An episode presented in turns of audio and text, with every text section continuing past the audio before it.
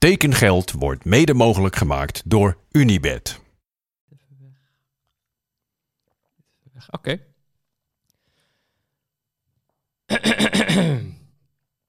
ja, Jordi.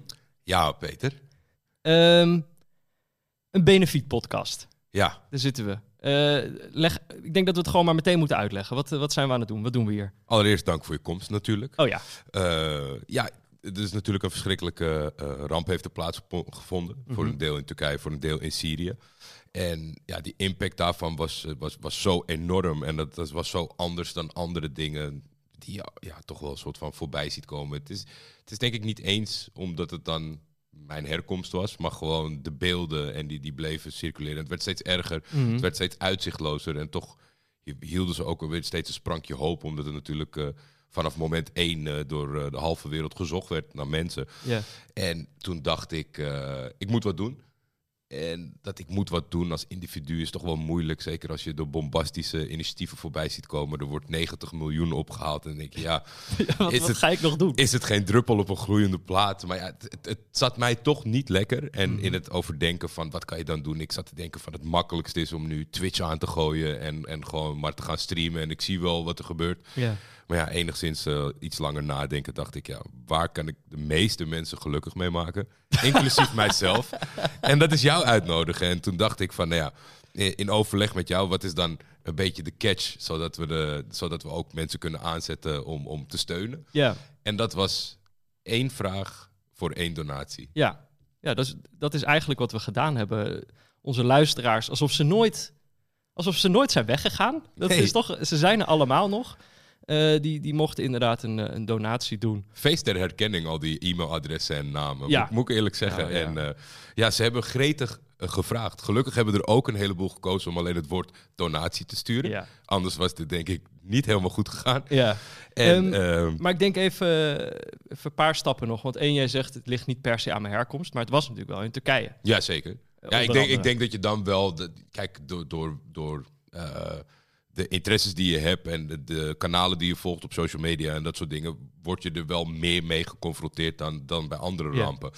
Eh, Want je hebt geen, eh, geen familie daar die getroffen is. Nee, het is, het is echt te absurd voor woorden. De- onze familie zit, nou ja, eh, gemiddeld genomen tussen de 600, 700 kilometer van het, eh, van de van het impactgebied eh, af. Die hebben het wel gevoeld. De lampen zijn heen en weer gegaan. Maar het was niet dusdanig. Het was zo afgezwakt dat zij geen eh, ingestorte gebouwen hadden of geen ingescheurde muren, et cetera. Ja. Dus dat, dat- daar kwam wel vrij snel achter. Maar in eerste instantie was er natuurlijk eh, ja, de, de geologen en de apparatuur en, en de satellieten die meten alles. En de impact leek in Hatay. Dus toen dacht je al vrij snel van, nou, dan hoef ik niet mijn familie te bellen. Maar uiteindelijk werden het tien provincies. En toen hoorde je dat Ankara aan het eh, schommelen was en Kayseri aan het schommelen was. Toen dacht ik, holy shit, waar gaat dit eindigen? En het is ook officieel nog niet geëindigd. Want twee dagen geleden, van Ja, het moment van opname, was er nog een hele flinke eh, nabeving. Ja, het is een heel aardbevinggevoelig land. En dan zou je hopen in deze tijd dat je daar tegenhouden doe je het niet. Dat is de natuur. Mhm. Maar je zou je wel iets beter kunnen beschermen ertegen. En dat is niet helemaal gebeurd, waardoor het denk ik een extra grote ramp is geworden ten opzichte van wat het al zou zijn. Ja, maar dat is het natuurlijk ook. Dat het gewoon, je zou zeggen, die aardbeving is voorbij. Maar de ellende is eigenlijk eh, pas net begonnen. Ja, die is, die, is, die is aan de start. Er zijn enorm veel initiatieven. Onze donatie zal uiteindelijk gaan naar ABAP. Ja. Kunnen de mensen die konden dat lezen, die de formulieren hebben ingevuld. Wat Dus is dat? eh, kun je kort uitleggen wat het is? Dat mensen Ja, een, hulp, eh, een hulporganisatie die eh, onafhankelijk is van de regering. Die is opgericht door, een Turks artiest een aantal jaar geleden. En ja, zij doen eigenlijk wat, wat alle hulporganisaties ook doen. Alleen hebben een aantal, hebben een groot groep mensen hebben daar een fijner gevoel bij op dit moment. Ja. En, en ja, die zijn heel transparant, communiceren alles. Zijn eigenlijk een wat kleinere instelling die ineens enorm moest opschalen. Bijvoorbeeld eh, een, het, doneren vanuit een ander land aan Turkije. Dat ging in het begin al moeizaam en geen Engelstalige pagina, et cetera.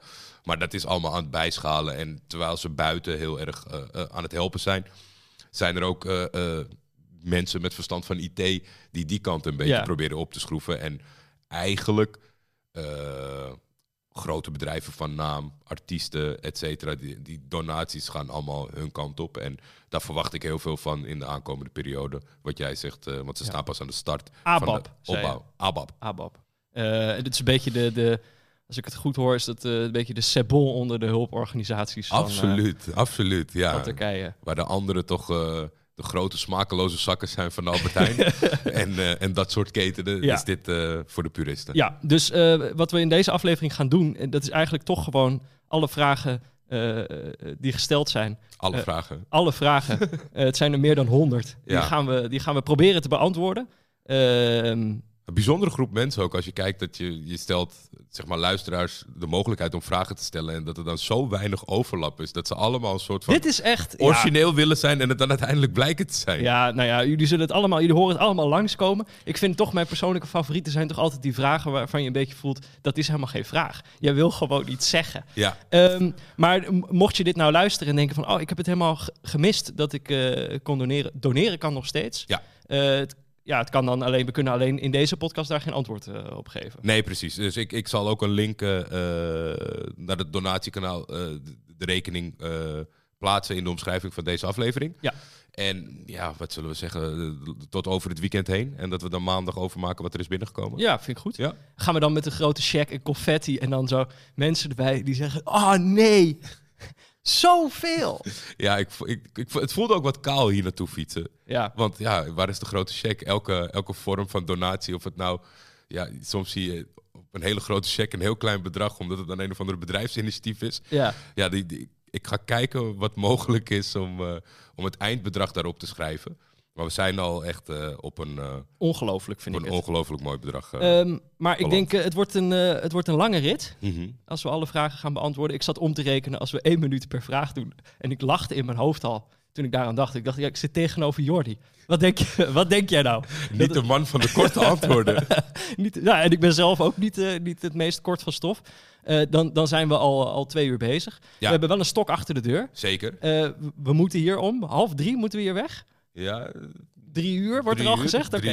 Ja, en, ik heb zelf ook nog een afspraak staan. Dus er zijn wel wat stokken achter de deur. En hier is, want dat moet ik ook nog even melden. We zitten in de studio, prachtige studio van Broadcast Media. Ja. eh, eh, die de ruimte beschikbaar heeft gesteld voor ons. Want normaal zitten wij natuurlijk lekker aan de eettafel bij mij in de keuken. Dit Maar is dan- wat anders dan jouw keuken. Dit is anders dan, maar ge- gelukkig ook wel. Ja. Ik weet niet waar ik hier eh, mijn pannetjes neer zou moeten Nee, je zetten. kan hier slecht koken, maar podcasts opnemen podcasten daarentegen. kan je schitteren. Ehm, laten we gewoon met de eerste vraag beginnen. Ja, Dit is de vraag van Dylan van Beckham. En die vraagt, hoe gaat het met jullie? Nou, zeg het maar. Eh, ja, het is dan gek met zo'n intro om te zeggen dat het goed gaat. Maar in, eh, globaal gezien gaat, het, gaat het uitstekend Mhm. met mij, Peter. Ik heb nog steeds heel veel plezier in de werkzaamheden die ik verricht. zowel in het stoffige leven als in het medialeven. in het eh, glamourleven Ja, van precies. Jordi Amali. Ja. Toch eh, tv-gezicht geworden de Mhm. afgelopen weken, maanden. En eh, ja, eh, de kinderen gaan goed. Bella heeft gisteren voor het eerst gelopen. Wauw. Ja, dan weet je dat het, eh, dat het hard gaat. Ik had al wat stapjes gezien, dacht ik. ja, ze Maar had, dat telde eh, niet als lopen.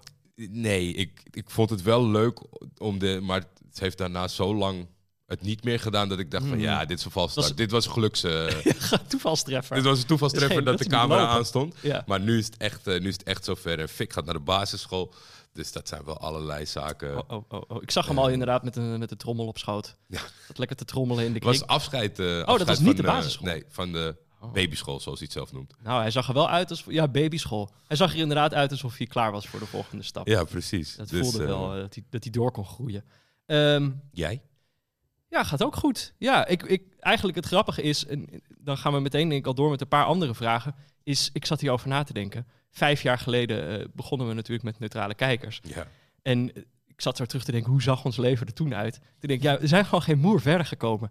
Ik ben nu eh, mijn tweede boek aan het schrijven. Daar ben ik gewoon de afgelopen maanden mee bezig geweest. Dat maakt het ook een beetje de slechtste, het slechtste moment denkbaar om al deze vragen over voetbal te gaan beantwoorden. Want ik ben echt enorm out of the loop. Ik denk dat ik heel veel dingen niet, eh, niet helemaal op een rijtje heb, maar gelukkig zit ik dan tegenover jou. En jij, eh, dus ik zit gewoon elke dag te schrijven. Eh, en dat was volgens mij destijds ergens in, het begin, in de beginperiode van Neutrale Kijkers, was ik met dat eerste boek bezig. En jij bent gewoon weer een huis aan het verbouwen. Ja. Dus ik denk, we zijn gewoon ook geen moer verder gekomen. We zijn gewoon nog steeds dat aan het... De rest, als wij over twintig jaar nog een keer tegenover elkaar zitten, dan ben ik een boek aan het schrijven. Boek ben jij weer, 7 en ik een nieuw huis. sta jij weer met een, een of andere sloophamer in een huis eh, rond te zwaaien. Want Ja. dat is, even kijken, dit is namelijk ook een vraag, dit is een vraag van Koen. die vroeg allereerst, hoe gaat het met jullie? Nou, daar hebben we net dus een beetje eh, antwoord op gegeven. Ik wil alles horen over verhuizingen, verbouwingen, banken die verkocht worden en dat soort dingen. Er is ook nog een vraag van Paul. Die vraagt, Jordi, hoeveel zin heb jij in het nieuwe boek van Peter? Tussen haakjes, of Peter, ben je bezig met een nieuw boek? Nou, dat heb ik dus net beantwoord. Ik probeer het eh, over een maand, eh, probeer ik een ma- manuscript te hebben liggen. Maar dan kan het nog steeds eh, zo zijn dat het, dat het helemaal niet goed blijkt te zijn en dat het nog veel meer tijd overheen moet. Of het kan opeens heel snel gaan, dus daar kan ik verder niet zoveel over zeggen. Ik wil daar verder ook nu zelf niet te veel over nadenken. Want ja, als ik er nu over na denken dat het misschien niet goed is, dan ga ik de hele tijd denken, waar ben ik eigenlijk mee bezig? Ehm, nog een vraag. Verbouwingsupdate. Update. Jordi heeft een huis gekocht. Wat is er allemaal goed fout gegaan? Die was van Bart van Zijl. En eh Herwin Altena vroeg, Jordi, zouden wij weer een uitgebreide update over je aanrecht en de rest van de keuken mogen? Dus nu moet je misschien toch eventjes, ook voor de, voor de luisteraars die misschien al een paar jaar niet naar je geluisterd hebben, moet je toch even uitleggen wat je, wat je hebt gedaan. En dan kan ik daarna denk ik ook nog antwoord geven op de vraag of ik nog een bank ga verkopen. Eh, het, het, het zal een teleurstellende update zijn, want de mensen die hebben vernomen, eh, vermoedelijk via hekkensluiters, dat ik een huis heb aangekocht, eh, die zullen denken, dat is best wel lang geleden dat je dat vertelde. En het huis is nu leeg, kaal, bijna geen binnenmuren meer. Mhm. Maar ook niet meer dan dat. Dus er is nog helemaal niks te zeggen wat er fout is gegaan of wat er go- goed is gegaan of uh, aan het die gesneuveld zijn. Nee, tot voor kort kon je er, uh, ja, misschien dagjesmensen die konden er langslopen en naar binnen gaan. Mhm. Want er was geen achterpuin meer, want de bijkeuken was gesloopt. Nee, ja, we willen gewoon compleet nieuwe indeling. En dan ga je een, uh, dan ga je een situatie in waarin je heel veel moet wachten. En dat is moeilijk en dat doet pijn uh, in je portemonnee. Want uh, zolang je nieuwe huis niet klaar is, moet je Mhm. natuurlijk twee huizen bekostigen. Maar ja, het is niet anders, Peter. Dus uh, constructierapport is heel, heel saai uh, van de constructeur. Architect in handen genomen, daar zijn we wel echt heel blij mee. Om dan toch... Kijk, ik ben natuurlijk wel van mening dat ik... Ik heb overal een mening over, maar ik vind niet dat ik alles kan. Dus een plattegrond ombouwen naar nieuwe ruimtelijke indeling, dat vond ik heel lastig. Ja. En dus daarvoor hebben we dat uh, in hand genomen. Nou, daar hebben we vanmiddag een afspraak en volgende week te schetsen. En daar moeten we dan een keuze uit maken waar we voor gaan. Oké. Okay. Dus ja... Dat, maar dat dus, is... er zit, er zit, het gaat niet zo snel als de vorige keer. Nee, het voordeel dus is over, dan... als wij over tien jaar podcasten, ben je misschien gewoon nog hetzelfde huis. Ben je dan nog uh, mee bezig? Nou, dat, dat hoop ik niet, want dan is er iets echt goed misgegaan. Maar het is natuurlijk wel zo... Uh, met betrekking tot stok achter de deuren, die was er toen wel, omdat uh, mijn vrouw toen zwanger was. Ja. En ja, als je dan uh, een beetje rustig aan doet, dan is het op een gegeven moment te laat. Want we hadden toen ook geen Dat is een harde huis. deadline. Dat is een hele harde deadline die, uh, die op een gegeven moment ook wel paniekerig werd. Dus dat hebben we nu niet. Nee. Dat scheelt een beetje. Maar kijk er wel naar uit als we de fase verder zijn dat we hebben gezegd, dit wordt het. En dan moet het snel gaan. Maar ja, daar komen de mensen voorlopig niet achter. Hey, mag, ik, mag ik zeggen waar dat huis is? Heb je dat al ooit uh, openlijk gezegd? Ik ga geen adres noemen, maar het is toch. Ik vind het, ik vind het steeds heel grappig dat jij gewoon naar de andere. Dat je gewoon naar de overkant gaat verhuizen. Dat je de Ja. hele tijd uit je raam hebt staan kijken en dat je dan dacht: Oh, ik wil eigenlijk daar wonen. Nog gewoon net zo lang gewacht dat je dat kon kopen. Ja, kijk, van mijn vorig. Twee, nee, het huis voor waar we nu wonen. Dat is denk ik hemelsbreed. mm, 800 meter, 900 meter. Ja, En nu gaan we 200 meter. ja jij, jij komt gewoon nooit meer die straal van een kilometer Ik uit. zit gevast in de, in de Bermuda-driehoek van Diemen. En het is gewoon steeds een beetje dat je iets meer oppervlakte kiest. En nu zijn we voor iets meer tuin gegaan. Ja, dat is eigenlijk de reden waarom mensen binnen vijf jaar dachten van... "Huh, je hebt toch net een huis. Maar dat heeft te maken met dat we graag een tuintje wilden. Ja. Ehm, nog een ding, wat zo was vijf jaar geleden. Toen was ik volgens mij net verhuisd. Of toen was ik, toen was ik net aan het verhuizen. Eh, In ieder geval een van die twee dingen. En ik ga nu dus ook weer verhuizen. Oh, Ja. En eh, dat is eigenlijk grappig, want wij gaan ook zo ongeveer de hoek om. We blijven ook ja, gewoon ik in dezelfde zeggen buurt dat jij dan ineens naar Limburg gaat. Nee, godzijdank niet. Nee, eh, we, we gaan naar, een, naar een iets groter huis, maar gewoon nog in dezelfde buurt. Kunnen gewoon nog naar dezelfde supermarkt. Dus het is gewoon echt een goede upgrade. Weet je wel, niet dat je naar een groter huis gaat en dat je dan denkt van ja, maar ja, nu weet ik ook helemaal niet waar ik ben. ja, Eh, dus eh, ja, maar dat gaat over eh, anderhalve maand gebeuren. En het zou zomaar kunnen. dit is volgens mij, ik weet niet hoeveel banken we inmiddels verder zijn. Maar dit was natuurlijk Koen die dat vroeg of er nog banken verkocht mochten worden. Dit, het, kan, het kan gebeuren. We zijn er nog niet over uit of we, een nieuwe of, bank of, nemen. of we een nieuwe bank nemen of dat we onze huidige bank meenemen. Maar ja, mocht ik deze bank gaan verkopen, ja, dan M- mijn oude bank staat nog steeds bij Thomas Hoogeling thuis, geloof ik. Oh, dat weet ik trouwens niet zeker. Dit weet ik niet zeker. Ja, dat moet hij dan maar uit, nog een keer uit de Dit kan hij, dit kan hij eh, op social media toelichten. En anders mag je de nieuwe eh, ook kopen als, Ook we, als we die inderdaad gaan verkopen. Oké, dit waren denk ik de, de, de introductievragen. Verder nou ja, we dat zat natuurlijk in of ik uitkijk naar jouw boek. En, Oh, en ja. los van dat jij niet weet wanneer die natuurlijk uitkomt. dat. Ja, maar ja, eh, Peter moet toch even laten vallen. Kijk, de vorige keer hebben we het natuurlijk... In het proces heb ik jou volgens mij zo min mogelijk, niet vanuit desinteresse, Mhm. maar omdat ik volgens mij aanvoelde dat jij dat het prettigst vond, niet veel over gehad. Ja. Niet de hele tijd gezegd, hé hey Peter, Hey, is hij er al? hey, ben je al Eh, klaar? een hoofdstukje af? dat heb ik niet gedaan. En toen was het boek er. En eh, eh, de enige kritische noot op het boek die ik had, is dat het zo eh, vervelend snel las en Ja. dat ik er doorheen was gevlogen. Dus Ja. ik denk dat boek 1, voor de mensen die en de luisteraars die dat gelezen hebben, dat die dat vertrouwen bezitten, dat of het nou over drie weken uitkomt of over drie maanden, dat ze weten dat het goed zit. Ja, nou, dat, dat, eh, dat hoop ik ook. Ehm, en even kijken, wat, ik wou er nog iets over zeggen terwijl je aan het praten was. Eh, oh ja, dat er, er komt nog een vraag voorbij waarbij ik een tipje van de sluier kan eh, Oh, oplichten over het verhaal. Spannend. Ja, dit is spannend. Hè? Dat is een leuke teaser. Maar ik denk, laten we gewoon maar naar die vragen gaan. Anders dan eh, halen we half drie nooit. Ehm, en er zitten gewoon heel veel voetbalvragen tussen. Dus laten we gewoon, denk ik, gewoon meteen het voetbal induiken, toch? ja, zeker weten. Eh, en dat is dan, ik denk, ik denk dus, Jordi, we, we hebben een hele lijst hier staan met vragen. We gaan die gewoon van boven naar beneden doen. Volgens mij is dat de veiligste manier om ervoor te zorgen dat we niks gaan vergeten. kriskras van onderwerp naar onderwerp en weer terug naar het voorgaande onderwerp. We gaan het gewoon proberen.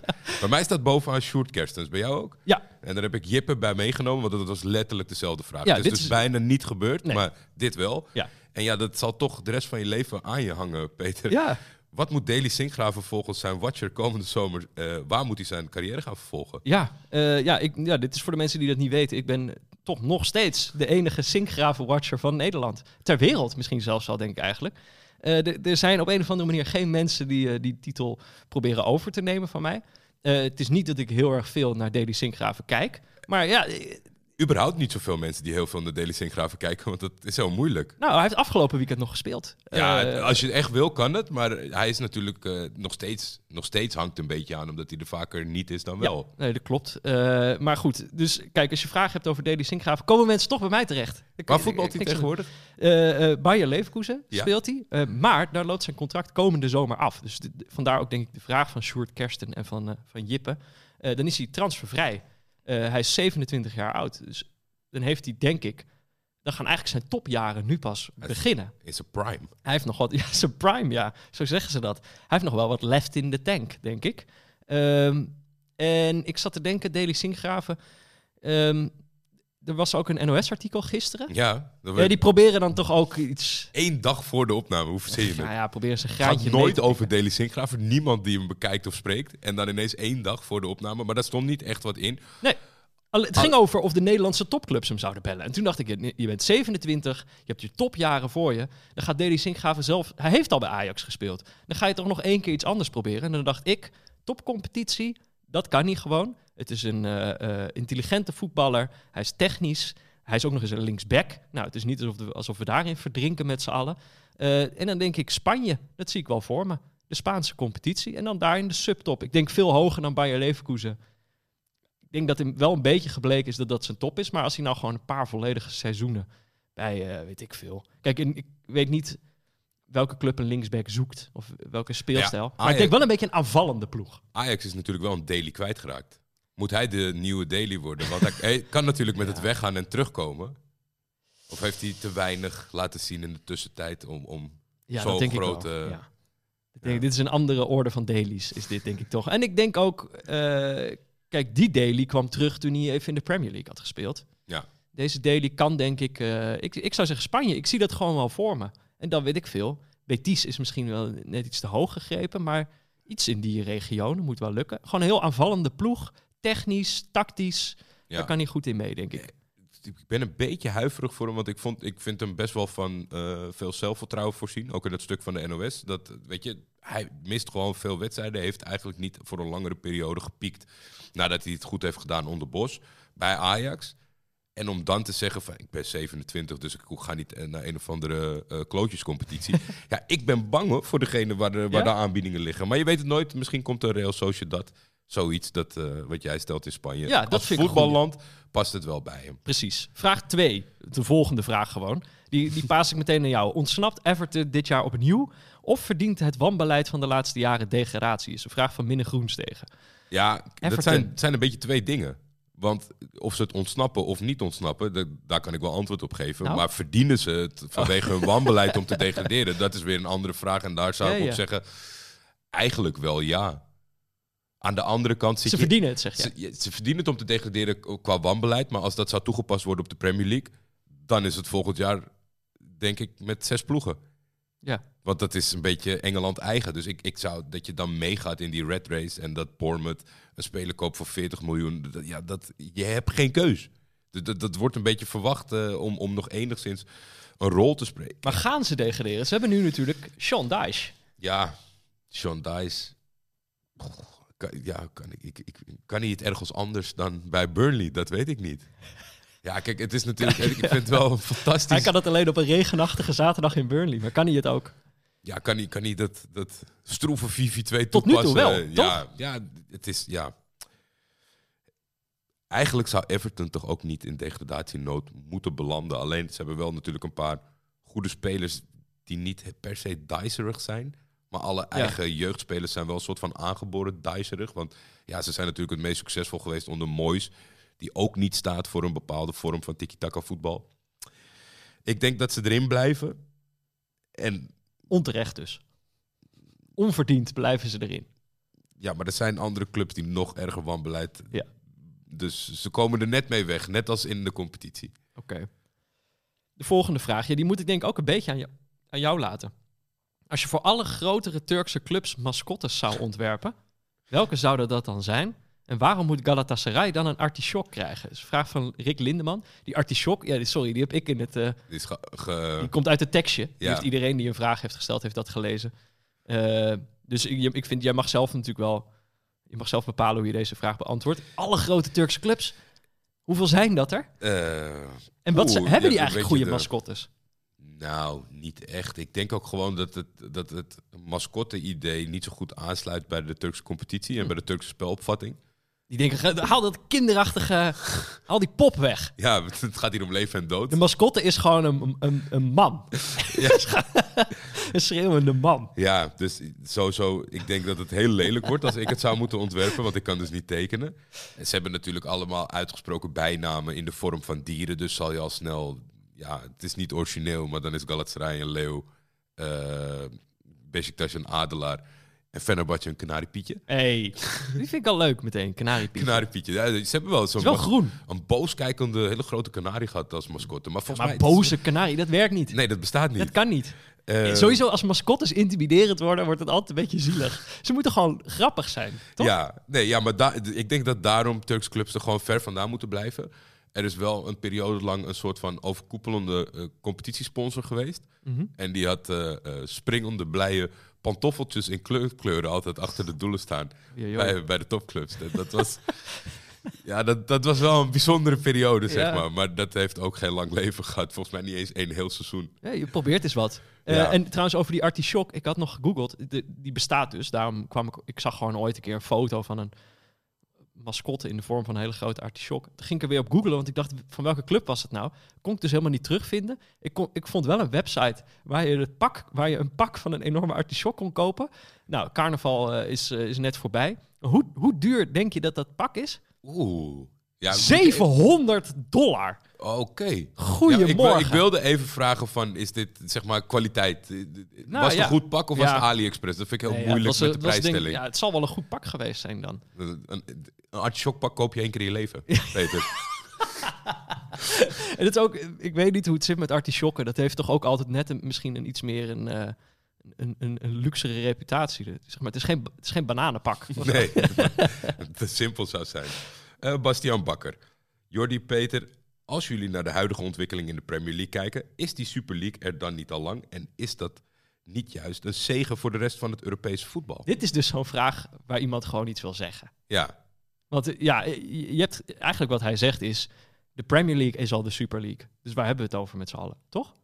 ja dat, ik denk dat hij dat ook wel eh, Ja. eh, bedoelt. Eh, Vinden we dat zo? Nou ja, als je die lijstjes ziet van hoe zij gewoon wel alle competities leegkopen. Als je ziet hoe Chelsea gewoon die bedragen die ze uitgeven, dat is natuurlijk gewoon.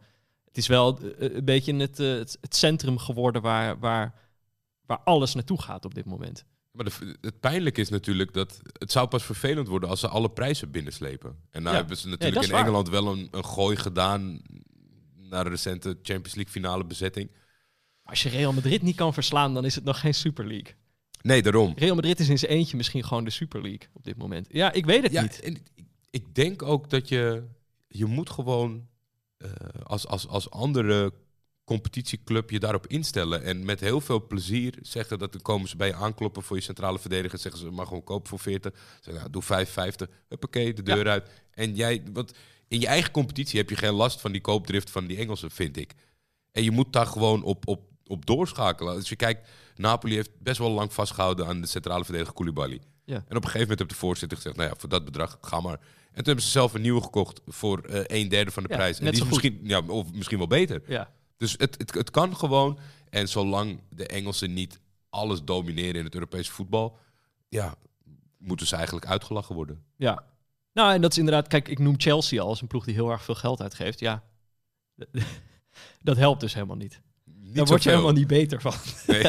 dus of, maar ik, wat ik helemaal niet helemaal begrepen is waarom je zei, is- het een zegen? Dat weet ik niet. Het lijkt me wel echt vervelend als, eh, wat natuurlijk al gaande is, als andere Europese topcompetities verzwakken, doordat eh, Engeland financieel zoveel sterker is.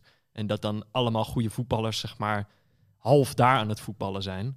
Die, die dan 15 wedstrijden in de Premier League spelen, omdat ze net op de bank zitten, terwijl ze in de Primera Division misschien wel. Ja, maar ik 50, denk uiteindelijk, omdat het nu zulke vormen aanneemt, uiteindelijk eh, nature will heal. Want die spelers die op de bank zitten, die, die zijn dat op een, op een gegeven moment ook zat. Oké. Dus eh, ik, denk- ik denk Als dat jij het zegt, uiteindelijk wel goed komt. En dan hebben we nu van Sam Anne van Dijk een soort romantisch beeld. Ja. Zou een transferlimiet van bijvoorbeeld 30 miljoen voor maximaal drie nieuwe spelers het moderne koopvoetbal van onder andere Chelsea, City, PSG en in zekere zin Ajax helpen het spelletje eerlijker te maken? Ja, Eh, ik vind het. eh, ik heb geen idee. Ik weet nooit zo goed wat nou, wat nou slim is qua reguleringen. Maar eigenlijk mijn gevoel zegt ook dat het probleem op dit moment ook niet zo zit in regels. Het probleem zit gewoon in handhaving. Zeker. En eh, ja, de hele voetbalwereld is natuurlijk gewoon amateuristisch en, en knijtercorrupt. Dus ja, als je de juiste contacten hebt, dan kom je er als topclub gewoon mee weg. En dan kunnen we nieuwe regels invoeren. Maar dan gaan ze gewoon voor onze ogen die regels omzeilen. En dan zeggen we allemaal, huh, dit kan toch niet? En dan is het gewoon, ja, nee, dat kan inderdaad niet. En dan is er misschien een keer een boete. Of er kan een speler niet ingeschreven worden. That's it. Dus ik denk, het is eerder... Er moet gewoon echt een soort complete cultuurverandering zijn. We moeten gewoon dan echt beter gaan handhaven. En dat zie ik eerlijk gezegd ook niet zo gauw gebeuren. Nee, en in dit soort gevallen wordt er altijd eh, heel rap wordt er gewezen naar Amerika.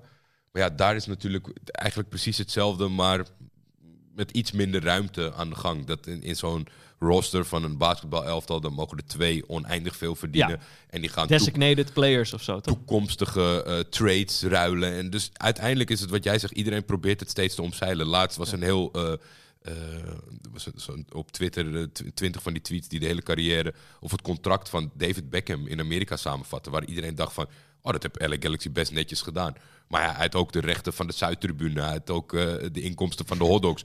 Uiteindelijk had hij 550 miljoen Ja, ja, ja. en een nieuwe club eh, voor 6 11 eh, geregeld. Dus er is altijd wat. Eigenlijk wat er natuurlijk moet veranderen is dat clubs zelf ook begrijpen dat het voor hunzelf ook leuker en beter is als ze zich aan regels gaan houden. En dat gaat gewoon echt nooit gebeuren, want nou ja, ze willen gewoon allemaal winnen.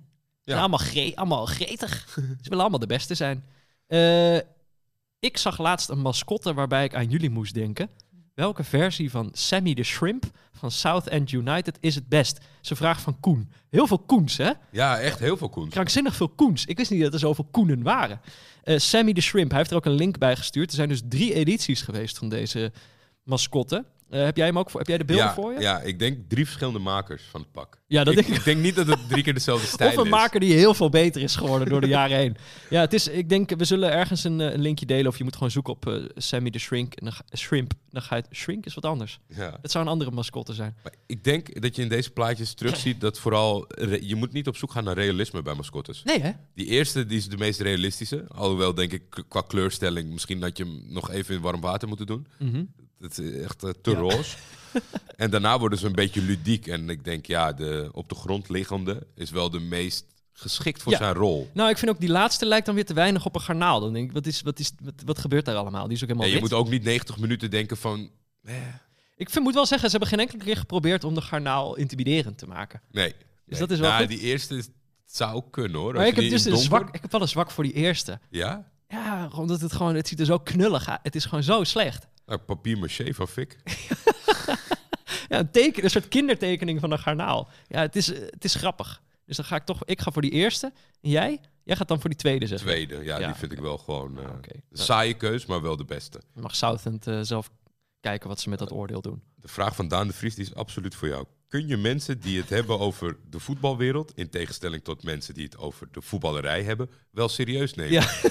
Kijk, weet je wat het probleem is, Daan? Ik heb geen idee wat je hiermee bedoelt. Ja, ik, ik heb denk ik in dat tekstje waarin we eh, mensen uitlegden wat... eh, ehm, Ja, eh, hoe, dat ze, hoe ze moesten doneren en vragen moesten stellen. Volgens Ja. mij heb ik daarin het woord voetbalwereld gebruikt. Komt het ooit nog goed met de moderne voetbalwereld? Ik Denk of... Nou, nou twijfel ik opeens of ik dat er wel ingezet heb. Ik las dit heel erg als een dis naar mij. Ik dacht, deze, deze gast, Daan, heeft gedoneerd aan een goed doel om mij te dissen. een soort roast. ja, een soort roast. Ja, voetballerij, voetbalwereld. Ik, eh, het is een wereld. Sorry, Daan. Het is gewoon een wereld. Ja, kijk, daarom. Dus ik, ik weet oprecht niet eh, het inhoudelijke verschil. Dus daarom moest jij het maar even duiden. Maar eh, ja. Voetballerij klinkt leuker, ben ik het wel mee eens. De voetballerij. Ja? Dat vind ik gewoon wel. Ja, het is gewoon, het klinkt wat, eh, wat dommer. De voetbalwereld klinkt inderdaad een beetje eh, pretentieus. Maar goed, dat ben ik ook. ja, daarom. Eh, hoe lang, dat is een vraag aan mij van Richard Lynch. Hoe lang zie je Nicolo Zaniolo floreren in het rood-geel van Galla? Ja, dit, was, dit gerucht kwam op een gegeven moment op. Nicolo Zaniolo, Italiaans toptalent van, eh van Weleer, van AS Roma. Die zou opeens naar Galatasaray gaan. Heeft natuurlijk heel veel met blessures gezeten. Ja, Ik dacht, iedereen zou, zou wel eens een keer naar Galatasaray gaan. Ik- Never gonna happen. Ik verwacht ook dat het in die categorie zat. Ook omdat hij natuurlijk eh, eh, in de afgelopen seizoenen voor multimiljoenen eh, interesse heeft vergaard. Ja. En ja, ik kon het me gewoon met, in combinatie met zijn leeftijd en zijn talent. En, maar hij was gebrouilleerd met José Mourinho. Ja, En ja, dan moet, moeten we toch Don José blij. moeten, we- hij wilde gewoon per se weg. En er was op een gegeven moment niet veel mogelijkheden meer. Intern was het niet gelukt. Volgens mij met Juventus kwam hij er niet helemaal uit. En nu hebben ze best wel voor hem een voordelige eh, deal gemaakt. Mhm. Waarbij er een transferlimiet is, waarin, waar, of clausule waarvoor hij mag vertrekken naar een Italiaanse club terug. Dus dat zou een bedrag zijn Ah, waar dan Galatasaray er genoeg aan overhoudt. Maar een bedrag dat als hij goed speelt, dat dat best te overzien is. Ik geloof dat dat bedrag is vastgesteld op 35 miljoen. Nou ja, als je dat van tevoren in je contract zet, dan is het natuurlijk niet jouw intentie om dat heel lang te doen. Aan Maar wel de intentie om het heel goed te doen. Zeker. En Ja. dat, dat, dat vind ik, ja, ik vind altijd dat competities die minder staan aangeschreven, maar veel middelen hebben, veel meer prestatiecontracten zouden moeten doen. Maar dat is een heel, heel andere casus. Ik denk dat hij daar impact wil maken. Ik denk dat hij heeft gekeken naar de ploeg. De ploeg draait eh, als geen ander. Ja. Eh, de competitie is natuurlijk nu stilgelegd, maar daarvoor waren er twaalf overwinningen op een rij. En eigenlijk ging Galatasaray richting een, een, een titel. En toen kwam daar ook nog eens zeg maar, het nieuws bij dat Zaniolo zou komen. De club heeft best wel eh, lopen struggelen van hoe gaan we dit brengen. Want het, het zijn beursgenoteerde bedrijven. Dus eh, alle topclubs die nog een speler moesten aantrekken... die moesten dat in tijden dat iedereen eigenlijk alleen maar bezig was met van... social media ook te gebruiken als, als redmiddel... moesten zij aankondigingsvideo's doen. En wat ik echt super vet vond... en al zou het vanuit zijn management of vanuit de club zijn voorgedragen... hij heeft rug nummer 17 gekozen omdat er een 17-jarige jongen die vaak op de tribune was, eh, bij de aardbeving is omgekomen. En zijn tekst was op dit, eh, met dit nummer, als ik speel, zullen we dat moment of die, die ramp nooit vergeten en altijd denken aan hem. Ja. Dus dat, dat is een mooie symboliek die toch nog iets geschikt maakte om het in de tijdsgeest te plaatsen. Ja. Hoe zit dat eigenlijk? Wanneer is er enig idee of ze, of ze weer gaan, Ja. wanneer ze weer gaan beginnen? Ja, ja, ja. Er was, er was eerst, dat, toen had ik volgens mij het idee dat de Turks Voetbalbond nog niet helemaal door had eh, hoe groot eh, de ramp was. Want eerst hadden ze gezegd van we leggen de competitie twee weken stil. Mhm. Dat is inmiddels verlengd. En Volgens mij is de bedoeling om in het tweede weekend van maart weer te gaan voetballen. En dan veel in te halen. En er zijn wat... Een paar ploegen hebben zich teruggetrokken, toch? Ja, en die, die, die hebben daar toestemming voor gekregen. Hun spelers worden tijdelijk ondergestald bij overige clubs. Dus die zijn dat onderling aan het verdelen en die pakken de kosten op zich.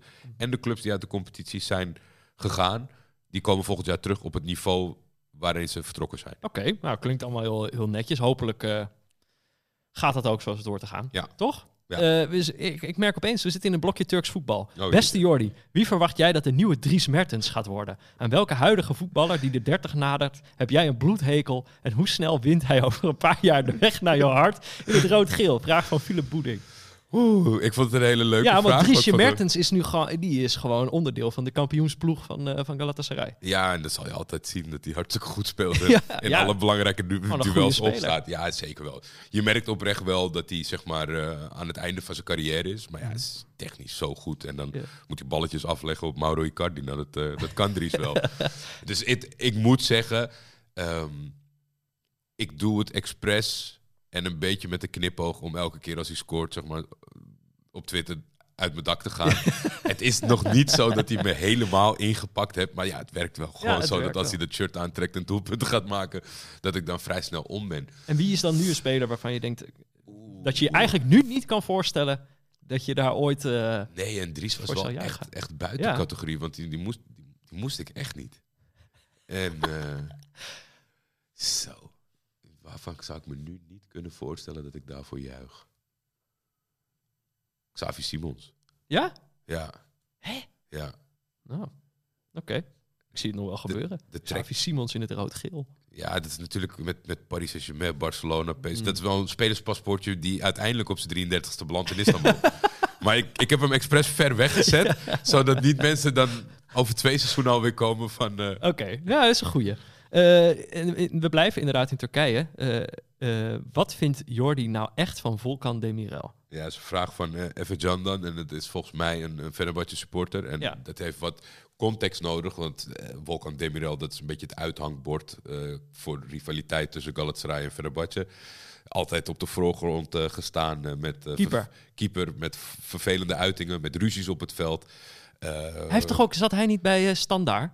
Of is dit Nee, dat is een Sinan. Ah, Dat is Sinan Bollat. Want er, is, er zit in mijn hoofd ook een andere vervelende eh, Turkse keeper. Maar Ja, oké. maar Volkan Demirel is wel echt, zeg maar, voor, voor in de Turkse competitie, dat, daar kon je wel echt goed een hekel aan hebben. En hij was ook goed, dat maakt het vaak vervelender. Kijk, Ja, Als ja. iemand heel slecht is, dan is het niet zo erg. Nou, niks vervelender dan een goede keeper. En eh, ja, opstootjes en altijd na de wedstrijd. En Galatasaray heeft natuurlijk nou ja, 100 jaar niet gewonnen uit bij Fen. En dat wist hij ook altijd eh, uit te venten. Dus ja, Hè, maar wa- waarom vraagt hij, wat vind je er nou echt van? Heb jij hier een geheim van gemaakt wat je van hem vindt? Of? nee, helemaal niet. hij Alleen, dat je zeg niet maar, voor, voor, het, voor het beeld, hij was trainer van Hatayspor. Uh-huh. En op het moment van de aardbeving Ah. heeft hij eigenlijk, eh, waar velen met zijn middelen zullen eh, beslissen om elders te gaan en het gezin in veiligheid te brengen, zijn zij daar gebleven met het gezin en hebben ze eh, de bevolking zo goed als mogelijk geholpen.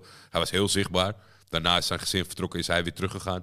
Dus hij is een soort van uithangbord geworden voor die regio en, en, en doet alles binnen zijn mogelijkheden om te helpen. Dit zie je ook vaker, toch? Dat vervelende, vervelende spelers zijn best wel vaak ook grote persoonlijkheden. Die laten zich op dit soort momenten laten zich dan ook zien. Exact. En nou is zeg maar iemand die bij mij heel hoog in het vaandel staat, Felipe Melo. Dat was echt zijn, zijn nemesis. En die kwam met een eh verbroederende eh, berichten naar Volkan toe van, eh, om hem te complimenteren. Dus toen was het echt wel voor, voor Turkije, heel Turkije zichtbaar van als deze twee nu gezamenlijk zich inzetten voor de, voor de, voor de eh, hulp, Ja. dan moeten wij ook. Dus het was, het was heel veelzeggend. En ik denk dat Volkan Demirel inderdaad heeft getoond dat hij een heel groot persoon is. Maar daardoor niet al die jaren een ontzettende vervelende keeper was. Eh, laatste, laatste vraag voorlopig eh, binnen Turks voetbal. Welke basisspeler van Galatasaray zou je ruilen met een basisspeler van Ajax? Vraag van Ruud Peters. Deze kan ik ook beantwoorden. ja, Ik dacht Juri Baas voor Zaniolo. Gewoon, hup. Dag Juri. Wat denk jij? De vraag is natuurlijk eigenlijk anders bedoeld. Ja, Is precies. er, is er een speler van Ajax die, die Zou- beter is? Ja, zou je niet Ma- Mauro Icardi pakken? Die is echt heel goed. Peter. Ja, dat dacht ik. Maar het leek me zo grappig van Zaniolo die, dan, die je dan net hebt en hem dan meteen, Meteen afpakken. meteen afpakken. En dan krijg je Juri Baas terug. Eh, even kijken. Ja, wie zou ik nou echt... Waar zouden we beter van worden? Je, je bent geneigd Tadic. Mhm, Maar met- eh, die met- heeft wel iets. Met zijn invulling van zijn, van zijn positie dan weer. eh, Centrale verdediger. Ik, zou- ik zou Timber. Mm, Ik wil Timber hebben. ja. En dan geef ik eh, Ajax.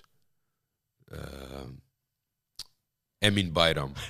Emin Bayram is een, een super talentvolle, maar nog hele jonge centrale verdediger. En dan zouden we over een paar jaar weer terug kunnen ruilen. Want dan is hij beter geworden in Nederland. Maar ik denk in de basisopstelling dat eh eh, Timber wil ik dan. Oké. De Eh, Timber wel voordat Alfred Schreuder begon. Timber vind ik wel, eh, die, daar, zie Ja. je de hand van de vorige trainer heel erg in. Wat is daarmee gebeurd? Nou ja, dit, eh, de- dat is niet de vraag. Als we het daarover gaan hebben, dan, dan gaat het wel heel lang duren. Op de bekende voetbalmanager fora zijn er geregeld carrières waar, waarbij clubs de vernieling in worden geholpen. Bijvoorbeeld met Chelsea zo ver afzakken dat ze in de League 2, ei- League 2 eindigen. Als jullie zouden moeten kiezen om, in dit echte le- om dit in het echte leven voor elkaar te krijgen, welke club zouden jullie kiezen en hoe zouden jullie dit bewerkstelligen? Dank jullie wel, Pieter. Dus we een echte club de vernieling in helpen. Ja, eh, Daniel, eh voetbalgeneuzel, Ja? die, die, die doet het altijd. Of tenminste, die probeert het altijd. Want het is best moeilijk in voetbalmanager om zeg maar, zo'n topclub eh, de vernieling in te helpen. ja. In het echt lijkt het me niet zo super moeilijk. Ik zou, gaan voor dat doen clubs het al. ik zou voor Barcelona gaan. Mhm. En dan zou ik gewoon eerlijk mijn administratie laten zien aan mensen. en veel meer hoef ik niet te doen, denk ik. Ja, ik, ik dacht inderdaad zo van, ja, Chelsea wordt dan als voorbeeld genoemd, maar die, die, zei, die doen dit zelf al.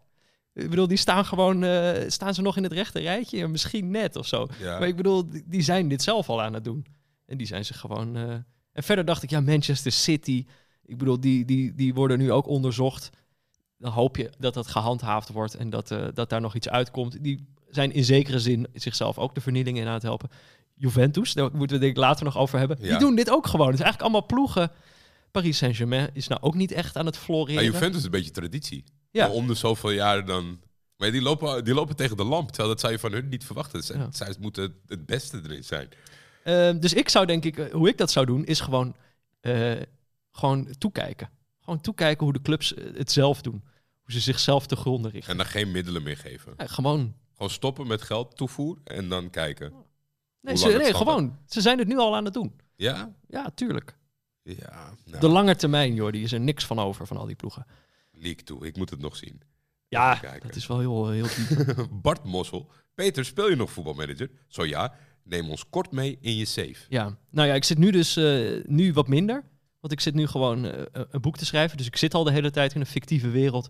Als ik dan daarnaast ook nog Fictief. eh, Ja, dan hoef ik geen spelletjes te spelen om een, nog een eh, fictieve wereld te zitten. Ik heb in december best wel veel gespeeld. En toen was ik ook best wel veel ziek. Ik heb die horrorgriep gehad die iedereen gehad heeft. ja. En toen dacht ik, ja, dan kan ik net zo goed nu eh, proberen kampioen te worden met Almere City. En? Eh, gelukt. En ik denk wat wel leuk is om te vertellen, wie is de spits van Almere City op dit moment? Die Hilteman. Inderdaad. En die werd voor mij gewoon eh, dik topscorer in de, in de keukenkampioen-divisie. Dus toen gepromoveerd. En dan gewoon, hij scoorde gewoon echt veel meer dan ik dacht. Want hij zag er helemaal niet zo goed uit in dat spel. Ik dacht niet van, oh, dit is een topspits.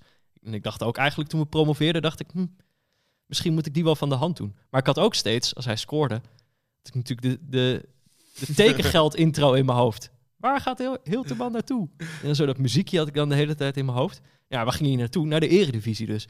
En dus in de eredivisie ook gewoon weer, ja, ik denk iets van 20 doelpunten gemaakt of zo. Het ging dus heel erg goed. Maar toen wilde hij zijn contract niet verlengen. Oh jee. Dus wel classic Hilterman. Echt een realistisch spel. Gewoon meteen dan, je hebt succes en dan gewoon meteen zeggen, ja, ik verleng mijn contract niet.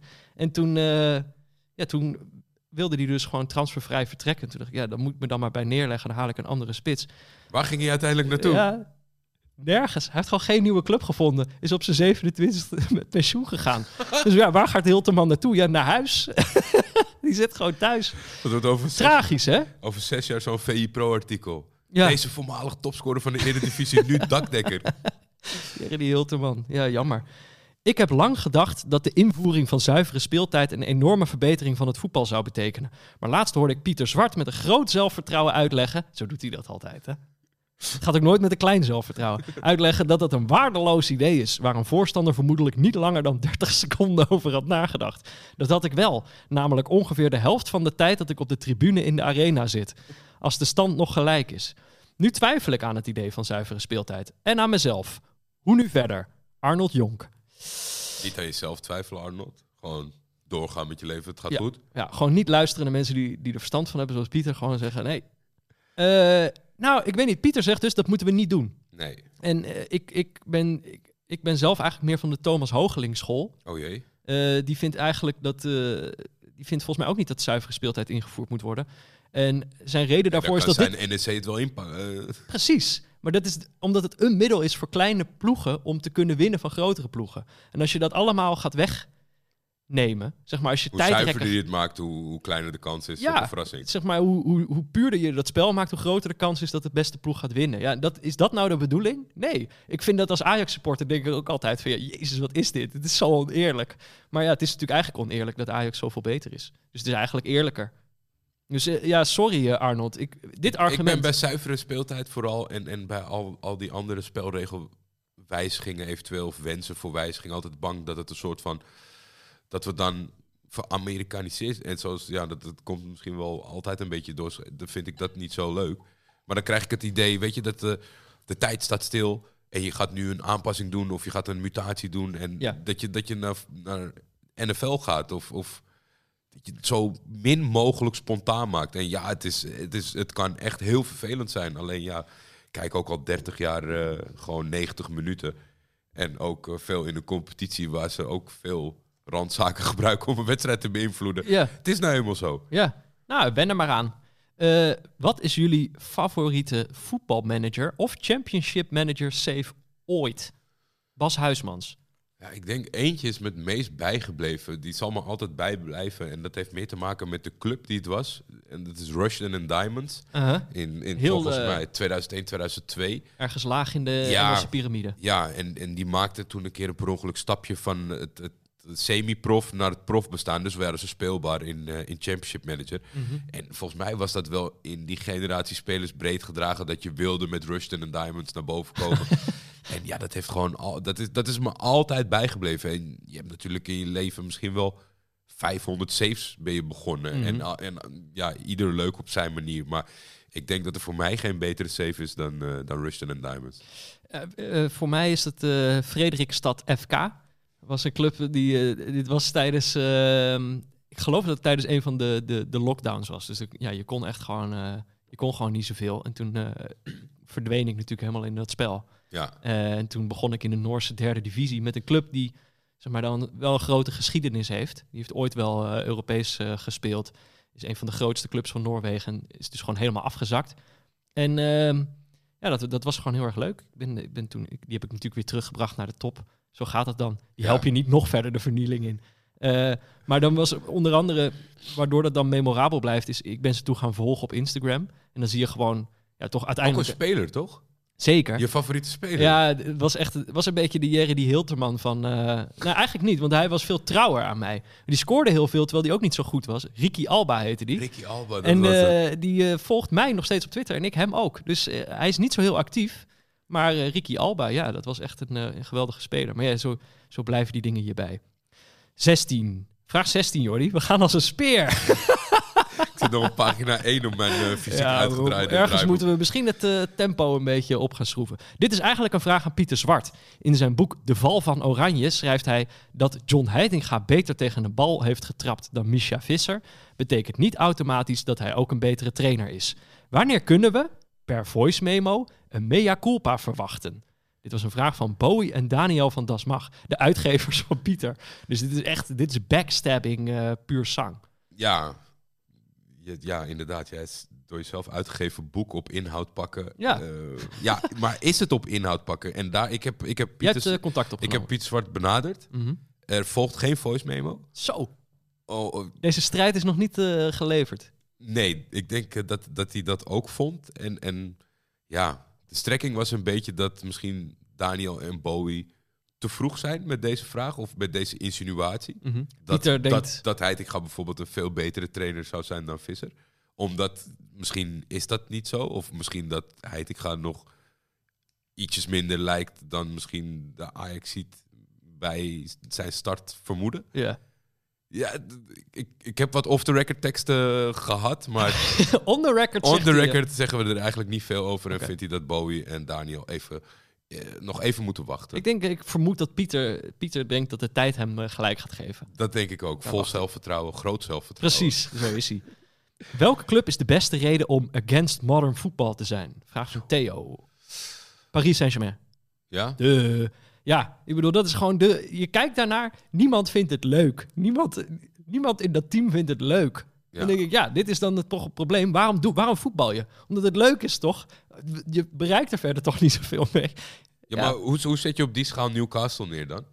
Waar een, een, een, een talentvolle trainer, Ja. een talentvolle groep, Daar zit Hoop- meer plezier in. Er hoopvolle tribunes. zit meer plezier in. Die, ja, maar die, die hebben van een misschien afzichtelijker regime een, een gigantische injectie gehad. Ja, En zijn nu een soort van leuk. ja, ja. Maakt het moeilijk. Nu zijn ze nog even leuk, maar dat is natuurlijk gewoon, ja. Ja, ik denk eigenlijk vanaf het moment dat ze, dat ze zeg maar city-territorium bereiken. gaan kopen. Ja, op een gegeven moment is het natuurlijk gewoon niet leuk meer. Eh, nee, maar die zijn ook niet echt leuk. Tuurlijk, het is allemaal niet echt leuk. Heel, eigenlijk is gewoon iedere club is, eh, is Niet een leuk. reden om iedere, re- iedere club is een reden om against modern voetbal te zijn, toch? Maar ik Het- vind wel het- Paris is voor het mij voetbal het. Is, eh, het voetbal is de reden om against modern voetbal Ja. te zijn. Er staat Goeie. nu. De baard van Ruud van Nistelrooy begint dit seizoen mooi zwart, strak geschoren en nu grijzer doorheen. Rommelig. Is dat een teken van hoe PSV ervoor staat? Bob. Eh, ja, je hebt altijd van die foto's van Ja. Amerikaanse presidenten. Aan het begin van de presidentschap en aan het einde. Weet je, op Barack Obama, dat je opeens denkt: Jezus Christus, Ja. is hij 30 jaar president geweest? Ja, dat is, ik heb ze nog niet naast elkaar gelegd, die foto's. Nee, maar in het voetbal heb je ook wel eens van dat soort voorbeelden gehad bij trainers. Eh, Het is natuurlijk een stressvol beroep. Ik kan me voorstellen dat je, dat je daar inderdaad wel snel ouder van wordt. Ja. Ja. Maar ja, Maar Ruud van Nistelrooy lijkt me dan niet per se een heel gestreste man. nou... Dat is gewoon, hij, hij is gewoon meer. eh, dat klinkt niet Niet, gestrest. eh, niet, eh, nee, maar ik denk het toch wel. Ook omdat hij natuurlijk het, grote zelfvertrouwen van bijvoorbeeld Pieter Zwart mist. Hij wilde geen trainer worden. Hij voelde Hm. is zichzelf nog niet klaar. Waar. Iemand die dat soort teksten bezigt, lijkt mij nou niet daar vol vertrouwen op de bank te de zitten. Marco van Basten route. Ja. Die zegt over een paar jaar, zegt hij, weet je wat, waarom doe ik dit eigenlijk? Dat zou, Ik ga nieuwe spelregels verzinnen.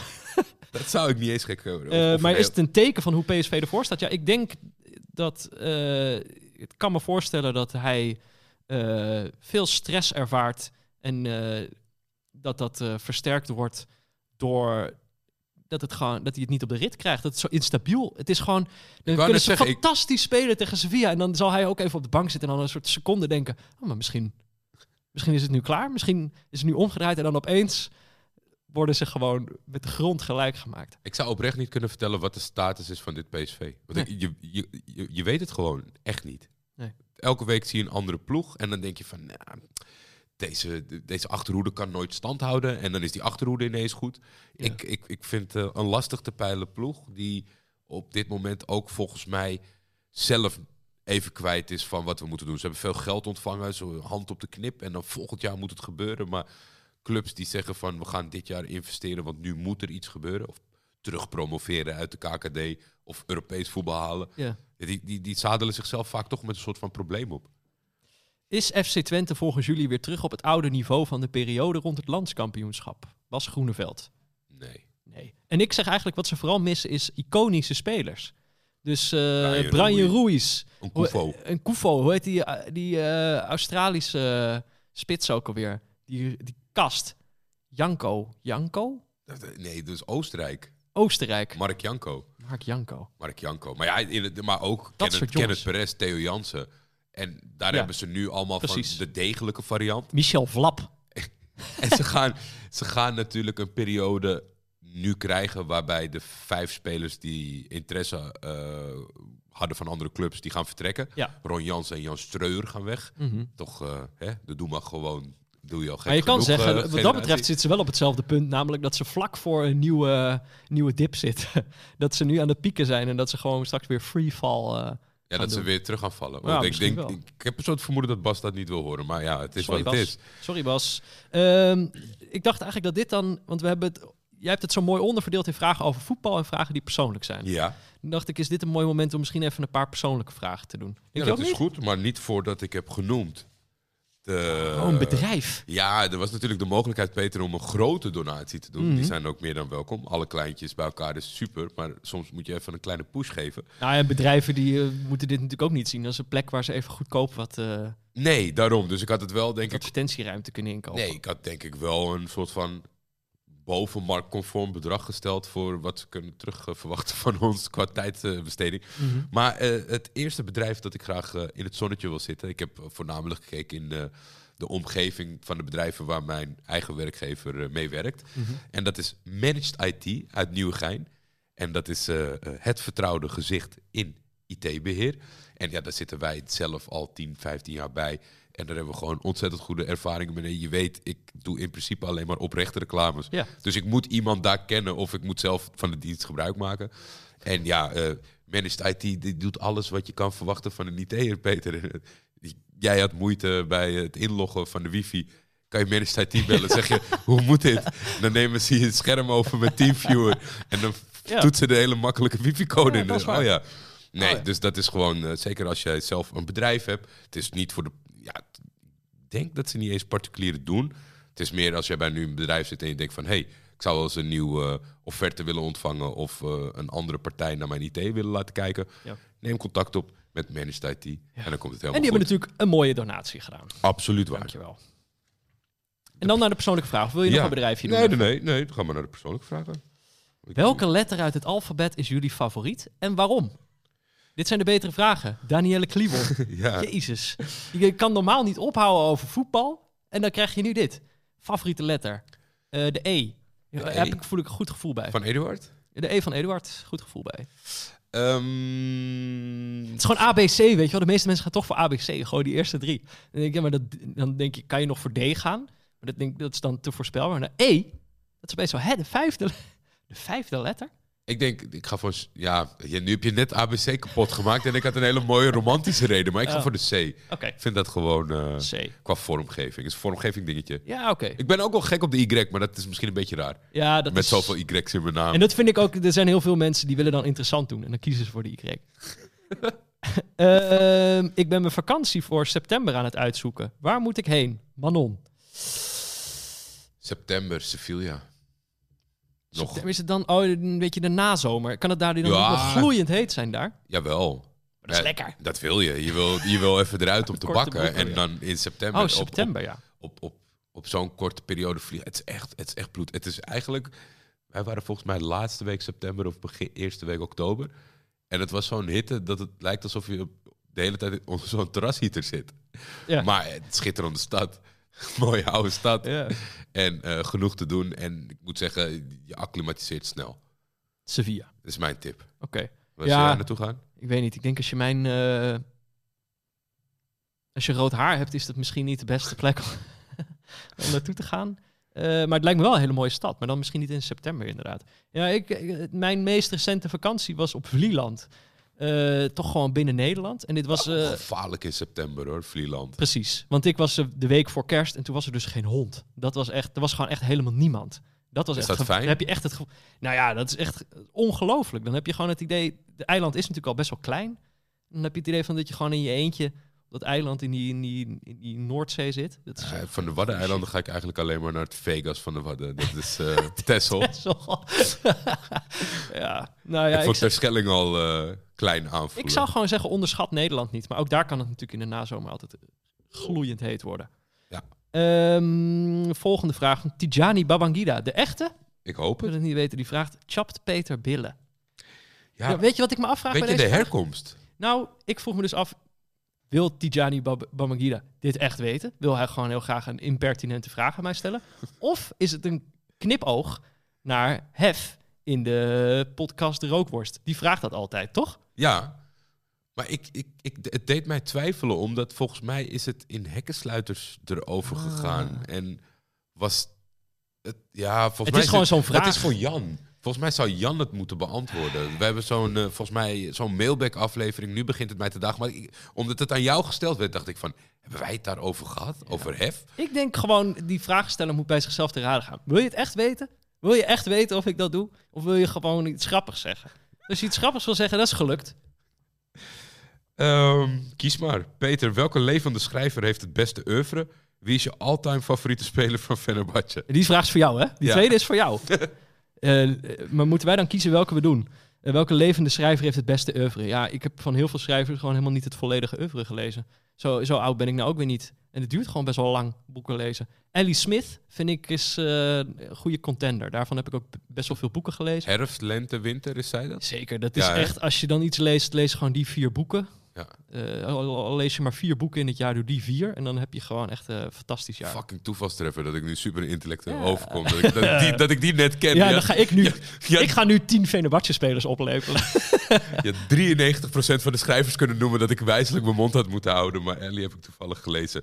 Mijn eh eh all-time favoriete Fenerbahce-speler is denk ik Colin Kasem Richards. Oh, Die uiteindelijk met een omweg bij ons belanden. Nee, nee, ik moet, als ik heel eerlijk ben.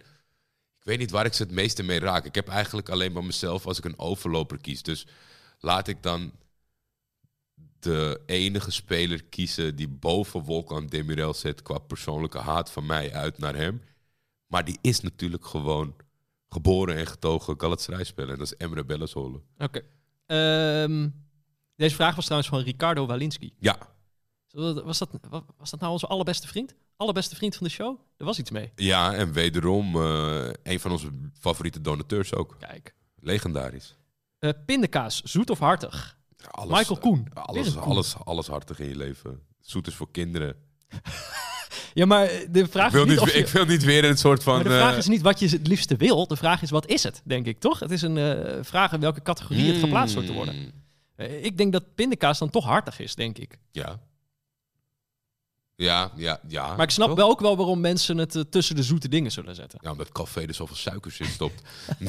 Eh, nee, ja, uiteindelijk... En we, we leven natuurlijk ook in een periode waarin heel veel 100% pindakaas is. En geen toegevoegde suikers. Ja. En dat het dan... Het gaat, wordt steeds hartiger. Maar voor de rest... Gewoon als volwassen iemand, als je luistert, kies hartige dingen in je leven in plaats van zoet. Ja, je bent toch geen kind? Eh, zijn jullie al stamcel- of bloeddonor? Naar aanleiding van de oproep van Thijs. Thijs Slegers wordt daar uiteraard eh, mee Ja. bedoeld. Eh, ja, kijk, dit is goed. Hier worden de, de goede doelen gekoppeld. Ik ben dit nog niet, maar ik, ik voel me door, voelde me door deze vraag zeer... hoe zeg je dat? Ik vind, Ik voelde me gewoon een beetje ges- ge- geshamed op een goede manier. Dat ik dacht, ja, waarom heb ik nou al tien keer in mijn leven gedacht... oh ja, dat ga ik nog wel een keer doen. En waarom doe je dat dan nooit? Doe het gewoon. Ja, exact dat. Maar ik heb ook wel gewoon. eh, ik, ik vraag me af waarom, waarom dat is. Want ik denk ook altijd van. eh, ja, dat is toch gewoon oké. Bent zelf dood. Dus, en als je nog wat hebt ze wat aan hebben, dan is het oké. Ja, dit, Nee, dit, dit is anders. Dit Ja. is anders. Maar gewoon ook überhaupt het thema donor. Want het is Ja. in Nederland al een paar keer natuurlijk naar voren gekomen.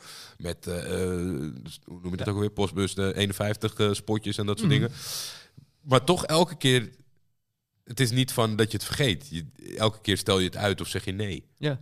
Dus ik, ik, ik weet dat. En dat is echt bizar, want het gaat gewoon over organen. Dat is natuurlijk steeds het grappige met dit soort dingen. Ja. Dat het heel belangrijk is en tegelijkertijd dat je denkt... ach, Ja, doe ik nog wel een keer. nee. Eh, nee, gaan we doen. Dankjewel voor het bericht. Thomas Giné was dit. Peter, wat was je favoriete WK-snack tijdens het WK in Qatar? Roel. Eh, ja, ik had natuurlijk van oorsprong altijd de kokosmacroon. Lange dagen had je nu. Is een kokosmacroon voor vier wedstrijden op een dag? Kan dat? Eh, nee joh. En ik, ik heb al laten vallen dat ik ook ziek was in die periode. Veel. Dat ik die griep heb gehad. Dus ik weet niet. Ik, Opkikkertjes. ja, Van die bouillonzakjes. ja. Eh, beschuit. Nee, ehm, wat ik echt heel veel heb zitten vreten de laatste tijd... en dan voel ik me ook echt niet goed bij M&M's. Ja? dan- ja, M&M met pinda's ook. Ja, Ja, gelukkig. sorry. Dus gelukkig. Nee, ja, maar dat is Dat nog. Maar ja, als je gaat zeggen zonder pinda's, Oh, dan had ik nu de laptop veel. dichtgeklapt. Veel te veel. En dat ik ergens ook op een gegeven moment dacht ik...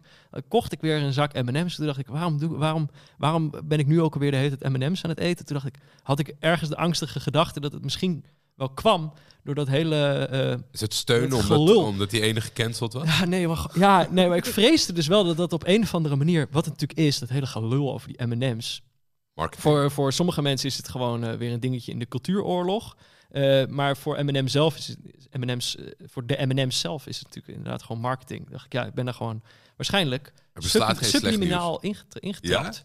Nou, dat vreesde ik. Dus sindsdien eet ik, probeer ik ze minder te eten. Maar ja, jezus, M&M's. Ik zou dat wel zeggen. Het is wel echt lekker, man. Jammer dat ze Geef niet zo sexy... nog even een... Jammer een- dat ze niet zo sexy meer zijn. Daar is het echt lekker. Eh Jordi, zouden wij weer een... Oh nee, dit is het Nee. aanrecht. Die hebben we al gehad. Kijk, dat is Die mooi. hebben we ook gehad. Eh, die hebben we ook gehad. Eh, ik heb maar één vraag. Ga alsjeblieft samen weer een wekelijkse podcast Dat is maken. niet echt de vraag. Michiel van Amstel. Eén, het is geen vraag. Nee. Het is een bevel. Eh, en twee, ik bedoel, we zijn nu een podcast aan het maken. Michiel. Wat- het is nog steeds die niet- hebberigheid, hè? ja, bij de die, ja, Dit is nooit afgenomen. ook een soort kinderlijk maar ding. ik, ja, ik, ik vond vandaag... Wekelijks. Ik wil wekelijks. we zijn nog niet... We hebben... We moeten, weet je hoeveel vragen wij nog moeten beantwoorden? Gaan we, te- gaan we terug naar het voetbal? Eh, ja, is goed. Ja? Ja, is goed. Eh, is Nederland in staat om in de komende 10 jaar de magische 20-punten grens op de coëfficiëntenranglijst te bereiken? En deze vraag is van Jaap van der Venus, speldcollega van mij en tevens eh coëfficiëntenconnoisseur. Ook hoofdredacteur van de Speld Sport. Ja. Eh, maar die eh, is eh, heel erg op de cijfertjes. Weet je wel, Bert Cassis, eh, Michel Abink. Real Ones Will Know. Ja, precies, de coëfficiënt, Polonaise. Nou, ik durf wel te zeggen, Jaap liep hem al voor dat, in zijn eentje. Ja? Toen nog niemand erin liep. Dat is echt groot. Voordat dat woord Eén iemand moet het beginnen, anders heb je nooit de Ja, Polonaise. waar. Iemand moet voorop lopen. Anders is het geen Polonaise, inderdaad. Ehm, 20 punten grens is heel hoog. En ik heb eigenlijk het gevoel, ik vrees dat we het, een laag conjunctuur ingaan. Wat Nederlands voetbal betreft. ik denk het ook. Ik denk dat we een soort van korte...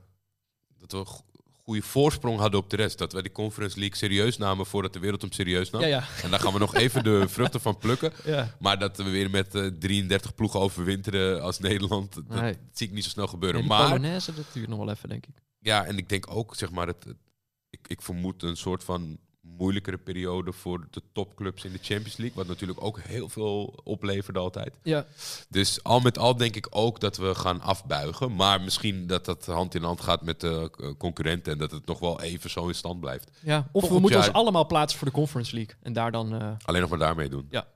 gewoon alles daarop we leveren één Champions League ticket in voor twee Conference League tickets. Ja, en dan daar gewoon keihard je best doen. Eh, het afgelopen jaar heb ik nog de podcast De mooiste neutrale kijkersdag ooit geluisterd. En daarmee de dag nog eens gevierd. Dit is een oude neutrale kijkersaflevering. Is er het afgelopen WK een dag geweest die ook maar ietsje pietje hierbij in de buurt kwam? Voor mijn gevoel waren er heel veel heugelijke potjes. Zoals bijvoorbeeld Argentinië, Saoedi-Arabië. Maar niet meer, niet meer in één geweldige dag. Jeroen Gerards. Eens. Eens? Ja. Ja. Eh, ik heb Het is wel... ook wel moeilijk natuurlijk. De, de, de, de wat leukere wedstrijden. Het is natuurlijk grotere kans eerder in het toernooi. En nu had je hele drukke dagen. Dus dan had je vier keer bingo moeten hebben. Of drie keer bingo moeten hebben. Dat is natuurlijk wel heel lastig. Ja. Maar zo'n eh underdog overwinning is, is en blijft altijd schitterend. Ja. Ik heb Ik- echt genoten van die wedstrijd. Ik had dus, ik was eigenlijk tijdens het begin van het WK was ik ziek, dus ik, ik was niet tegelijkertijd met de rest van voetbalkijkend eh Nederland begonnen. Eh, en toen ging ik pas kijken toen ik dus eh, ziek in bed lag en dus niet zoveel anders kon doen. En toen heb ik wel onder andere België zien verliezen van Marokko. In twee dagen dus, hè. België zien verliezen van Marokko. Eh, Zuid-Korea-Ghana was 2-3. Dat was een hele leuke wedstrijd. En Cameroen-Servië was 3-3. Ja. Ik weet nog wel dat ik toen echt eigenlijk meteen dacht van... oh, het is toch wel heel leuk zo'n WK. Terwijl ik er dus een beetje langzaam in kwam. Maar verder, ik denk inderdaad... het is, was echt vrij uniek wat we toen meemaakten. En het is heel leuk dat we dat toen... eh, ook hebben hebben. geregistreerd hebben. Ja, later is er nog een vraag die volgens mij hierop terugkomt. Ehm, dan, ja, daar komen we dan straks nog op terug. Turbo-ronde, toppie of floppy? Nog lang geduurd. Ja. Ik, ik dacht eh, op het moment dat ze konden donateren, donateren, donateren Jezus, voor een vraag, Ja, eh, dat het de hele tijd over toppie of floppy zou gaan. ja dat valt inderdaad eh, nog mee. Het maar komt een paar keer voorbij. Eh toppie of floppy? Eh er zijn er dus, het is een turbo-ronde. Gakpo, telefoonverbod in de klas, podcasts over voetbal. Hm. Ik zeg eh toppie, toppie, floppy. Eh, Ik kan straks nog uitleggen waarom, maar... Wil jij ook nog toppie, toppie of floppy eh, zeggen? Toppie of floppy zeggen? floppy, toppie, floppy. Oké. Ik denk ook eigenlijk podcasts over voetbal eh, zijn floppy, maar podcasts eh, eh, over voetbal, dus als je het gewoon niet echt over het voetbal zelf hebt, maar gewoon meer over hoe het, over hoe het is om naar voetbal te kijken bijvoorbeeld, dat vind ik wel leuk. Maar dat ik- doen weinig. Ja, dat, is, dat zie je eigenlijk niet meer. Nee, die verdwijnen allemaal op een of andere Eh, welke club won in 2000 de UEFA Cup? is een quizvraag. Deze had het verkeerd begrepen, denk ik. Rijn Maassen vroeg dit. Eh, Zeg het maar, Jordi. Galatasaray. Ja, precies. Ja. Welke speler zou je komende zomer kopen als jullie trainer van Chelsea zouden worden? Sjoerd Post. Ehm, Ik heb niet het gevoel wie, maar meer welke, welke allemaal. ja, Ik- ik vind- een package deal. Je kan, niet meer, je kan niet meer als Chelsea zijnde aankomen met ik wil die speler hebben. Je moet zeg maar, ik wil jouw achterste linie kopen. Ik wil dat ze volgend jaar linies kopen bij Ja. clubs. Ja, Eh, ik dacht eigenlijk, volgens mij is die transferstrategie die ze nu hebben, is heel goed. Dus gewoon, eh, gewoon een soort alle spelers van de top 7 competities, die zet je op een heel groot vel. Dan doe je je ogen dicht en dan gooi je een dartpijltje en die koop je. Volgens mij is dat een uitstekende strategie en volgens mij moeten ze daar gewoon mee doorgaan. Eh, volgende vraag. Louis, wat vond je zelf van het WK? Vraag van eh, Miel van den Berg. Ja, dit is natuurlijk, we hebben ooit gezegd dat wij pas weer zouden Mhm. gaan podcasten. Als eh, Louis Vergaal bij ons te gast zou zijn. Dachten dat is een, goede, een goed redmiddel. Maar is goed, ook eh, gebleken, in principe. ja, Dit is niet onder de naam Nee. van wat we dat toen hebben toegezegd. nee. Dus eigenlijk, hij, die, ja, Miel dacht waarschijnlijk dat Louis Vergaal hier zou zitten. Ehm, ja, wat kunnen we daarover zeggen? Wat, wat vond jij ervan? Laten Ja, we dan nee, voor dat durf ik niet te zeggen. Ja, hij vraagt het aan Louis. Ja, oké. Ik denk dat hij het zelf. eh, ik denk dat hij het goed vond naar de middelen, maar dat hij gehoopt had dat er meer in zat. Ja, ik denk dat ook wel. en Ik dat, het, en dat hij ook dacht dat we ze heel dichtbij waren. De doelstelling van de terughoudende KNVB is behaald. En daarmee is het niet per se slecht. Maar het zat, Het had, hij, het had, had hij had een droom. Ze konden wereldkampioen worden, dat zal hij nog steeds zeggen. Wat zijn de vijf beste toppie of floppy voorspellingen van Peter? Bas. Ja, dat vind ik een onmogelijke vraag. Ik weet niet of je Ik tot ook. iets komt. Je was, nou, Amin Younes had ik goed voorspeld dat dat mis zou gaan bij ja, Utrecht. Ja, dat heb ik ook nog. eh, dat heb ik wel. eh, oh, want dat was, redelijk, dat was redelijk vindbaar. Maar ik kreeg twee, drie weken geleden een DM van iemand. en die stuurde. Vet goed wat je had gezegd over Kiana Hoever. Ja, weet ik veel. maar dat, hoe moet ik dat ook terugzoeken? het floppy heb je 86 dan waarschijnlijk- Je afleveringen. hebt waarschijnlijk floppy gezegd. Ja, ja, maar misschien, misschien nog wel een soort van toelichting over hoe het is uitgepakt. Maar Hmm. ik, ik echt geen idee. Ik ook niet, sorry. Dit was echt... Dit is Weet je nog of je, de, of je de Spanjaarden van Almere City toppie of floppy vond? Oh, nee, maar die, daar heb ik dus mee gespeeld in voetbalmanager. Alvaro Peña was echt is een clublegende geworden. Wat een speler. ik weet niet of je dat echt ook speelt, maar dat is echt wat een Almere speler staat is dat. derde, dus eh, wat dat betreft eh, gaat het hartstikke goed daar. Jordi Peter. Allereerst fantastisch initiatief. Oh shit, hier hadden we het, complimentje even vanaf moeten knippen. Fantastisch initiatief. Mijn vraag. Stel, ju- jullie belanden in een triangle of sadness-achtig scenario voor onbepaalde tijd. Eh, spoiler warning, als je die film nog wil kijken, moet je nu eventjes eh, twee minuten vooruit, denk ik. Stel, jullie belanden voor eh, onbepaalde tijd op een onbewoond eiland. Daarbij worden jullie al die tijd vergezeld door een trainer uit de eredivisie. Eh tussen haakjes verplicht, vraag me niet waarom. Voor wie kiezen jullie en waarom? Eh, Michel Dodeman. Ja, met welke trainer? Ik neem aan, wij komen dus allebei op een onbewoond eiland terecht. En daar moet nog een eredivisie-trainer bij. Ja. En wij moeten samen bepalen wie dat wordt. Peter Iballa. Oh nee, Eredivisie, sorry. Eredivisie, sorry. Oh. Ik dacht, oké, heel veel eredivisie-trainers eh, zijn vrij oud. Mhm. Eh, bijvoorbeeld Ron Jans, die is al dik in de 60. Ik denk, ja, heb je die op een onbewoond eiland? Dat is niet zo Heb handig. je niks aan. Ja, die moet je dan op een gegeven moment gaan verzorgen. Ron, loop door. Gaat nooit eens zelf hout Ron, halen. klim nou eens in die boom. Dat, is, dat werkt niet. Dus ik dacht, je moet een wat jonger, fitter iemand hebben. En dan is... eh, ik dacht eigenlijk gewoon John Heitinga. Want wat die ook kan leveren is gewoon duidelijkheid. Die zegt gewoon, luister Peter, Jordi. we zitten op een onbewoond eiland. eh ga het zo doen. En dan gaan wij dat gewoon doen. Dan hoeven we niet zelf helemaal te bepalen wat we gaan doen. Sta je open voor? Julio Velasquez van Fortuna Sittard? Nee, eh, of ben je bang dat hij ons... ik denk veel miscommunicatie, vrees ik. ik ben, mijn Spaans is niet zo goed. Ja, maar ik denk wel dat we op, in, in zo'n rustige setting, dat hij niet zoveel afleiding heeft, dat hij, da- dat hij dan een, een ander persoon is. Oké, nou, Waar we heel veel aan gaan hebben. Ehm, een van die twee zou ik dan zeggen. Ik, ik ga voor Julio Velasquez. Oké. Nou, daar ga ik daar wel in mee. Ik wil niet... Kijk, als we toch op dat onbewoonde eiland zitten... dan moet ik niet zeggen... nee, ik wil Sean Heitinga. Dat je de hele tijd loopt te mokken. Waar is Sean? Ik wil de Sean.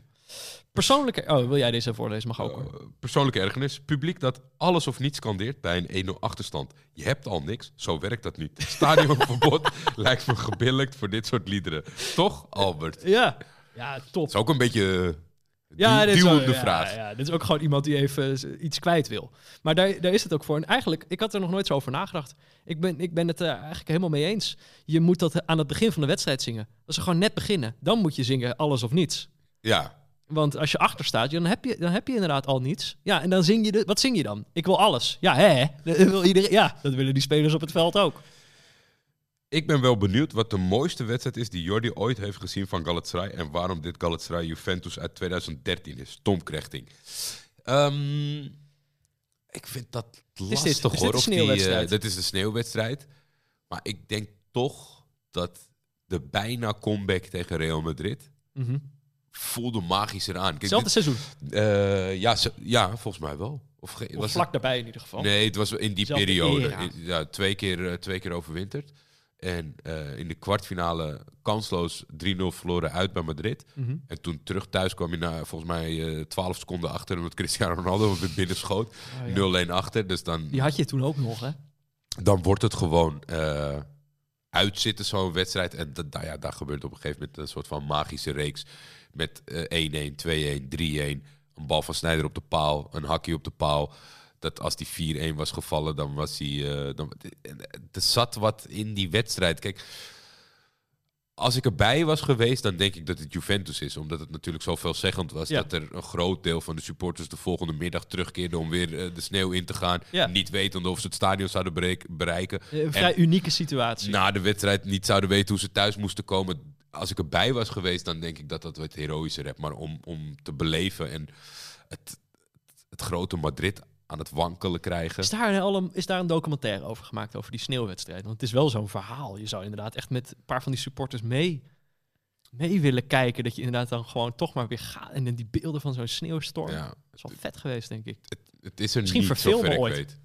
Gaan we ooit, gaan we ooit doen. Gaan we ooit nog doen. Als semi Benieuwd wie ge- gecast wordt als Jeroen Elshoff. Ja. Hij doet het!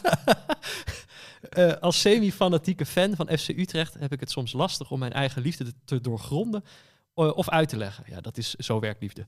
Eh, objectief is het namelijk een koopclub. Europees is het grotendeels teleurstellend. Op de tribunes wordt er alleen gezeken en elk jaar ben je gewoon play-off vulling. Dus mijn vraag, waarom zou iemand fan moeten kunnen zijn van FC Utrecht? What's there to love? Melle Roorda. Ja, als de fans dit al aan ons gaan vragen. Ehm, ja, is wel, ik snap het wel. Niet gewoon gewoonte. Dat is uiteindelijk wat liefde ook is. Ja. Wordt uiteindelijk. Dus inderdaad, je wordt, je wordt misschien verliefd op een soort detail. Maar uiteindelijk is het die vertrouwdheid die, eh, die, de, die de liefde stand doet houden. Dat Ja. je je thuis voelt. Ik weet ook niet of het voordelig is überhaupt in je leven om, om de hele tijd ve- veel uit te zoomen. Want kijk, het is zo dat als Utrecht supporter zit je op de tribune en elke overwinning die je boekt in zo'n seizoen geeft een moment van vreugde. Elke keer dat je in het stadion zit en er wordt een doelpunt gemaakt, geeft een moment van vreugde. Ja. En die vreugde-uitspattingen die zijn volgens mij voldoende wat die club faciliteert op het moment Ja. dat je gaat uitzoomen. Ik hoe moet, op, verder je uitzoomt, hoe we- minder er overblijft. ik moet nog denken aan eh, Jean-Paul Risson die een worst, die lekkere warme worst bestelt op de tribune. En dat er dan een paar, paar rijen emmer- achter hem iemand zit. emmer waarin gezeken wordt. De heerlijke romantiek van een oud stadion met beton. en dan zit er een paar, een paar rijen achter hem zit iemand die dat filmt en die dan zegt van haha, de- deze gast gaat weer een worst bestellen hoor. Dan denk ik, dat is, dat is, dat is, eh, dat, dat lijkt me leuk aan zo'n club. Dat je dan weet van, oh, er komt die worstenman weer. En dan koop ik een worst en dan gaat iemand achter mij, gaat, dan, gaat me dan belachelijk maken. Ja, het, maar het, Maar is, je hebt het, een is heel gewoon, het is gewoon een heel lastig perspectief ook op, als, op het moment dat je voor, van nature voor een club bent die 30 of 20 keer kampioen is geworden. Ja. Zoals jij en ik. Dat, dat blijft gewoon moeilijk. Van. Ja. Maar ik denk dat eh, de vreugde en de samenhorigheid van het voetbal volgen, dat dat eigenlijk voldoende is. En eh, ja, daar heb je gewoon, waar ben je geboren? Ja. Eh, wie, welke speler was er toen jij net voetbal ging kijken? En dan zit je verknocht voor de rest van je leven aan Dordrecht 90. Ja, dat Ja. kan gebeuren. Heel lang antwoord. Ik had zelf opgeschreven Mark van der Marel.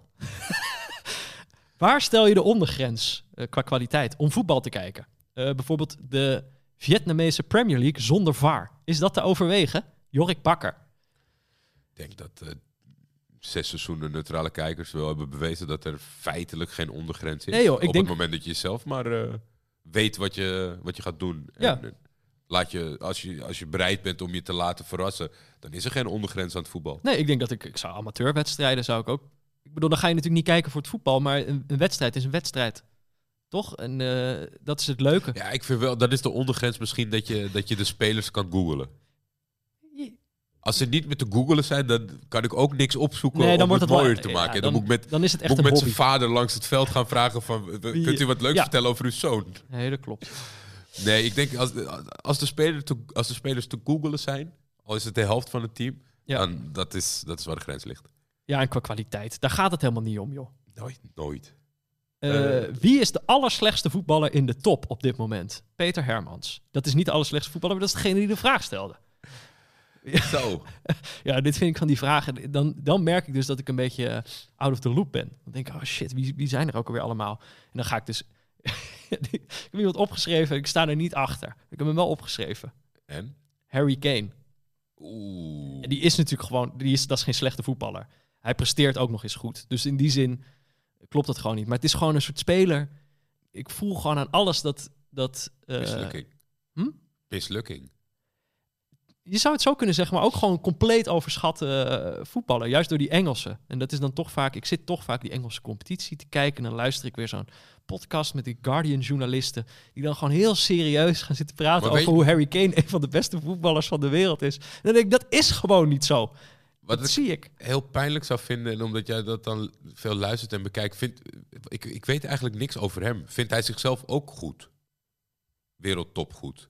Ik heb echt geen idee. Ik denk het niet. Anders, blij, anders had hij denk ik ooit en veel eerder de drang gehad om naar de absolute top te gaan. Dan had hij zich te goed gevoeld voor Tottenham, denk ik. En dat is natuurlijk eigenlijk juist wat je, wat je ook voor hem kan innemen. Dat hij niet, tenminste nog niet, gezwicht is voor de absolute top. Dat hij gewoon denkt, ik ga het hier doen. Ik ga hier belangrijk zijn voor een team. Ik zag gisteren nog een heel filmpje, Thierry Henry, die dan met beelden ging uitleggen wat, wat Kane zo goed maakt. Toen dacht ik, oh ja, het is gewoon echt hij is natuurlijk gewoon een fantastische voetballer, waar heb ik het over? En ook iemand die in dienst van het team kan spelen. eh, wat Haaland, naar Henry's mening, dus helemaal niet doet, bijvoorbeeld. Ehm, maar wie, wie zou jij zeggen? Wie is nou de Ja, ik heb, ik heb een he- hele luie keuze, maar ik denk wel ja, gewoon fijn voor de mensen, omdat ze hem allemaal kennen inmiddels. Sanchez van Ajax.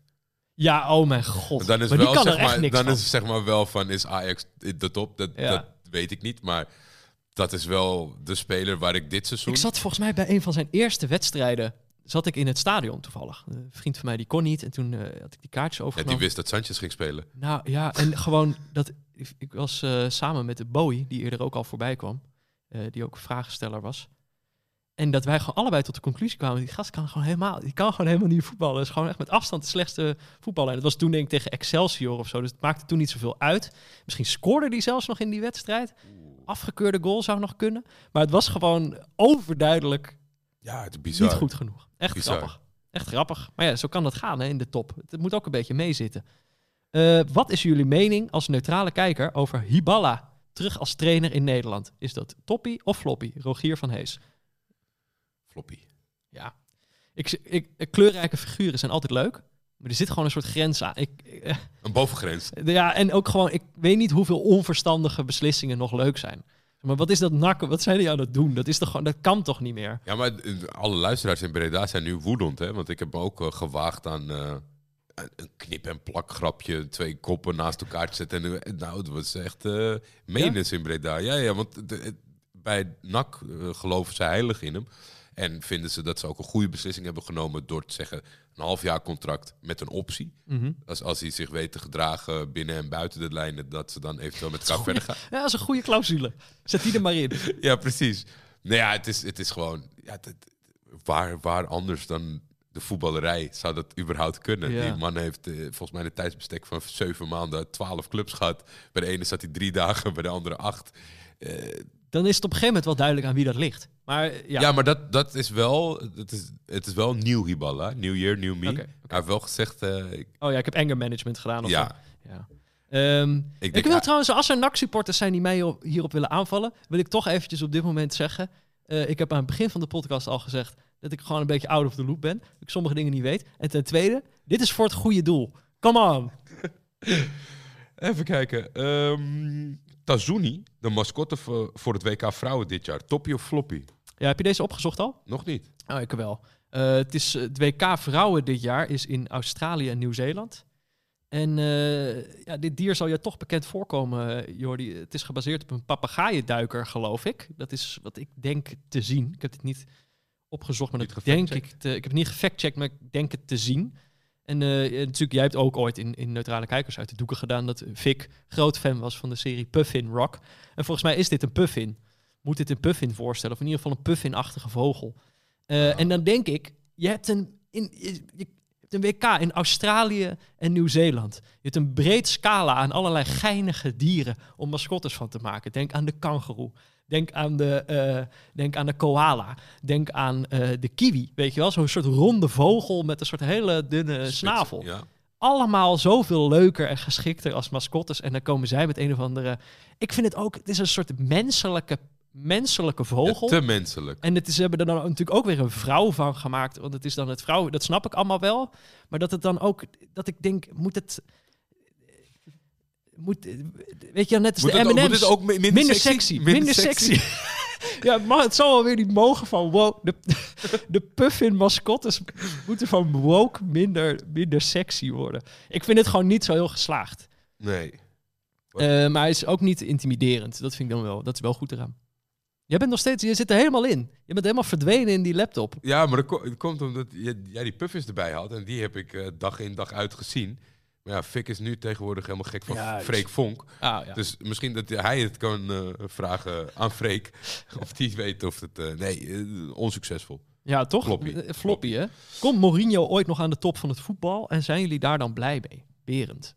Ja, ik vrees het ergste. Ik denk het niet. En, ik, en het komt eigenlijk omdat ik het gevoel heb dat hij het zelf niet meer wil. Nee. En die is ook 60, weet je wel. Moet je ook niet mee op een onbewoond eiland zitten. Hij lijkt een beetje uitgedoofd. Ik vind hem... Hij is bezig met randzaken. Eh, het is een soort... Ja, het, Het is een gimmick geworden. hè? ja en dat... Met zijn social media kanaal. ja, Van de week eh, ging hij thank you Hublot zeggen. Kreeg hij een nieuw horloge. En Precies, daardoor denk ik dus het is gewoon klaar. Die prioriteiten zijn weg. Eh, dit Ja. gaat nergens meer over. En het enige wat je kan hopen is dat hij op dit moment zo aan het afglijden is dat hij, dat hij zichzelf dat hij aan het rijpen is voor een nieuwe underdog story. Want zo is hij natuurlijk aan het firmament gekomen. hij, dat moet naar, er- mijn- hij moet naar mijn club. Ja, Gala. Het vuur van de supporters slaat over op hem. En dan wil hij iets onmogelijk. Dat is het enige. De, de, de underdog st- story, dat is het enige wat jij net zegt. Dat is het enige wat bij hem misschien nog... Hij is uitgedoofd. Maar ik denk dus, hij Hij gaat niet meer naar de top. Hij gaat, er is geen topclub die hier nog in gaat trappen. Nee, zeker niet. Zelfs En- ook ze- Nee, dat gaat niet meer gebeuren. Welke speler, huidig of verleden, zou je voor eeuwig uit de voetbalgeschiedenis willen wissen? Zo. Dirk. Ja, dat is nogal wat. Ja, dat is zeker nog wel wat. Dit is dus, hier kan ik een klein tipje van de sluier van, eh, van mijn nieuwe boek. Eh Iker Casillas. Ja? Oh, Ik ga niet zeggen waarom. Dan moet, je, dan moet je boek kopen als het uitkomt. voor altijd wissen uit het voetbal. Mm.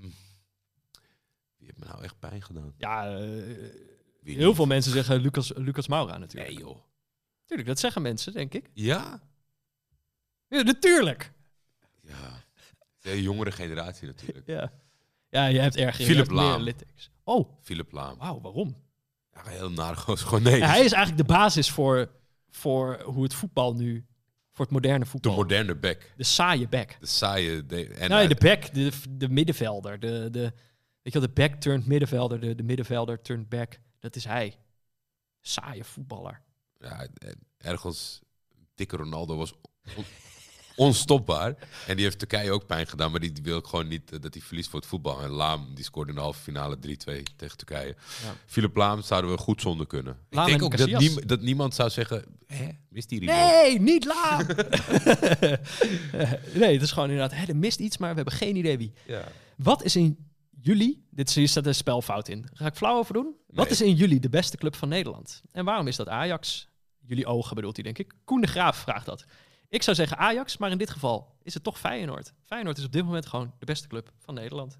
En eh, iedereen die denkt dat het niet zo is, die is blind. Die kijkt gewoon niet goed. Nee. En het kan nog steeds zo zijn dat ze het geen kampioen worden. Maar je, je bent echt blind als je niet ziet dat zij de beste club van Nederland zijn op dit moment. Maar het is ook wel echt stom als je als voetbalclub beslist om in juli de beste te zijn. Dan is er nooit voetbal. Ja, Dus daar heb je niks aan. maar eh, als het een actuele vraag is om toch oprecht te beantwoorden, sluit ik me aan bij de woorden van Peter. ja toch? Dat ik denk dat eh, Feyenoord... eh, Daar is volgens mij echt geen twijfel over mogelijk. nee. En het, denk wel, het komt door Arne Slot. De beste trainer. Ja, Echt zeker de beste daar komt trainer. het door. Ja, alleen jammer dat hij altijd zo zeurt hè, op de scheidsrechter. Eh, Ja, voor mij mag die alles. Vladimir Poetin weet met Infantino de aankoop van FIFA overeen te komen en bezet met groene mannetjes het hoofdkantoor van UEFA in Lyon om Rusland en Spartak Moskou toch weer te- mee te laten doen aan internationale toernooien. Alle clubs en bonden stappen uit de FIFA en UEFA en vragen aan neutrale kijkers om één nieuw internationaal clubtoernooi op te richten. Hoe zou dat eruit zien? De terugkeer van de Europa Cup 2, eh, met bijvoorbeeld AC Milan, Rode JC, of een soort uit de kluiten gewassen Nations League-achtige constructie met clubs uit Europa en Zuid-Amerika. Divisie C, groep 17, Glasgow Rangers, Palmeiras, Independiente en Feyenoord. Dit is een vraag van Michael Naus. Nou Jordi, wij mogen het, eh, het nieuwe toernooi, eh, de nieuwe Champions League bedenken. Hebben wij ooit gedaan, geloof ik, in een aflevering ja. van Neutrale Kijkers. Gewoon zoals hoe, hoe het hoort. Alle kampioenen. Heb ik ook staan. En Alleen knock- maar kampioenen. En knockout. En knockout, ja, daar heb ik ook staan. Ja. Nou, dan zijn we er toch. Ja, Klaar, precies. Easy. Maar ja, Peter, dan verdienen ze veel te weinig geld. Want zelf weten ze dit ook. Ja. Dat is het jammer. Maar dit zou het leukste toernooi zijn. Ja, en dan, van mij mag je zeg maar om, om het op te vullen, zou je er mogen kiezen om vier toernooien te hebben. Ja. Moet wel weer een hymne verzinnen, maar dat, dat lukt ze meestal wel. Want Ja, Die van de Conference League is ook wel... en die van de eh, Europa League is al is- ingeburgerd. ja, die is een beetje eigen geworden inderdaad. Eh, dus dat, dat komt over tijd wel. Maar als je dan gewoon vier klasses maakt en dan speelt de nummers 1, de nummers 2, de nummers 3 en de nummers... Nee, beker voor bekerwinnaars. 1, 2 en 3 plaatsen zich voor toernooi 1, Ja. 2 en 3 en de beker voor bekerwinnaars. Maar Als is, je de beker wint en kampioen wordt, dan gaat de nummer 17. kijk, dit, zo doen we het. Maar ik vind gewoon, waarom heet het de Champions League? En dan zit ik naar de, de fucking nummer 4 van Spanje te kijken. Ja. Rot op! Ik wil kampioenen. Nee, eens. Eh, wat is de grootste toppie-floppie van de transferperiode in de winter? Koen. Heb je er weer zo een? Een Koen. Is weer zo'n Koen. Ehm, zeg het maar, Jordi. Ik heb er een paar staan. Ik heb volgens mij alleen maar floppies staan. Oh nee, Ja? ik heb één toppie. Wie is Toppie dan? Ik heb floppy is... eh, oh, toppie. Ja. Eh, Weghorst naar United. Kijk, ik, dan denk ik, dat is Laat gewoon je weer, eh, fantastisch. Ja? ja, dat zit je slaat echt hey, dat slaat natuurlijk nergens op. Dat is echt... eh, en wat Ten Hag nu weer met hem aan het doen is... een soort Joe Linton-route. Hij gaat gewoon als verdedigende middenvelder Engeland weer uit. Binnen een half jaar. Ja, ik vind het echt geweldig. En het, en het slaat gewoon nergens op. Die is zo makkelijk om een wereld voor te stellen... waarin dit nooit gebeurd was. Waarin Weghorst gewoon überhaupt... het, het amateurvoetbal misschien niet eens ontstegen was... En dan, nu zit je gewoon te kijken naar een jongen die gewoon bij Manchester United voetbalt. Dat vind ik fantastisch. Ik keek toch altijd een beetje met het perspectief of het voetbal inhoudelijk ging lukken of niet ging lukken. Dus ik zat, ik neeg meer, maar oké, met deze uitleg, uitleg, daar kan ik zeker mee leven. De toppie, denk ik, Cristiano Ronaldo naar eh, Al Nasser.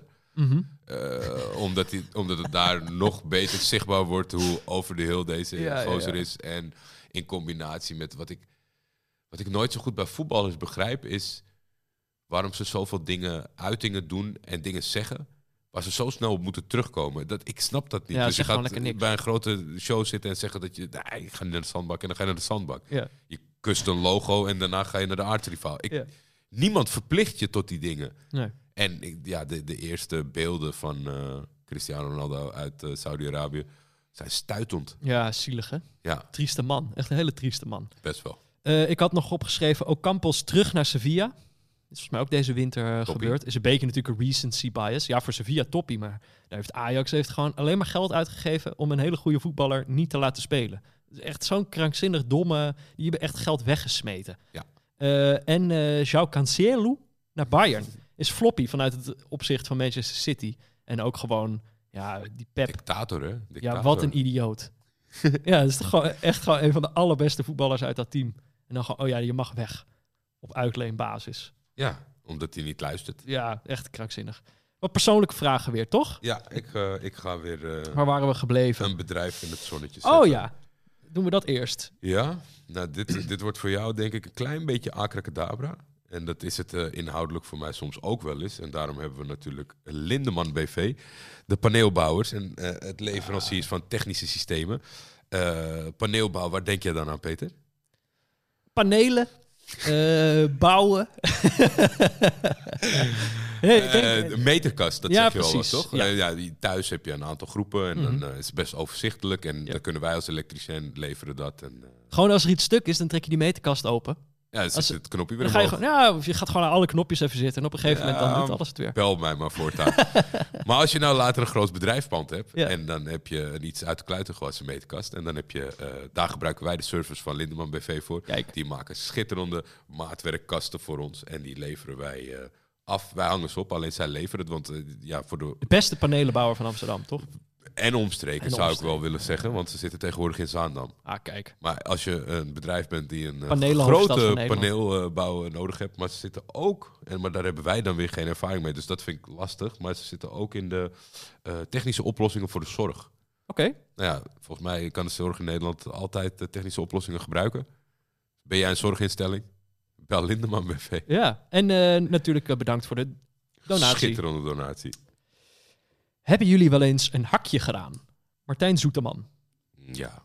Ik denk ja, maar ik denk in officiële wedstrijdcontext moest ik er wel over nadenken. Vrees ik eigenlijk toch dat ik dan in het veld eh, iets zakelijkere voetballer ben Ja? dan dat ik zelf. eh, ja, ik, ik denk dat ik dat, dat dan gewoon toch niet, niet eh, durf uit angst voor hoon van mijn medespelers. Nou, maar ja. tegelijkertijd, soms kan het niet anders. Hè. Dat is natuurlijk, maar is het dan echt een hakje?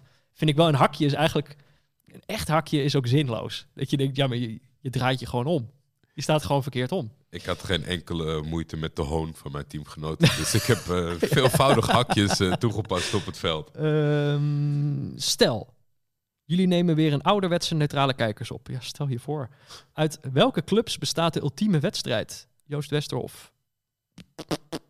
Ja, weet ik niet. Dat vind ik ook lastig te zeggen. Eigenlijk de leukste wedstrijden ben ik altijd door verrast. Dus dan kan ik nu wel twee clubs gaan noemen, maar dan eh, ben ik toch niet meer verrast. Ehm, Ik zou een, eh, een, een soort eh, wereldbekerduel mhm. tussen een van de twee ploegen uit Bolivia en een van de twee ploegen uit Estland. Ja, oh. Dat, dat, daar komen me volgens mij daar komen een boel dingen voor ons samen. En dan Ja. ook zo'n Uit en thuis. Ja, ouderwets. Dus eerst, eh, eerst op het parkeerterrein waar het autoalarm afgaat. En daarna in het stadion waar de kinderen op de berg zitten. Ja, geweldig. Nee, ik moest, ik moest aan die twee wedstrijden de- de- denken. Want die, ja, qua cultuur en omstandigheden kon het niet verder uit elkaar liggen. En daarbij ook het bewijs dat net met die ondergrens, who cares, een fantastische, fantastische wedstrijden gezien. Ja. daar. Eh, dit is eigenlijk een voetbalvraag. Waar zitten de grootste boeven? Turijn, Manchester of Barcelona? Johannes. Ja, is lastig te zeggen. Eh, ik denk eigenlijk... Kijk, eh, City, zijn dat boeven? Ja, ja. Barcelona is wel, vind ik wel de allerergste. Maar ik heb, ik heb zelf het gevoel, Turijn, Juventus, die kunnen het gewoon niet laten. Die hebben gewoon al, die hebben gewoon al, al tien keer de boel belazerd. En dan Ja. gewoon iedere keer weer. En dan zegt ze, nee, nu, nu, nu, zijn we, nu zijn we clean. Nu doen we het niet meer. En dan gewoon weer de boel belazeren. Ja, ik vind, ik, Barcelona zit bij mij natuurlijk altijd wel hoog, omdat eh, ze willens en wetens Mhm. gewoon met, met, die, met die club spelen. En omdat je ook zeg maar, vanuit het Nederlandse perspectief en met Cruijff en al- alles, zeg maar, dat het, het is ook een beetje een Nederlandse club. Maar daar heb je dus veel van gezien, wat, wat die club voor de man op straat betekent. Of Ja. vrouw of kind, zeg maar. En, en dat, ik vind ze heel roekeloos. Maar als je echt kijkt naar boevenstreken, vals spelen, nou ja, dan staat eh, Juventus bovenaan, eh, denk ik. Er zijn ploegen in Bulgarije die zich schamen voor het gedrag van Ja, Juventus. het zijn sowieso de grootste recidivisten. Ehm, heel eenvoudig. Kan neutrale kijkers als, alstublieft weer terugkomen? Al was het maar voor komend EK. Eh, praying emoji. Herman Bolk. Ja. eh, dit, is- dit is inderdaad ook niet echt de vraag. Het is een smeekbede. Ja, daar heb ik Ehm, het deze keer maar in laten zitten. Want we hebben natuurlijk... eh, EK. Wanneer is dat EK? ik moet ook zeggen, eh, nou ja, dat moet volgend jaar zijn. Ja, nou, dat is nog ver weg genoeg om te zeggen van, nou, dat zien we dan wel weer. Als Louis van Gaal ons selecteert als Nederlandse podcast. ja, ja, ja. Nee, maar ja, nee. Ja, nou, lief dat je het vraagt, maar eh, dat weten we niet. Ehm, ik vraag me sinds het WK van 2018 af waar de naam FEF vandaan komt. Daar staat geen vraagteken achter, maar de vraag mogen duidelijk zijn. Michiel Lippes. Nooit over gehad? Nou, Nee, ja, niet in mijn bijzijn. nee, oké. ik heb nou, het mezelf ook wel eens afgevraagd en toen heb ik het natuurlijk eh, gegoogeld. Op je Wikipedia. Ontcijferd. ontcijferd. Ja, nee, mijn Turkse naam is Fevsi. Mhm. En eh, daar heb ik de Z en de I van afgehaald. En op een of andere bijzondere manier koos ik op Twitter. De Twitter-handle @tefef. Ja. Terwijl op alle fora en e-mails en dat was het allemaal Imperator. Dat was allemaal de nickname van Fatih Terim. of Jim Bom, de nickname van, eh van Galatasaray. Ja. En op een of andere manier ook volgens mij nog niet goed doorhebbende wat Twitter was. Daar de VEF van gemaakt. De VEF. Toen ik klein was, eh, vond ik het altijd verschrikkelijk als mensen me zo noemden. Wilde ik echt niet. Zelfs de Turks. Ja, Of zelf- VEF ook niet. Nee, ja, de VEF kwam later. Hm. Dus eh, en nu heb ik het, eh, nu, nu hoort het een beetje bij me. Maar dat zo is, eh, het dat is gewoon eh, een Turkse naam waar eh, twee letters vanaf zijn gehaald. Eh, vraag voor Jordi. Waarom is hekkensluiters gestopt? Ik vond het echt een toevoeging in het aanbod. Het schemerde een beetje door dat de rest wel door wilde. maar dat jij er klaar mee was. Stefan Alteveer. Hey, dit is mooi. Lekker parasociale, Ja, parasociale relaties met luisteraars aangaan. Ja, maar ik, het, het was wel een soort van. Ik weet niet. Dat is dan toch bij zo'n luister. Bij, bij luisteraars, of, of een bepaald deel van de luisteraars, dat ze dat graag willen weten of dat ze er graag achter komen. Ik, ik vind het een beetje eh, privégehalte, zeg maar. Mhm. Het blad privé, niet, eh, niet dat het eh, privé-informatie ja, ik, ik vind het allemaal niet zo spannend. Het schijnt dus. eh, maar volgens mij heb jij Hekkensluiters ook geluisterd. En Zeker. dat het, dat het goed hoorbaar was, dat ik er niet altijd evenveel zin in had. Nou ja, dat gevoel had ik. Ik wist niet dat dat overkwam eh, qua, qua... Ik snap wel dat ik af en toe laag in de energie zat of eh, weer liep te zeuren. En het is natuurlijk afgesloten met een soort van mededeling die ingesproken werd door Jan en die ook niet door iedereen helemaal werd begrepen. Want ik heb natuurlijk een gesprek gehad met iedereen en ook eh, met Dag en Nacht Media. En daarbij heb ik laten vallen, zeg maar, van wat voor mij redenen waren om te stoppen. Ja. En dat heeft Jan in een zinnetje, in een bijzinnetje. Maar nu leek het voor sommige mensen op een soort van... eh, dat, tenminste, dat heb ik, hoorde ik van dichtbij. Op een soort van natrap van... eh, wij, willen, wij willen wel, maar eh, hij heeft er geen zin meer in of zo. zo. En dat, dat viel allemaal... Ik, ik, ik was gewoon eventjes... ik had geen zin meer. En het, zit een, het is een heel lang traject. Want ja, wat jij al aangaf, we zijn vijf jaar geleden begonnen. Mhm. En dat, eh, dat was altijd eh, bij dezelfde partij. Sindsdien heb je eigenlijk geen dag meer niet over voetbal gepraat. Toch? Eh, daarvoor ook niet, alleen nu verschillende steeds in shows. een, in microfoon. En ja, ja, ja. ik had, ik, het klopt wel dat de rest mm, graag gaat doorgaan. En dat, dat ik uiteindelijk niet wilde. Maar omdat ik niet wilde, dat wilde zij ook niet. Want de kans is zeker geweest om door te gaan zonder mij. ja. Dus dat. Nou, Stefan, daar heb je je antwoord. Ehm, hoeft niet per se behandeld, maar toch leuk om te weten. Top 3 all-time artiesten. Genres door elkaar, uiteraard toegestaan. Chris Remmelswaal. Queen, Frank Boeien. En... Nee. je Ja, schrikt heel erg. Nee, ik was helemaal niet aan het oordelen. Top 2000. eh, ik zat even te denken, wat staat er nou in de top 2000? Eh, Boudewijn de Groot. oeh. Eh, nee, ik ga sowieso... Ik kom er nu de hele tijd achter. Ik vind, ik vind top 3 smaak vind ik altijd een beetje lastig. Maar waar ik wel eigenlijk nu nog steeds achter kom... is dat alle muziek die ik nu leuk vind... is eigenlijk allemaal te herleiden tot... gewoon mijn, eigenlijk mijn eerste echte grote liefde in de muziek. En dat was Outkast. Oh. En het was toen ik een jaar of 11, 12 was... hoorde ik dat voor het eerst. En toen ging er een wereld voor me open. En eigenlijk alles wat ik nu luister... lijkt op een bepaalde manier daarop. Of dan hoor ik invloeden die zij gebruiken van, van Outkast. Die. En tegenwoordig, wat ik nu heel veel luister, is het nieuwe album van Young Fathers. Kan ik iedereen aanraden. Erg vet. Oké. Nou ja, ik, het is grappig dat jij dat zegt, maar ik zit ook muurvast in een, eh, in een periode van de muziek. Ik ben denk ik de, de enige die op Spotify jaren 90 of jaren 2000 Turkse muziek opzet. Kom daar niet echt uit. Dat vind ik gewoon het fijnst en eh, dat zet ik vaak, vaak op. Eh, als we dan gewoon een beetje niet dat we all-time of zo. Wat ik echt een, een leuke ontdekking nog eh, vond, was Rosalia. Ja. Vond, ik, vond, vond, vond ik heel leuk om veel op te zetten. Bad Bunny is natuurlijk een knaller geweest afgelopen jaar. En voor de rest dan moet je Ed de Vef opzoeken, denk ik, op Spotify. En dan kom je in contact met een melancholische periode in de Turkse muziek. die eh, of je enorm aanspreekt of totaal niet. Even kijken, nog eentje doen? Ja. Eén persoonlijke. Als wie wat... ver- als wie wat zouden jullie verkleed gaan als jullie zouden gaan carnavallen? En waarom? Groetjes uit het zuiden. Geweldig initiatief. Martin. Ja, onze, on- de, de, de, de periode waarin mensen konden doneren viel samen met carnaval. Dus Ja. deze, deze Martin zat in de carnavalsferen. Carnavalvraag. Jij hebt het nooit gevierd, dat durf ik wel Eén echt- keer. Oh, Ja. ja. wauw. Dat is al meer dan ik dacht. In Breda. Oké. Eh, als, Als- Peter Hiballa was je toen. ja, ik ben natuurlijk opgegroeid in, eh, in Brabant. Dus ik, heb, ik, ik, ik ben, ben opgevoed met dit. Of ja, niet opgevoed met dit feest. Want mijn ouders vierden het niet. Ja, je ontkomt er gewoon niet aan als je, als je daar bent. Heb je het losgelaten toen je vertrok daar? Ik heb denk ik daarna ben ik een paar Is keer eh, teruggegaan. Maar tegenwoordig, ja, het is gewoon. Eigenlijk ben ik altijd een beetje verrast eh, door hoe vroeg in het jaar het alweer is. En dan. eh, ik heb ik gewoon geen zin om dan meteen. Lange leeftijden voor artichok pakken. Komt het altijd slecht uit. ja, uiteindelijk denk ik, wat het ook is, je, ik heb dan wel eens de fantasie gehad van, oh ja, dan ga ik een heel grappige, grappige verkleedkleren uitkiezen. Of ga ik verkleed als iets grappigs.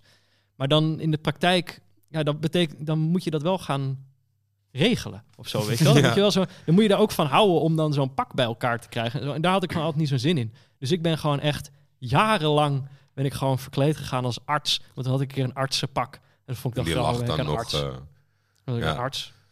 ik heb... eh, Een mondkapje had ik op. Mijn goede vriend Danny Abels is een eh, fervent eh, carnavalvierder. En toen ik een keer ging, mocht ik een pak van hem lenen. En dat was een beer.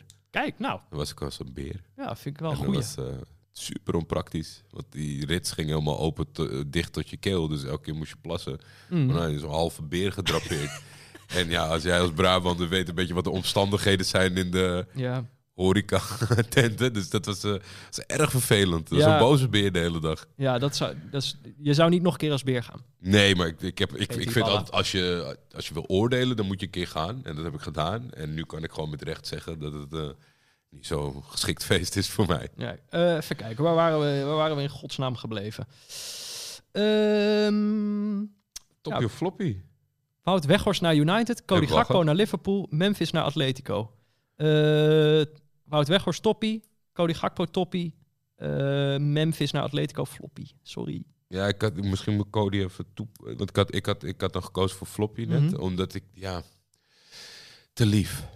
Te lief. Wel, wel, weet je, we hebben natuurlijk hem, hem uitgebreid een keer gesproken. Ja. Een hele intelligente, verstandige jongen. Dus Modelprof, je, Echt een modelprof.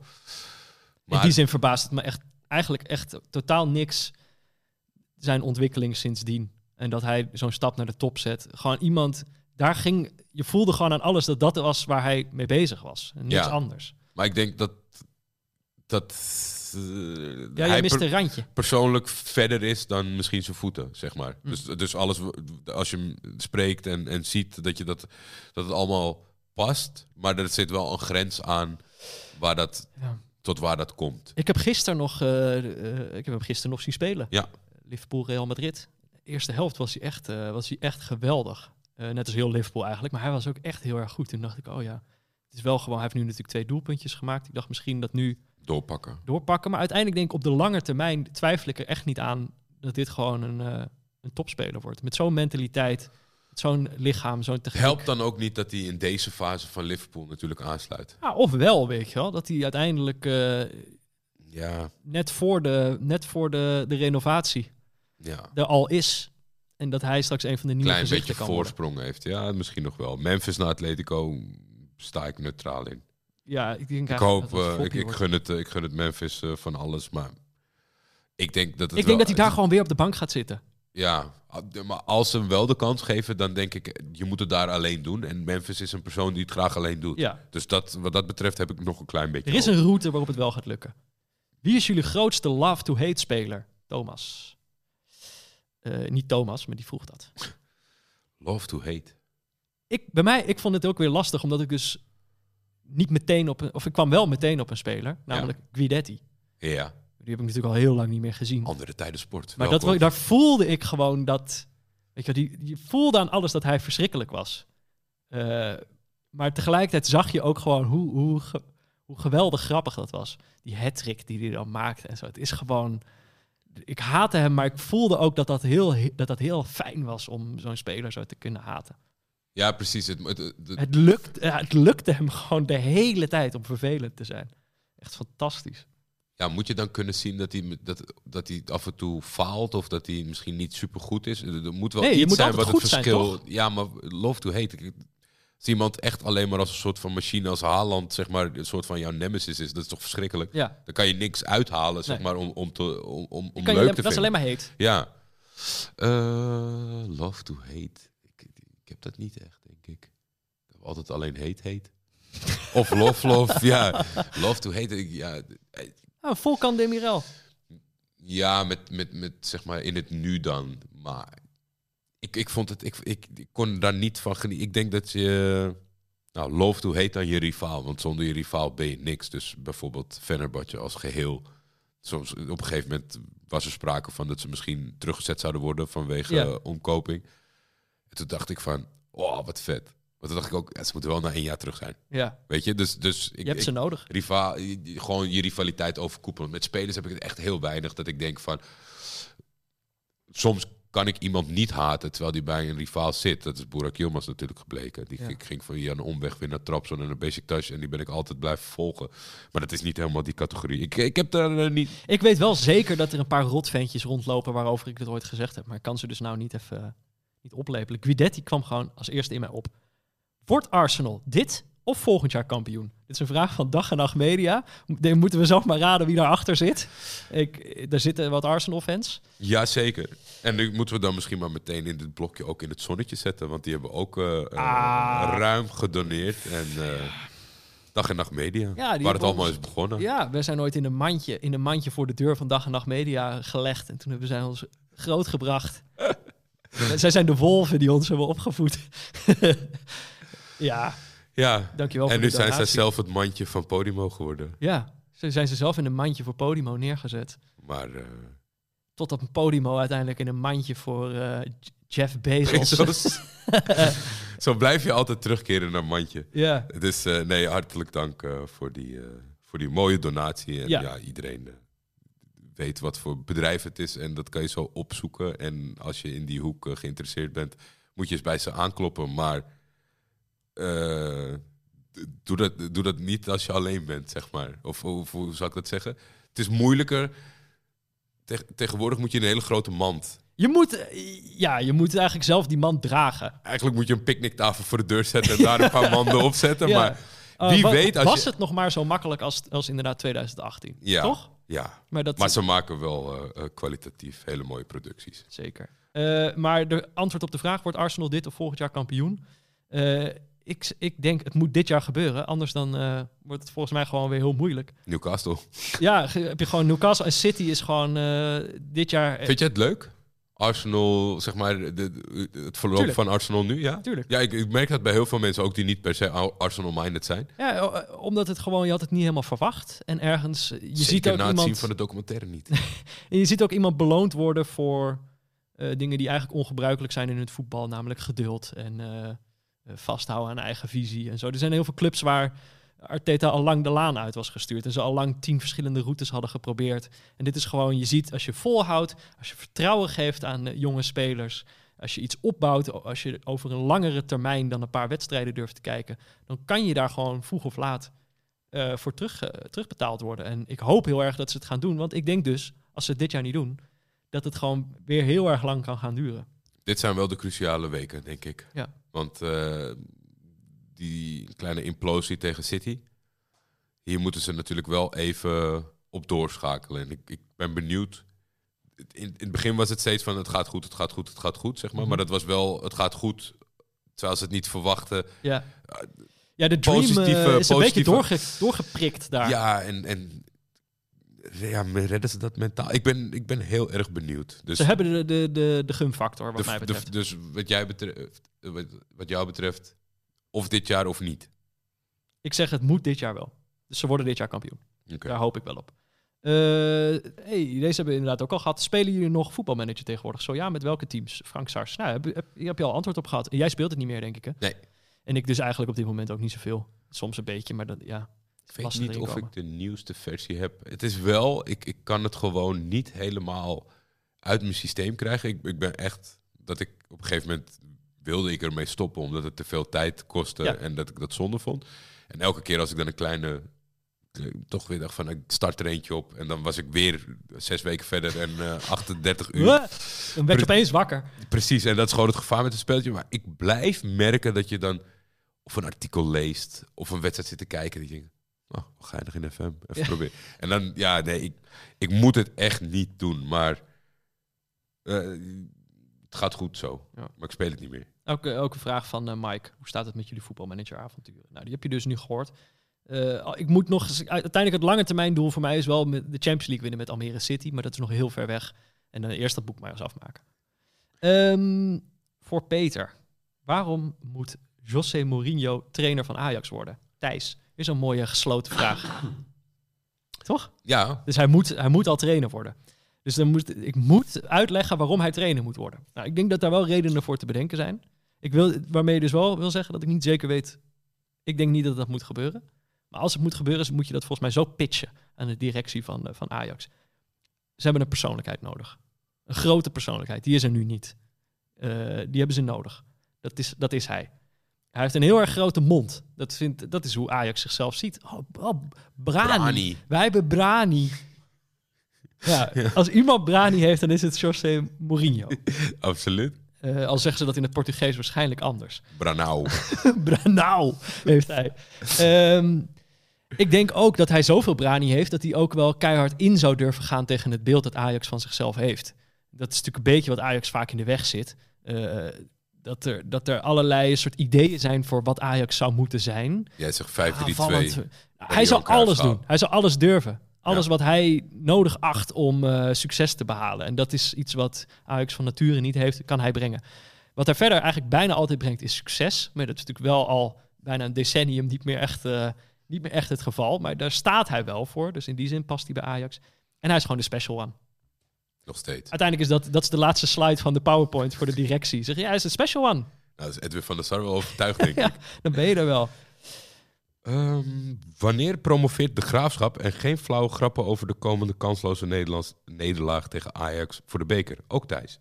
Ja, ehm, ja de ik ging even naar de stand gaat, nog wel, eh, gaat nog wel even duren hoor. Ja, dan gaat die, dit, dit seizoen wordt lastig. Volgens mij is de beste route is periodekampioen worden in de vierde periode.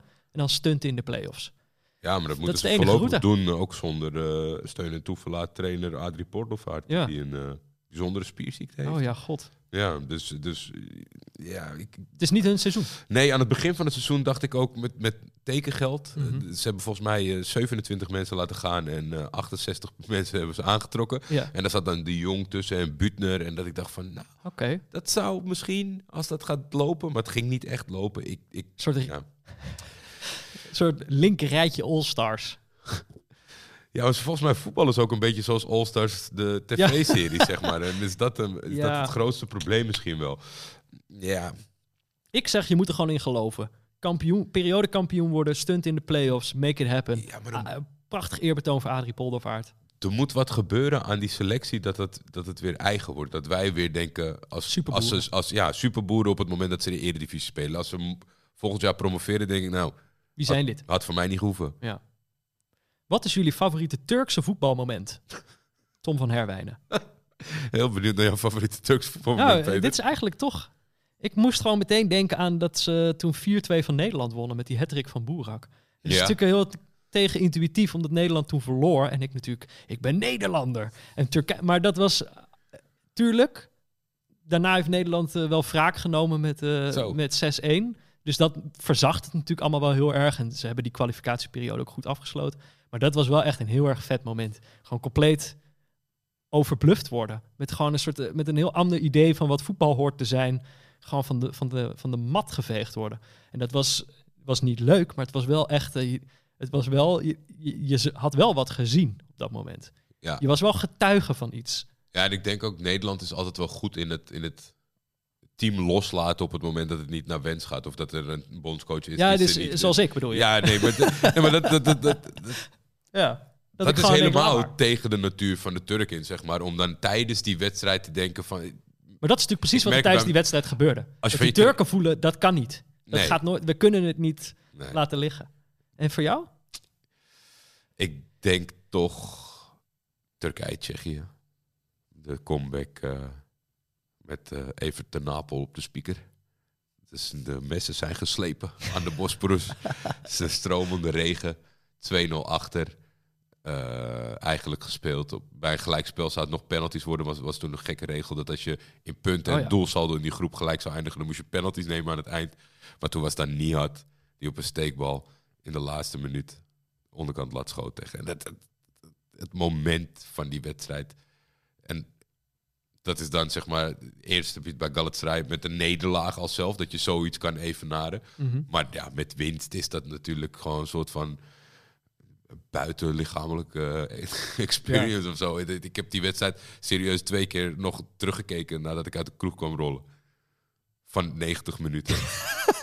Keeper die rood krijgt, speler op doel. Alles, alles zat in die wedstrijd Ja. wat je nodig hebt. Dus ik denk die. Toppie of floppy, de wintertransferperiode van Chelsea. Nilan heeft dit eh, gevraagd. Eh ja, goeiedag, dat zijn nogal wat spelers. Bij elkaar hebben ze 329,5 miljoen uitgegeven. In de winter dus alleen, hè.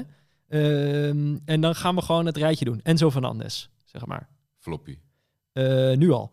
Eh Moedrik. Floppy. eh Badiashile. Floppy. Noni Madueke. Floppy.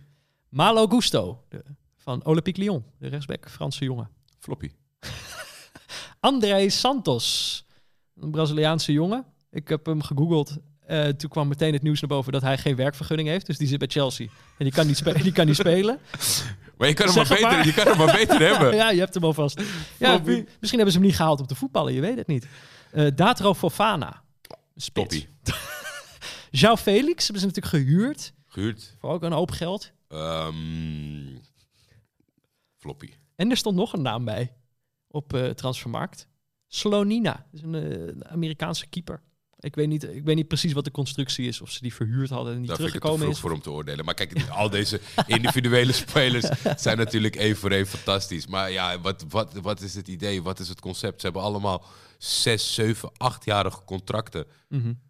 Drie concurrenten op hun positie. Nu lijken ze een soort van beleid uit te stralen dat ze Potter niet willen ontslaan voordat ze iemand vinden die dan weer beleid kan gaan maken. Dus Ja. hij mag beleid maken zolang... Maar het is gewoon, wat hier gebeurd is, is gewoon die Amerikaanse debiel. Gewoon één man. Ja, Dat is, dat is het gewoon. Dat vind ik dus ook zo stom aan het voetbal. Het is gewoon de, één gek. Dit is één gek. die kan dat helemaal zo, zo heftig beïnvloeden, zeg maar. Nee, die verknalt gewoon een hele club. Echt afschuwelijk natuurlijk. Ja, maar hij heeft toch uiteindelijk zichzelf ermee? Ja, tuurlijk. Financieel dat, maakt het nog, dat maakt het nog draaglijker, ja, dat het niet werkt. Maar dit is natuurlijk gewoon dit is hartstikke zielig. Ook voor al die spelers die daar zitten. Dat je gewoon, wat, wat doe je daar? Het is toch geen team? Wie zijn al die mensen? Het is echt, het lijkt me echt verschrikkelijk. Echt een ramp. Ik vond het niet des Ziyech om toen die transfer naar Paris, tijdelijke transfer naar Paris, klapte dat hij twee dagen later op dat veld stond. Ja. Met dat hele rare verhaal van drie keer het verkeerde document gestuurd. ja. Zeg gewoon. Oh, shit. Ah, Maar zeg- wa- ik snapte Ik het. fax het nog een keer, oké? Zeg gewoon, we willen niet dat je gaat. Ja, Waarom ga je nou... Ik ik snapte Liegen. daar helemaal niks van. gewoon liegen. Ja, maar Ja. dat is voetbal. Allemaal debielen. Liegen. Ehm, kunnen jullie terugkijken op toppie, toppie of floppy van tekengeld? Wat is uitgekomen? Alles. Pff, Alles volgens mij. Volgens mij wel. Ik heb het Nee, gisteren teruggeluisterd. eh, Kiana Hoever, Amin Younes. That's it. De Spanjaarden van Almere City. Ja, dus volgens mij zijn we er dan wel. Ja. Hebben jullie een op- update over Vargim? De Victor van nummer Ham. drie in de derde liga Ja. in Portugal. Nou, die zijn het gewoon aan het doen, toch? Eh, ik, volg ze, ik zag ook, jij volgt ze ook nog steeds op Instagram. ja, zeker. Dus dat is hoe je nog steeds berichten binnenkrijgt. Maar sinds het seizoen waarin wij ze volgden... Competitiestructuur veranderd. Ja, dat was ze hebben daar, want het, volgens mij toen, het was heel belangrijk dat ze toen zouden promoveren, want anders dan werd het weer ingewikkeld met nieuwe regio's ja. en een hele extra competitie ertussen. Dus gewoon een extra jaar om terug te komen. Maar, Maar, ze zitten nu volgens mij op hetzelfde vergelijkbare niveau als waar ze zaten toen wij keken. Ik zag in ieder geval wel weer bekende clubs eromheen staan. ja, Liga Portugal 3. Ik weet niet, 3 in het Portugees, eh, laat ik aan jou. Ehm, maar inderdaad, ze staan derde. Maar ze zijn wel echt net afgehaakt bij de, bij de top. nipt achter San Juanens. en eh, ja, het is ongelooflijk. Maar ze hebben dus in de afgelopen vijf wedstrijden hebben ze er vier verloren. Dus Ja. ze staan nu vierde, maar ze zaten gewoon eh, tussen de topploegen. En daar zijn ze dus uitgevallen. Ze hebben ook net hun trainer ontslagen. Ze hebben een nieuwe trainer, Bruno China. Die mag iedereen even eh, googlen. Hij heeft een gewoon een goede, goede Portugese koep, heeft die man. Bruno China. En ik dacht even kijken of er nog spelers tussen zitten die, eh, Die wij kennen. die je kent. Maar Helder Barbosa speelt daar. eenmalig international van, eh, van Portugal. En oudspeler van Hatayspor. Dus Ja. komt alles dan toch weer samen. Barbosa. Helder. Barbosa, die zit daar. Ik, eh, je, hebt je, je hebt je huiswerk beter gedaan dan ik. Maar dat, Lekker eh, googelen. Ik moet wel zeggen, nog steeds eh, Portugal voor neutrale kijkers, ideaal. Ja. Ik heb wel Olonens direct laten vallen toen ze Edgar Edgar Davids. Davids, hadden ontslagen. Ja, Maar ik mis ze nog wel eens hoor. Gewoon, weet je, van die, van die open pick-ups met tuinwerkzaamheden spullen langs het veld. ja, zeker zo in deze periode, als je dan naar die wedstrijden kijkt, is het daar gewoon al mooier weer. Dus dan heb je echt een soort vakantiegevoel. mooie achtergrond vaak, want ze hebben geen Ja. hoge tribunes. Ehm, ja, welwillende spelers. Niet altijd eh, kwalitatief Gekken. goed. Altijd een paar gekken op het veld. Zeker, zeker. En Portugal, dus, ja, Portugal nog steeds wel. Dat, eh, stel dat je later bent eh, aangehaakt bij producties van Peter en mij. Portugal moet je gewoon opzetten als je even niet weet wat je moet kijken. Ja. Om ook je liefde voor het voetbal vast te houden. Hoe kijken jullie aan tegen het feit dat er steeds minder per, eh, steeds minder per wedstrijd wordt geschoten op doel? Eh, niet de beste trend voor de neutrale kijker, lijkt mij. Mike van Kopenhagen. Ja, er wordt minder op doel geschoten. Door Dan, Pieter eh, Zwart. trend dankzij, gaat omlaag. dankzij Pieter Zwart. Ja, thank you, Pieter Zwart. Die natuurlijk altijd heeft gestreden en nog steeds strijdt tegen het afstandsschot. Ja. Dat haat hij. Ja. Want hij haat mooie dingen, blijkbaar. Dus nee, ja. Ja, ik denk, Is toch een logisch gevolg van het feit dat, dat bij iedere club een, een data-analyst zit. Of Ja. dat ze externe databureaus hebben. Dan gaat tegen, eh, tegen Ja, elke of- trainer zeg je van... Schieten heeft niet zoveel zin van een bepaalde afstand. ja. Ik vind eigenlijk, ik vind het op zich niet zo erg dat ze minder schieten, maar het is natuurlijk gewoon een trend dat het voetbal erop gericht is steeds efficiënter te worden. En dat spelers allemaal weten dat ze een bepaalde taak moeten uitvoeren, dat ze zich daar nog aan houden ook. En dat je dan dus gewoon minder, eh, minder onvoorspelbare dingen in de wedstrijd. Efficiënt is nooit leuk. Uiteindelijk gaat iemand, iemand komt erachter dat het slimste in een wedstrijd is om gewoon stil te blijven staan. Om helemaal niks te doen. En dan zit je Bij gewoon... alle- allebei de partijen. Ja, zit je anderhalf uur zit je te kijken naar gasten die allemaal stilstaan. En dan zit een of andere eh, gast, die zit dan uit, zit Pieter Zwart, die zit dan uit te leggen. Ja, dit is, dit is echt heel slim wat ze hier doen. Dit is echt, dit is fantastisch om te zien. Denk, Pieter, ze staan allemaal stil. En dan nog lukt het Chelsea om de duurste te kopen. Maar eh, eh, kijk, ik, eigenlijk denk ik, dit is de trend waar we in zitten. Het wordt steeds efficiënter. Maar denk ik, voetbal is ook langzaam rijp aan het worden voor een, een trainer die het opnieuw gaat uitvinden. Die erachter komt dat je dus juist eh, de, de kracht van de domheid nodig hebt om, eh, om te winnen. Dat er opeens een trainer is die dan heel, Ja. alles wint. En dat dan ook Guardiola, die heeft gewoon niet door. Die, hè, die wordt s- s'nachts schrikt hij zwetend wakker. En die zegt, ik snap het gewoon niet. Het slaat nergens op. Hij probeert allemaal te ontdekken wat ze doen op het veld. Hij denkt, het slaat nergens op. En dat klopt ook, want er zit geen idee achter. Er is een trainer die heeft gewoon geen, geen idee. En daarmee bamboezelt hij de hele, de hele top. ja, in Gewoon zekere voetbal dat Guardiola nooit zal kunnen begrijpen, omdat het zo dom is. Daar zijn we Het aan zou toe. mooi zijn dat als de woorden van Spalletti, de trainer van Napoli, enigszins tot, tot dit kunnen leiden. Want hij had verteld over de. Ik ga me niet wagen aan, eh, aan de naam van de linksbuiten van Napoli. De Georgische Oeh. supertalentvolle jongen. Ja, die Quaradonna wordt hij eh, genoemd, dat vind Ja. ik makkelijker. Maar hij zei, het werd gevraagd over zijn instructies of zijn taak op het veld. En toen zei hij van, heb je hem zien voetballen? Waarom zou ik hem instructies geven? Dat is een soort eh, natuurtalent. Eh, Doe Ja. maar wat je wil, het komt wel goed. Ja, Dat zou, ja, ondanks dat ik graag met je meehoop. Ik ben dus gewoon. Het voetbal gaat altijd in fases en een aantal eh, aansprekende coaches die dan de hele opvatting veranderen. Voor, voor, en dat duurt dan allemaal drie, vier seizoenen voordat iedereen het doet en dan komt het weer dat het op slot gaat. Mhm.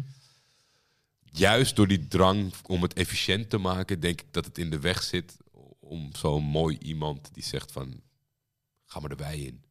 En dat het dan weer super aantrekkelijk is om te kijken. Ik denk, ja. Ik ben echt, moet echt oppassen dat we nu niet eh, opeens heel lang hierover gaan praten. Maar ik kijk dus de laatste tijd wel veel wedstrijden van Erik ten Hag. Dat is dan nog wel wat ik kijk. Ik was wel benieuwd hoe dat zou gaan bij Manchester United. En toen ben ik echt wel een beetje anders over voetbal gaan nadenken. Want ik dacht, wat, wat gebeurt hier nou? Hoe kan het nou dat hij dit aan de praat krijgt? Terwijl het gewoon zoveel mensen niet is gelukt. En volgens mij omdat hij eigenlijk gewoon helemaal bij de basis is begonnen. Dus gewoon echt, hij is gewoon echt gaan proberen om een soort eh, cultuuromslag in die ploeg te krijgen. Dat ze op een andere manier naar zichzelf eh, zouden gaan kijken. En dat hij dan al die spelers die hij heeft gehaald, dus Wout Weghorst, recent voorbeeld, maar Casemiro, eh, Lisandro Martinez, Anthony, die zitten allemaal op het randje van gek. Dit zijn allemaal een soort spelers die met, de, met het mes tussen de tanden spelen. En volgens mij heeft hij daarmee dat, dat hele team, zeg maar, die kant op kunnen kunnen krijgen. En er zijn een paar spelers die zeg maar in een onzeker elftal compleet door de mand vallen. Die worden opeens goed als er een stel overmoedige idioten om ze heen staan.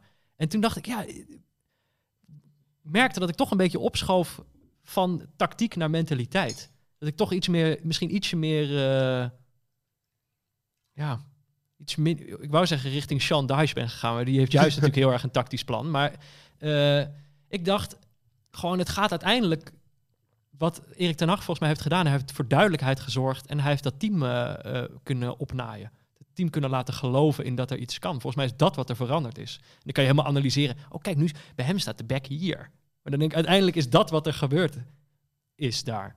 En eh, dus in die zin gaat het misschien Ten Hag, die zal ook allemaal dingen doen voor de efficiëntie. Die zal ook tegen spelers zeggen van vanaf hier mag je niet schieten. En je moet in die ruimte komen. Maar dat ik ergens denk, hij begint eigenlijk nog wel een fractie eerder.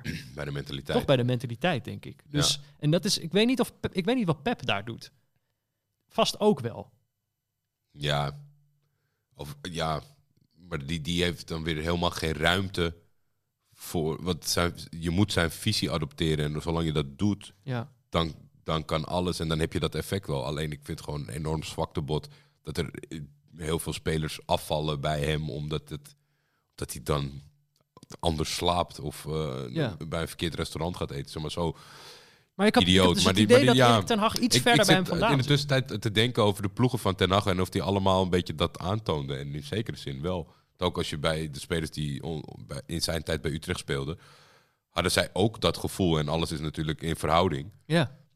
Dus daar zit wel wat in. Ik dacht, eh, ik, eh, is vast al iemand die daar veel intelligentere dingen over heeft gezegd of heeft geschreven. Maar daar dacht ik over na. Dacht ik, volgens mij ligt het aan mentaliteit. Hij is iets dommer dan Pep, denk ik. Dat gaat hem verder brengen. Eh, hoe jullie het gaan doen, dat laat ik aan jullie over. Maar ik zou graag wat zalvende woorden willen voor de geknakte FC Groningen supporter. Blijven we eredivisionist? Frank Kwebeman, daar is hij weer. Over tekengeldvoorspellingen. Ja, oh, jij hebt voorspeld dat die de, door de ondergrens gingen zakken, toch? Ik heb gezegd dat Groningen best wel zou kunnen degraderen dit jaar. En dat onthoud je dan weer, hè? Dat onthoudt hij dan weer wel. nou, dat zijn vooral de, de, de jongens van de KVM-podcast, Confinement-podcast van Groningen, die mij daar telkens aan helpen herinneren. Want in Hmm. de eerste instantie was het natuurlijk van idioot. Ja, En waar toen- heb je het over? Ik, nee, ik zie helemaal niks. ik wou eigenlijk zeggen, ik, ik, toen ik dit voor het eerst las, deze vraag, dacht ik, komt, ach, komt wel goed, het is FC Echt? Groningen. En toen ging ik naar de stand kijken, toen dacht ik, oeps, nee, het is echt rampzalig. dit gaat, er staan zes punten nu al. Maar Ze hebben thuis verloren van Cambuur. Niemand verliest van Cambuur. ja, maar het is gewoon, dit, dit, ik denk dat Cambuur twee, het tweede van Cambuur wint van Cambuur 1. maar dit, maar dit gaat gewoon, dit gaat gewoon niet goed komen. Nee, maar dat is echt heel erg. Maar ik, ik, het, het, het komt niet goed. Het heeft gewoon degradatie. Ze hebben eh, ingezet zeg maar, in dat vervolg. En dan, dan, dan ben ik toch ook ietsjes meer, denk ik, van de oude garde op een jonge, talentvolle assistenttrainer. Om die dat vertrouwen te geven. Je ziet ook een, volgens mij, redelijk ongelukkige man. Omdat het maar niet wil. mhm. Hebben ze wel nog iemand extra bijgezet. Maar het, het zit helemaal niks in, in dat elftal. En het, het is elke keer zeg maar dat je denkt van... Nou ja, weet je, als ze dan vandaag winnen, dan is het... Dan, maar dat, Zijn ze op tijd? dat gebeurt niet. Nee. Ze hebben de beker van Spakenburg verloren. Ja, dus dit zijn onze zalvende woorden, eh, Frank. Ja, sorry Frank. Maar het, is, het is een prachtige stad. En ik weet zeker dat als jullie met z'n allen volgend jaar erachter gaan staan... en niet de club in de steek laten, dat jullie zo weer terug zijn. Maar ja, dat, dat jaartje KKD wordt niet makkelijk. Nee. Hebben jullie na afgelopen transferzomer jullie vaatwas uithaalroutine aangepast? En waarom wel of niet? Bart Schuchart. Ja, dit is natuurlijk een tekengeldreferentie. Ja, Die afleveringen duurden precies zo lang dat je, dat je de vaatwasser kon, eh, kon in- of uitruimen. nee, er, er ont- ja, dat zei iemand. En toen gingen mensen elkaar battelen over Ja. hoe snel ze... Hoe snel, hoe snel Ik had jij? vandaag in 13 seconden. dus nee, dat werd een beetje een dingetje. Ik heb veel dingen voorbij zien komen. Op een gegeven moment was er een tip aan iemand die zei van ja, meestal als mijn vaat was er klaar is, dan is mijn vaat nog erg nat. Ja, En toen zei hij van ja, dan moet je de laatste vijf minuten een theedoek of zo eh, Mhm. over de rand. En ik liep langs de keuken en dat ding ging automatisch open. En toen dacht ik, hé, hey, dat is best wel vochtig. En toen deed ik mijn theedoek en dicht. Daarna ben ik andere dingen gaan doen, dus ik zou het aan mijn vrouw moeten vragen hoe het is afgelopen. Maar ik, het is wel blijven hangen dat ik dacht van, hé, hey, nu heb ik een theedoek nodig. bij mij maar was voor de rest, eh, eh, ik heb nog niet zo heel lang een vaatwasser.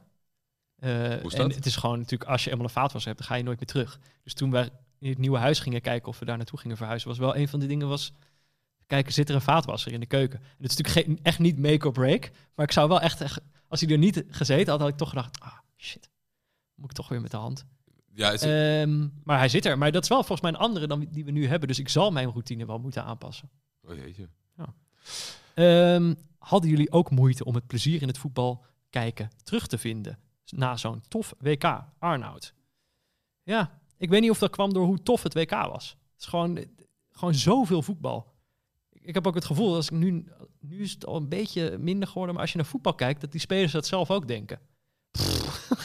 Jesus, Volgens mij, nog een in wedstrijd. de eerste periode na het WK was er elke dag wel een Premier League wedstrijd. Op zijn minst. Eén. Maar eh, volgens mij heeft ook Danielle Clivon daar wel meer over gezegd. Gewoon burn-outs. Gasten krijgen gewoon allemaal burn-outs. En dat zijn dan fysieke blessures, maar ook gewoon mentaal branden die gasten gewoon helemaal op.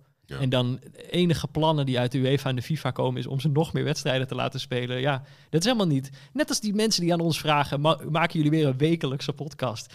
We zitten hier nou al twee uur. Ja, dit, kun- dit kunnen we niet eh, elke week doen. En min, meer is niet altijd beter. nee. Als, als clubs, en bij, je- bij je eigen club merkte ik heel erg dat succes is wel... Ja. Oh, dat, absoluut. dat is, dat ik is, ben gewoon een successupporter. dat is zo makkelijk. Ja. Van, van 2,5 jaar dat ik, dat ik gewoon elke keer soort van vloekte naar mijn agenda omdat er een programma om- omdat het stond dat Galatasaray weer moest spelen en dat ik wist dat het verschrikkelijk ging worden naar in, in een reeks van 4, 5, 6 overwinningen weer ouderwets staan dansen omdat Icardi er weer heb één binnengekopt. Weet je, dat, dat, voor je eigen club heb je heel weinig nodig behalve succes. Maar met ander voetbal vind ik het wel gewoon ik vind het überhaupt lastig hoor. Want je weet dat ik, ik ben een soort van. Ik, ik zet altijd een random wedstrijd op. En dan ging ik dat ook gewoon. Ja. iets van vinden. Of eh, een kraker in de degradatiezone van Albanië of zo. Ik vind dat lastig om, om, dat, Ja. eh, om het daartoe te zetten. Is te veel. Er is ja, te veel. het is veel te veel. Ehm, bedrijf? Bedrijven. Tijd voor bedrijven? Tijd voor bedrijven. Tijd voor bedrijvigheid. Eh, dat is namelijk AVT-makelaars. Van huis uitgedreven. Oké. En dat is natuurlijk eh, voor mensen die eh, een huis willen. Die naar de overkant van de straat willen verhuizen. Het is super handig dat je daar. eh, nee, ja, dat, ook, ook daar zal je een makelaar bij moeten hebben, Peter. Want ja, dat, zo is de markt. Je- het is niet dat je kan aankloppen bij je overburen van wanneer gaat u ongeveer weg. Ja. En bel me dan. Maar als je eh, een, een huis wil verkopen of aankopen of verhuren, een taxatierapport nodig hebt of een hypotheek, dan kan je bij AVT-makelaars terecht. Eh, dat is de makelaardij waar ik zelf mee heb gewerkt bij de aankoop van dit huis Goede ervaringen. absoluut goede ervaringen mee. Eh, het is een familiebedrijf. Volgens mij Altijd goed. man, vrouw en dochter nu allemaal werkzaam in het, in het schitterende, ja, echt Diemens, Diemens product. Dus ik kan niet anders zeggen dan... kijk, er is natuurlijk een bepaald beeld bij makelaars. Ja. En dat is niet geheel onterecht. Echter is het in dit geval niet terecht. Het is de uitzondering op de Het is de regel. uitzondering op de regel van iemand die begaan is met zijn eh, vak en niet alleen maar uit is op eh, een 0,2% meer bij jouw verkoop van je huis. En ehm, bedankt voor de donatie. Super bedankt voor de donatie. Ehm, Ja, waar, waar zijn we gebleven? Heb je, heb je nog, wat mij nog- betreft zou het zijn als jullie samen een nieuwe podcast zouden starten die niet over voetbal gaat. Wat zou het onderwerp zijn? Oeh, Jesse en Jordi. Cheap asses met z'n tweeën één, één vraag stellen. Ja. Eh, zo, dat vind ik echt heel lastig. Want enerzijds zou ik zoiets zeggen van... Dat maakt me Nee, niet alles zoveel kan. Alles kan. Maar wat wel, het is wel lekker om een onderwerp te hebben altijd. Anders dan is het natuurlijk wel Een gewoon een beetje gelul in de ruimte. Ja. En ja, tegenstelling zich- tot wat we nu aan het doen zijn. Aan de andere kant, gewoon gelul in de ruimte. Waar zie je dat Mm. nog in podcastland? Nee, wat ik, me Dat wel zou kan, zomaar ons nieuw ding kunnen worden. Nee. wat ik me wel kan voorstellen is een andere gedeelde interesse die wij wel hebben. Is dat zeker, jij, jij kijkt ook heel veel, jij leest vrij veel. Denk dat wij op zich ook nog wel samen door het cultuuraanbod zouden kunnen, Ja, kunnen racen. Kijken of we daar ook avontuurlijke dingen zouden heel kunnen uiteenlopend. Ja, Ja, wel leuk. dus dat, dat zou ik me nog kunnen voorstellen. Maar verder denk ik, ja, er zijn ook mensen die hebben voorgesteld van kunnen jullie niet iets over verbouwingen gaan doen? Nee. maar ik, ja, mijn aandeel is daarbinnen ook in veel te klein. Ja. Ik vind wel dat je, dat je Je moet wel zelf iets doen om Ja. daar iets over te zeggen. Kijk, nu ben ik een soort van verslaggever over mensen die dingen doen. Dus dan leek het, eh, leek het af en toe heel wat. Maar ik doe natuurlijk zelf helemaal niks. Hey, dit is een soort vraag die we al min of meer gehad. Ik ga hem toch stellen. Ik vind het onwijs jammer dat Hekkersluiters is gestopt. Vanaf het nieuwe seizoen met z'n vieren vond ik het al bijna van neutrale kijkersniveau. Zo. Nou, nou. Nu, nu had ik, zo, poeh. Nu had ik aan het einde van het WK als luisteraar natuurlijk door dat je het even zat was. Nu heb je er weer zo heen. Oké, die is voor jou. Maar wat zijn de echte doorslaggevende redenen geweest? Oh, kijk, die zoekt er meteen weer wat achter. En hoe bepalend zijn luistercijfers als dag en nacht erin blijft geloven? Chris de Vries, die wil dat dan toch weten. Ik denk dan, oké, als ik dan toch doneer aan een goed doel, dan wil ik meteen een soort waarheidsvinding gaan doen. Eén grote reden is dat eh, Jean-Paul elke keer eh, het laatste biertje pakt. Dit is... Dat doe je niet. Ja, Hij is toch te laat erbij gekomen. ja. Maar nee, ja, er, is geen, er, is niet, er is niet één grote reden. Er zijn allerlei kleine redenen door de jaren heen. En ja, nogmaals, spijtig dat het hoorbaar was dat ik misschien niet altijd even gemotiveerd was. Ehm, hoe bepalend zijn luisteren, dat, valt dat valt wel mee. Het, weet je, eh, het viel alleen een beetje gelijk in een periode waarbinnen Dag en Nacht Media besloot om ook beslissingen te nemen op basis van cijfers. ja, Bij andere podcasts. ja. En ja, de, de ene podcast is daar open over geweest, de andere niet zo. Het is niet zo dat als je X niet haalt, maar er, moet, er, er wordt tegenwoordig wel verlangd dat er een bepaalde basis is en dat de groei zichtbaar blijft. Maar als zij echt in iets geloven, eh, wat wij, Hekkensluiters ging ook niet eh, honderdduizend keer eh, beluisterd worden iedere dag. Het was geen eh, Stijn, Toby en Ja, die andere ja show. hoe heet die andere? Ah, zielig. Waren de eerste twee wel goed? Zeker. Man, daar word ik mee doodgegooid op Instagram. Man, ook een podcast. Maar dan drie keer. Oei, oei, oei. Eh, Is dat er ook eentje, oi, oi, oi, de podcast? Die zouden ze ook kunnen maken. Dat, dat weet ik niet. Maar het, het, het is absoluut zo dat op het moment dat ze er zelf nog in geloven, dat, dat de luistercijfers niet doorslaggevend zijn. Nee. Maar Geen- het wel voor zijn. Kijk, één is wel te weinig, denk ik. ja, daar Dus ligt ze, eraan. ben jij zelf. Maar als het dan de volgende week twee is, heb je op papier een goede stijging. verdubbeling. Die lijn gaat eh, keihard omhoog. Dit is een stijgende trend. Geen vraag, maar een verzoek. Misschien wel gewoon een kleine smeekbede. Kom terug, Odin. Eh, Odin, we zijn terug. We zitten hier. Hierbij. Wat wil je? Wat wil je van ons? Ehm, wat vind jij van mensen die festivaltickets verkopen om direct duurder door te verkopen, Reinoud? Slim, ondernemerschap. Weet je hoe goed het is om om vier uur 's ochtends op te staan? en dan Eh, een uurtje te gaan werken, eerst je e-mail doen. Ik maakte al 20k. Mijn economieleraar. ja. eh, eh, Ja. Nee, dit is, dit is gewoon, dit is echt achterlijk. En de, volgens mij zijn ze al heel erg lang bezig om dit te reguleren. En ik snap eigenlijk niet waarom dat niet gewoon lukt. Ja, Reguleren is, is allemaal eng. Ticketmaster is de boeman. Of niet? Dacht Ja, ik. Ik, Nou, ik lees dat niet. Het, ging, het meest recente ging toch inderdaad over Lowlands. Ja. En het was volgens mij niet... Ja, het zijn nog gewoon mensen die dan... Maar nu hebben ze het gereguleerd, maar dan moet je 40 euro aan administratiekosten betalen omdat ik mijn kaartje aan jou het is een doorstuur. scam. Ja, het is één grote scam. Peter. Ja. Schrijf jij liever een artikel getiteld Persoon in bad geniet van twee minuten tussen gloeiende hitte en bittere kou? Of kijk je liever naar de wedstrijd Oriental Dragon Oljanense? Alain. Ehm, ja, ik, ik zie niet, dit is volgens mij niet echt een binaire keuze. Ik zie niet waarom dit niet allebei zou kunnen. Ik vermoed dat het eerste... Ik dacht bij die eerste, dacht ik, heb ik dit nou... Heb, zou ik dit, heb ik dit zelf geschreven voor de speld? Of is dit een soort een pitch voor de speld? Ik weet dat gewoon niet meer. Nee, ja, ik, ik zeker niet. Het is wel, ik, het is herkenbaar. Dus in die zin eh, eh, zou het zomaar een eh, speldkop kunnen zijn. Dat is inderdaad je bad. Het is eerst te heet en dan is het te koud. Het is gewoon niet zo leuk als mensen zeggen dat het is. Het bad. Overschat. Overrated. Douche. Ik ben meer een doucheman. Nou, kleine kinderen denken daar totaal anders over. Ja, maar die kunnen niet staan. je, je kan nog niet eens staan. Dan, vind ik, dan moet ik dan die keuze ook serieus nemen. Ehm, Oriental Dragon was mij wel echt compleet ontschoten, Oh. maar vond ik een mooie herinnering. ja, want dat zouden we bijna gaan kijken Ja, toen. dat kon toen niet of zo. Nee. En toen zijn we bij Vajim terechtgekomen. Maar de eh, Oriental Dragon, ja, dat is een, eh, een Portugese ploeg, volgens mij ook op het derde niveau. En die hebben Uit Chinese Lissabon. eigenaren. En die Chinese eigenaren willen ook op een of andere manier Chinese spelers, eh, eh, zeg je dat, groot brengen bij die club. Die proberen ook een soort Chinese cultuur in die club te krijgen. Dus dat is, daar wilden we heel graag naar kijken. Maar dat is, eh, ja, Heb je bij het opzoeken van dat soort clubs nooit dat je baalt van...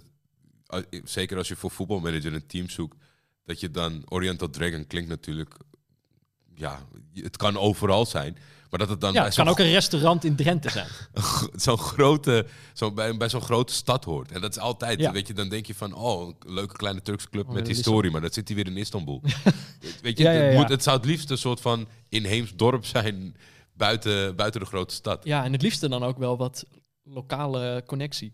Ja, dit, dit Maar was volgens mij ook Dragon weer eh, Lissabon. Eh, Dag Peter, dag Jordi. Deze is voor Jordi. Oh jee. Wat is je favoriete herinnering aan Sokkenrocker? Soccer Rocker, dat is een... eh, Ja, dat is een voetbal- voetbaltoernooi. Ja, Daar hebben voetbaltoernooi. teamgenoten van mij ook wel eens aan meegedaan, maar ik Ja. zelf nooit. Echt heel leuk, maar ze hadden al besloten om het niet meer te doen. En toen was er toch nog één finale, die hebben we ook meegedaan. En ja, ik, weet eigenlijk niet waarom. Het, het, is heel gezellig, het is heel druk. Een soort festivalachtig ook, toch? ja, vaak wel mensen optreden en na, zo. na het, eh, ja, rockband. Ja. Vandaar. Sokker, maar ook rocker. Ja, dus nee, het, het was echt een superleuk initiatief bij DVVA. En wat ik zeg, ik, ik kon niet zo goed herleiden waar het probleem zat om het, om, om het te blijven doen. Het deelnemersveld, je moest er altijd dag Weet je wat één- mensen het gevoel hebben bij neutrale kijkers? Dat ze denken, waarom stoppen jullie daarmee? Misschien dat die mensen bij Sokkenrocker dachten ze ook van, nou ja, meer is niet beter. Dit is het beste wat we hebben. Maar wat is je mooiste herinnering? Ah, weet ik niet. Favoriete herinnering? favoriete herinnering is denk ik... Echt heel moeilijk. Ja, misschien wel, misschien wel een kleine misdraging van mezelf. Een dubbele tackle. Dubbele tackle. Ja, volgens mij twee man in één actie. ja, zoiets. Ja, dat volgens op, mij. een, op een gezelligheidstoernooi. Ja, maar je weet hoe Gezelligheid bestaat niet in jouw vocabulaire. Mannen, Als die scheids wat fluit. ouder of de dag daarvoor gedronken, bewijsdrang. Mhm. Ja, gaat niet goed samen. Nooit echt, ben je nooit vreselijk geblesseerd geraakt daar? Want het klinkt echt als een recept voor blessures. Ja, is het ook wel, maar dat, dat is niet het geval. Maar we hebben ook nooit succes gehad. Terwijl we hadden wel een, eh, een, een deels aardige ploeg. Ik gebruik jullie podcast dagelijks om heerlijk bij in slaap te vallen. Zo staan jullie nog steeds op nummer 1 in mijn Spotify Wrapped. Zo, dit is wel de ziekste fan van allemaal. Zo moeten er nog meer mensen zijn. Nou, denk je dat?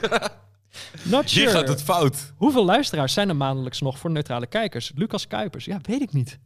Ik denk eh, dat eh, ik de Art 19-omgeving niet meer inkom. Nee, en nou weet ik ook niet. Ik heb het niet eens geprobeerd. Nee, ik ook niet. Eh, maar ik denk, ik, het zou me eerlijk gezegd verbazen als, eh, als, als dat er meer dan één is.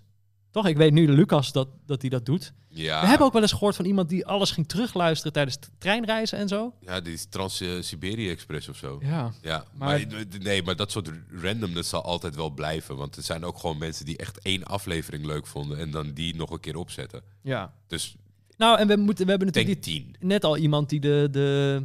Ja, tien misschien. En net al iemand die de, de, de beste neutrale kijkersdag ooit ging terugluisteren. Ja, Op neutrale kijkersdag. Ja, dat, soort, dat soort dingen. Maar ik moet ook wel zeggen, er zitten ook wel soms herinneringen en referenties in dat ik denk van, dit, heb, dit is niet dat je hem drie jaar geleden geluisterd hebt en dit onthouden hebt. Nee. Of misschien wel dat Ja. ik dat onderschat. Ehm, we, komen nu, we komen nu eigenlijk bij de, bij de vragen die allemaal eh, gisteren er nog bij zijn gekomen. Dus Ja. die, die ik eigenlijk nog niet heb gezien. En ik heb nog een ander ding, Jordi. Ja, Ik moet heel nodig plassen. oké. Mag, mag, ik, mag ik even, mag Dat ik mag even, naar de doen. wc of is het onderdeel van de slijtageslag dat ik, dat ik dit moet doen terwijl Nee. ik... eh, Even kijken. dan maken we een mooi knipje, toch? Ja, een, maak een mooi knipje. en dan doen we straks even een bedrijf en dan eh, Ja. doen we de rest.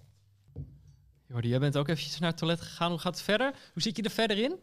Eh, de- prima eigenlijk wel. Final- de- Jij? We gaan nog naar de final stretch. Vind de- jammer? We hebben nog maar de 26 vragen. Ja, als ik het als ik nu zo zie, dat, wat de tijd vliegt als je het leuk Zal ik een hebt. oproepje doen op Twitter of mensen nog les... Zo, want dat deed je inderdaad gisteren. En toen zijn er dus gewoon nog eh, bijna 30, eh 30 donaties bijgekomen. Het is Ja, no- nog meer, want eh, ik, ik denk eh, 60 donaties en de helft donatie, de helft vraag, zeg maar. Dus dat was wel echt nog... Ik ben nog helemaal iets vergeten iets te zeggen. oh, En dit was, ehm, ik was een paar weken geleden was er een eh, verjaardag van, van een vriend van me in Noord. Dus die verjaardag voorbij, ergens zo laat in de, diep in de nacht. Eh, en toen fietste ik met een vriend eh, terug. Toen stonden we op de pont om zo het ei weer over te steken. Ehm, en ik had het met die vriend, toen was volgens mij Johnny Heitinga, was net aangesteld als nieuwe trainer van Ajax. En wij hadden het over hem. mhm. Over van ja, wat verwacht je ervan? Wat denk je ervan? We hadden dat gesprek en toen begon iemand anders op de pont. Die sloot aan, die wij helemaal niet kenden. Die hoorde dat wij het over Heitinga hadden. Die sloot zich aan bij dat gesprek. En ja, dat is natuurlijk het leuke aan voetbal. Je kan er zo met een vreemde ook over praten. Dus dat was een heel leuk gesprek. En toen aan de andere oever, toen waren we al aan de overkant, toen waren we die pont al af. Toen bleven we toch even staan om te praten.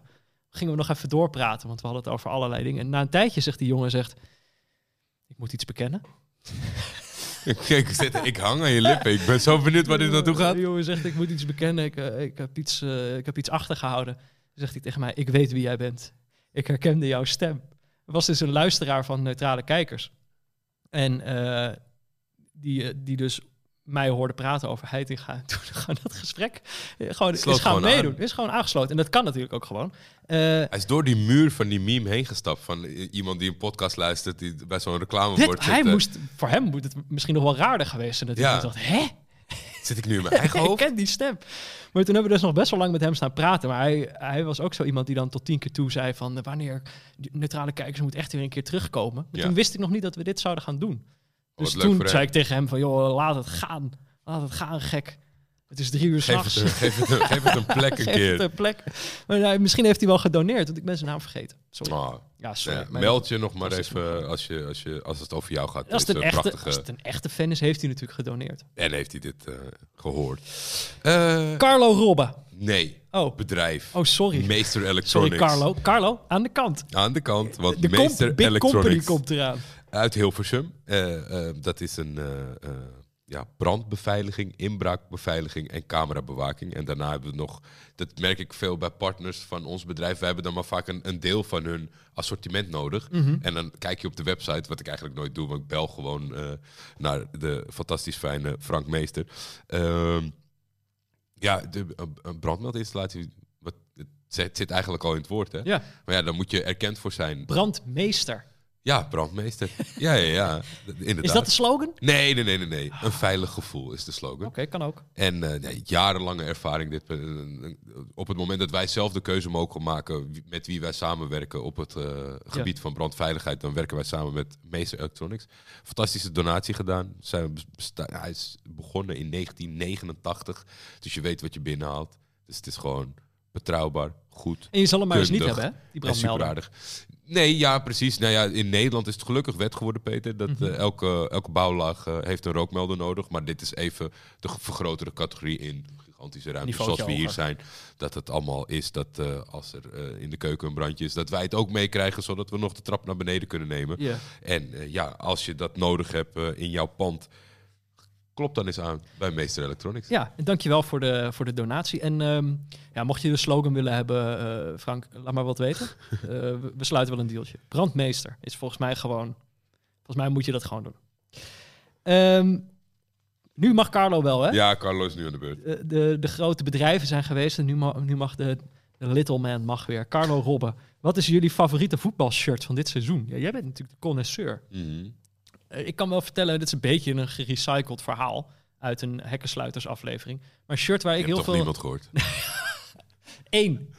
Luistercijfer één of twee. Maar dat... eh, ehm, eh, ik heb een Ajax-shirt, een oud Ajax-shirt uit de jaren 90. En Ja. ik zelf heel lang het idee had dat dat, eh, eh, dat dat wel een shirt uit 95 geweest zal zijn. Want het leek Een daar heel erg op. succesverhaal. Een succesverhaal. En toen bleek het een shirt dat er echt extreem veel op lijkt, uit 99 geloof ik. Eh, wat gewoon een van de allerslechtste Ajax-seizoenen ooit is. Toen zijn ze gewoon 60 geworden, meer dan 20 punten achter Feyenoord. Dus ik had eigenlijk dit seizoen, het is geen shirt van dit seizoen, maar dit seizoen had ik wel veel steun aan dat shirt. Dan dacht ik altijd, ja, eh, dit gebeurt gewoon. Het is wel Dus eens erger geweest. Het, het ster- ja, precies. Sterker nog, het is wel eens veel erger geweest. En dat was ook vijf jaar na een heel groot succes. Ja, dat is misschien niet zo gek als je dan daarna een beetje instort. Dus daar had ik wel veel steun aan, dat shirt. Ik hoop niet dat jij eh, mijn keuze. dat je dat verwerpelijk vindt. Maar het, ik, het gaat nu even niet om, eh, om het regime, maar om het shirt. En eh, ik ben wel redelijk eh, verliefd geraakt op, op het hele assortiment van Saudi-Arabië. en eh, ja, nee, dat is, eh, Oké, daar, daar kan ik niet veel maar die spelen doen. toch gewoon in effen groen? Of wat heb ik daar gemist dan? Het vind ik wel echt gewoon een hele fijne, mooie kleur groen. En volgens mij zit er in dat eh, shirt wel een motiefje. En uit is een soort van wit met Mhm. adelaars en palmbomen of zo. Dat klinkt heel erg kitsch, maar is echt heel mooi. Dus die sportswashing, dat, die werkt echt goed bij jou. Ja, het gaat echt als een ik heb, ik heb hem zelf. ik heb er gisteren ja. in gevoetbald. Dus Ah. nee, ja, dat kan ik echt. En, en, ja, ehm, maar ja, er wordt gevraagd wat vind je het mooiste shirt en dat, dat moeten we gewoon los van elkaar kun- kunnen zien. Ja, ja, dat is waar. Nou, inderdaad, de maker. Kan je, de, kan je het werk loszien van de maker? Dat is dan de vraag. Exact, exact. En ja, dat moet ik even, denk ik, ook gewoon oud luisteraar eh, in het zonnetje zetten. Want Michael van Vliet, ja, die eh, benaderde mij. Die zei Mhm. van, eh, ik kan eh, aan shirts komen die eigenlijk men niet aan kan komen. En magisch. Dus eh, ik heb eh, best wel wat shirts van de WK-deelnemers. Maar ik vond echt, clubniveau vind ik dit jaar allemaal niet zo... eh, gebeurt niet zoveel. Ja, dan vind je het uitshirt van Newcastle vind je dan mooi. Wat ook gewoon praktisch het Saudi-Arabië shirt is, dat toch? is wel de meest schaamteloze marketingafdeling die er is, toch? Ja. Die, die hebben gewoon Saudi-Arabië groen gekozen. Maar ook echt, volgens mij, aan het begin van het seizoen netjes of gewoon meteen? Ja, volgens mij was er nog wat gedoe over, omdat het dan qua kleuren niet zomaar kon. Het ligt natuurlijk helemaal vast welke kleuren je wel en niet kan gebruiken. Absurde keuze. Ja. Ehm, geloven jullie in buitenaards leven? Zo ja. Denken jullie dat ze interesse in larven hebben? Wilco. Dit is volgens mij een... Vind ik ook weer twee vragen. Ja, maar het is... ehm, volgens mij is dit eh, Is het een reference? Twitch, eh, Twitch gebeuren niche. Echt? Toen ik Twitchte, toen kwam er, kwam er steeds iemand in de chatbox die probeerde larven te verkopen. aan de rest van de chat. ja. Hè, om mee te vissen of zo. Ja, geen idee. Het was, het, het was heel absurd. En het, ik, zelf miste het vaak, het hele verhaal. Omdat het gewoon moeilijk was om eh Piacenza naar de top te leiden. en en alle, alle dingen in de tekst. Maar ik weet dat uh, Sam Planting en Jimmy die zaten op een gegeven moment ook naar elkaar te zeggen van... eh, ik heb een doos, moet jij nog een doos hebben? Volgens mij begon die man met een tweedehands matras. En dat, uiteindelijk kwam dat naar larven terecht. Dus ik, En dit was echt? Want ik denk dan, als, als, als er buitenaards leven is, dan is dat wat ze gaan doen. Dan zeggen ze, wil je larven hebben? En wat voor larven, weet je wel? Dat vind ik altijd wel eng bij larven. Dat je aan die larven nog niet kan zien wat het, wat het gaat worden. mm. Dat vind ik... eh, en, en Is ze het niet ook een leuke verrassing? Zo kan je het ook zien. Dat is een positieve manier om het uit te leggen. Maar geloof in buitenaards leven, ja... We hadden even UFO-gate, maar dat is ook weer eh, ja, verdwenen. Ik dacht, nou, nu gaat het gebeuren, want het waren toch redelijk ja. oké, Oh, weer ook- één. maar oké nieuwsbronnen die zeiden dat er wat was. Ja. Ja, UFO is natuurlijk ook gewoon weer een... eh, Wat is het? Een un- unidentified flying object. Kan alles zijn. Dus het is gewoon een ballon. Ja, we wisten alleen niet dat het een ballon was. Dus was het een UFO. Maar Dramatisch ehm, om dat uit de lucht te schieten wel. qua, qua kansrekening zou je zeggen dat er wel, eh, dat er wel iets moet zijn. Maar eh, ja. Ik bedoel, de- Kan je ja, over meer dingen zeggen. ja. En of ze dan interesse hebben in larven. Ja, interesse. Dat vind ik dan weer zo'n Ik menselijk denk dat ze sowieso geen interesse hebben in ons. Anders Dat hoop hier ik. toch al. Dat hoop ik. Ja, nou, dat zou je zeggen, ja. Ehm, dus ik weet het niet. Ik zou het niet weten. Eh, ik geloof er... Ja, geloven. Ik denk dat dat weinig verschil maakt. Denken. Het is er waarschijnlijk wel ergens. Maar dan gewoon heel erg saai. Oh, we hebben leven ontdekt en het is... Ja, het zijn microben. Oké. Ja, ik heb hier verder niks aan toe te voegen. Ik vond de backstory over de larven wel voldoende. Maar we blijven wel een beetje in de, in de zware onderwerpen. Jan Bavink vraagt, bestaat vrije wil? Ja, mijn eerste stap was om het zeker te weten Wikipedia te openen. Ja. En, wat een lappe tekst, hé. Over... eh, Ook dit is uiteindelijk iets wat volgens mij ook weer, eh, als je, als je, als je maar ver genoeg nadenkt, uiteindelijk ook weer neerkomt op een soort eh, natuurkundige ideeën over hoe het universum in elkaar zit. En er- zijn er volgens mij dat- theorieën dat... het deterministisch is en dat je dan dus inderdaad geen vrije wil zou hebben. Maar ik denk, dat is allemaal zo moeilijk voor mij, dat het voor mij toch vooral een emotionele keuze is. Kies ik ervoor om te geloven dat ik vrije wil heb? Dan denk ik, ja, als ik dat al niet meer geloof, dan wordt het wel heel moeilijk voor mij allemaal, denk ik. Om elke dag weer eh, schouders eronder te zetten. Ja, ik denk dat wel eigenlijk mijn hele identiteit erop gebaseerd is dat ik denk dat ik vrije wil heb. Ik- Eh, Ja, ik heb uit vrije wil zit ik hier. Voegt het iets toe om eh, in het andere kamp te staan? Nee, dat denk ik niet. Nee, toch? Dus daarom lijkt het mij het meest verstandige om aan te sluiten bij het kamp die zegt dat het bestaat. Precies. Ik denk, Jan, het is voor iedereen het beste om gewoon, gewoon maar te denken dat het bestaat. En als je, beter voor je. iedereen was al redelijk overtuigd over jouw saaiheid. En met deze vraag heb je dat gewoon. Zo joh! Het is voor het goede doel, hè Jan? Deze sneer is eh, voor het goede doel. Absoluut. Als Jordi volgende week bij een eredivisieclub als trainer moest beginnen. Nou, Groningen. Hè? Weet- Jullie weten hem te vinden. Waar zou hij het liefst binnen willen stappen? Niels. Het liefst. Ehm, Leuke vraag. Echt lekker aan het Waar zou denken. ik naar binnen willen stappen? Ik vind het zo lastig. Het liefst binnen willen stappen. Je moet wel nog wat te halen vallen of te behalen vallen. Of een soort van implosie creëren. Maar ja, hoe lang geeft ze je dan echt de, de touwtjes in handen? Ja. Ja, ik, heb wel, ik, ik zou dan toch denk ik gaan voor het, voor het veilig spelen met Groningen. Gewoon de rest van mijn leven gratis eierballen. ja. Het Jordi Amali stadion. Ja, maar daar valt toch wat te halen. Kijk, ik kan het ook bij Cambuur proberen, maar ja, dat, ik heb zelf niet zo heel veel met, de- met de club, zeg maar. Dus ik Nee, denk, daarvoor, ja, daar heb je nog iets te redden dan. ja ik, denk, ik denk dat ik bij Groningen het zou proberen en dan ook wel denk dat het lukt. Knolskoek. De rest van je leven knolskoek. Nou, dat zit wel geramd, denk ik dan. eh. Wat is dit nou? Tijmen Arendsman van Ineos Naar, Grenadiers? Ineos Grenadiers. Toppie of floppy. Zou dit, een, eh, zou dit zo'n fietser zijn? Dit Ineos zit wel op in het fietsen. Ja, hè? Ja, Ineos, zit volgens mij overal met die, met Ja, die Ineos vingertjes zitten ze overal in. Maar ik denk, denk dat dit een fietser is. Tijmen Arendsman. Ik vind eigenlijk Ineos moet je niet naartoe volgens mij. Moet je niet willen. Volgens mij is dat een beetje eh, is dat het moderne fietsen. Dat, dat moet je helemaal niet willen. Die, die rekenen dan precies uit hoe hard je moet rijden en zo. Tijmen is, Tijmen is een wegwielrenner en een veldrijder. Oké, Hij komt uit Deil. oké. Hij is 1,90. Geboren in Grote 99. Grote jongen. Jezus Christus. Ja. Dus hij is tien of zo.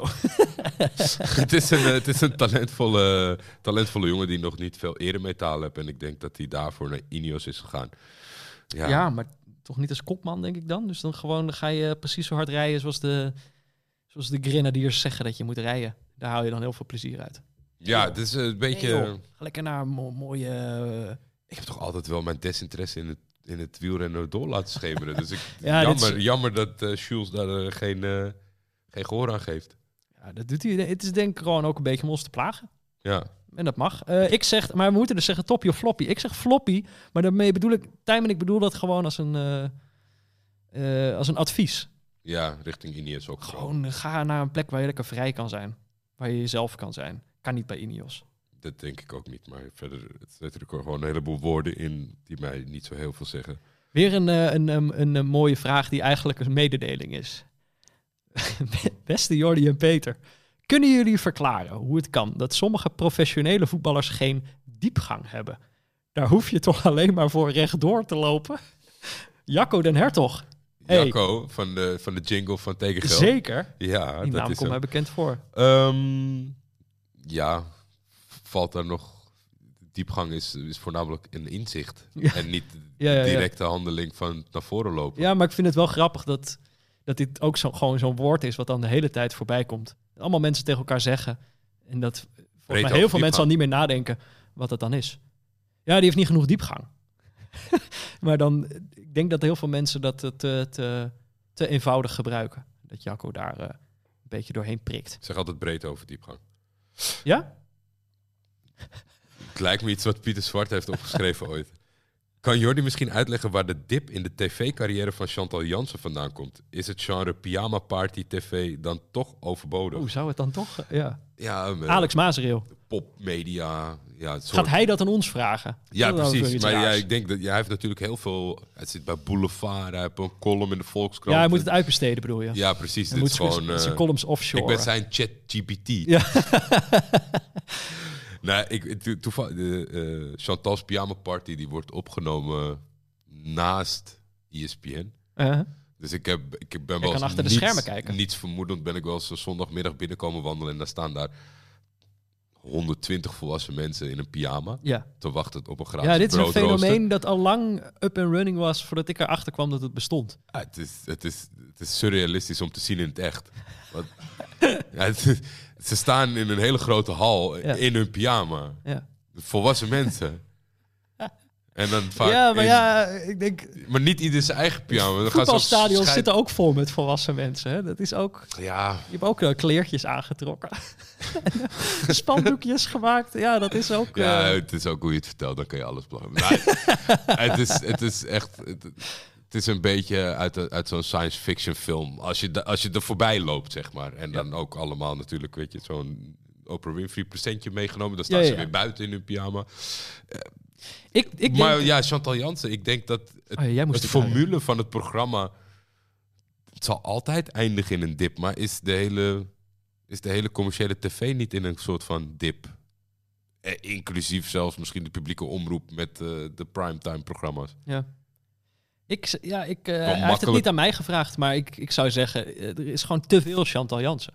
Te veel? Zij moet gaan voor kwaliteit en niet voor kwantiteit. Ik En, weet niet wat ze nog meer doet. Nou, gewoon, eh, voor mijn gevoel alles. Die is overal. En over, Ze hebben nu wel een reclame die de hele tijd voorbij komt. dat bedoel ik. Waarom moet die reclame er ook nog bij?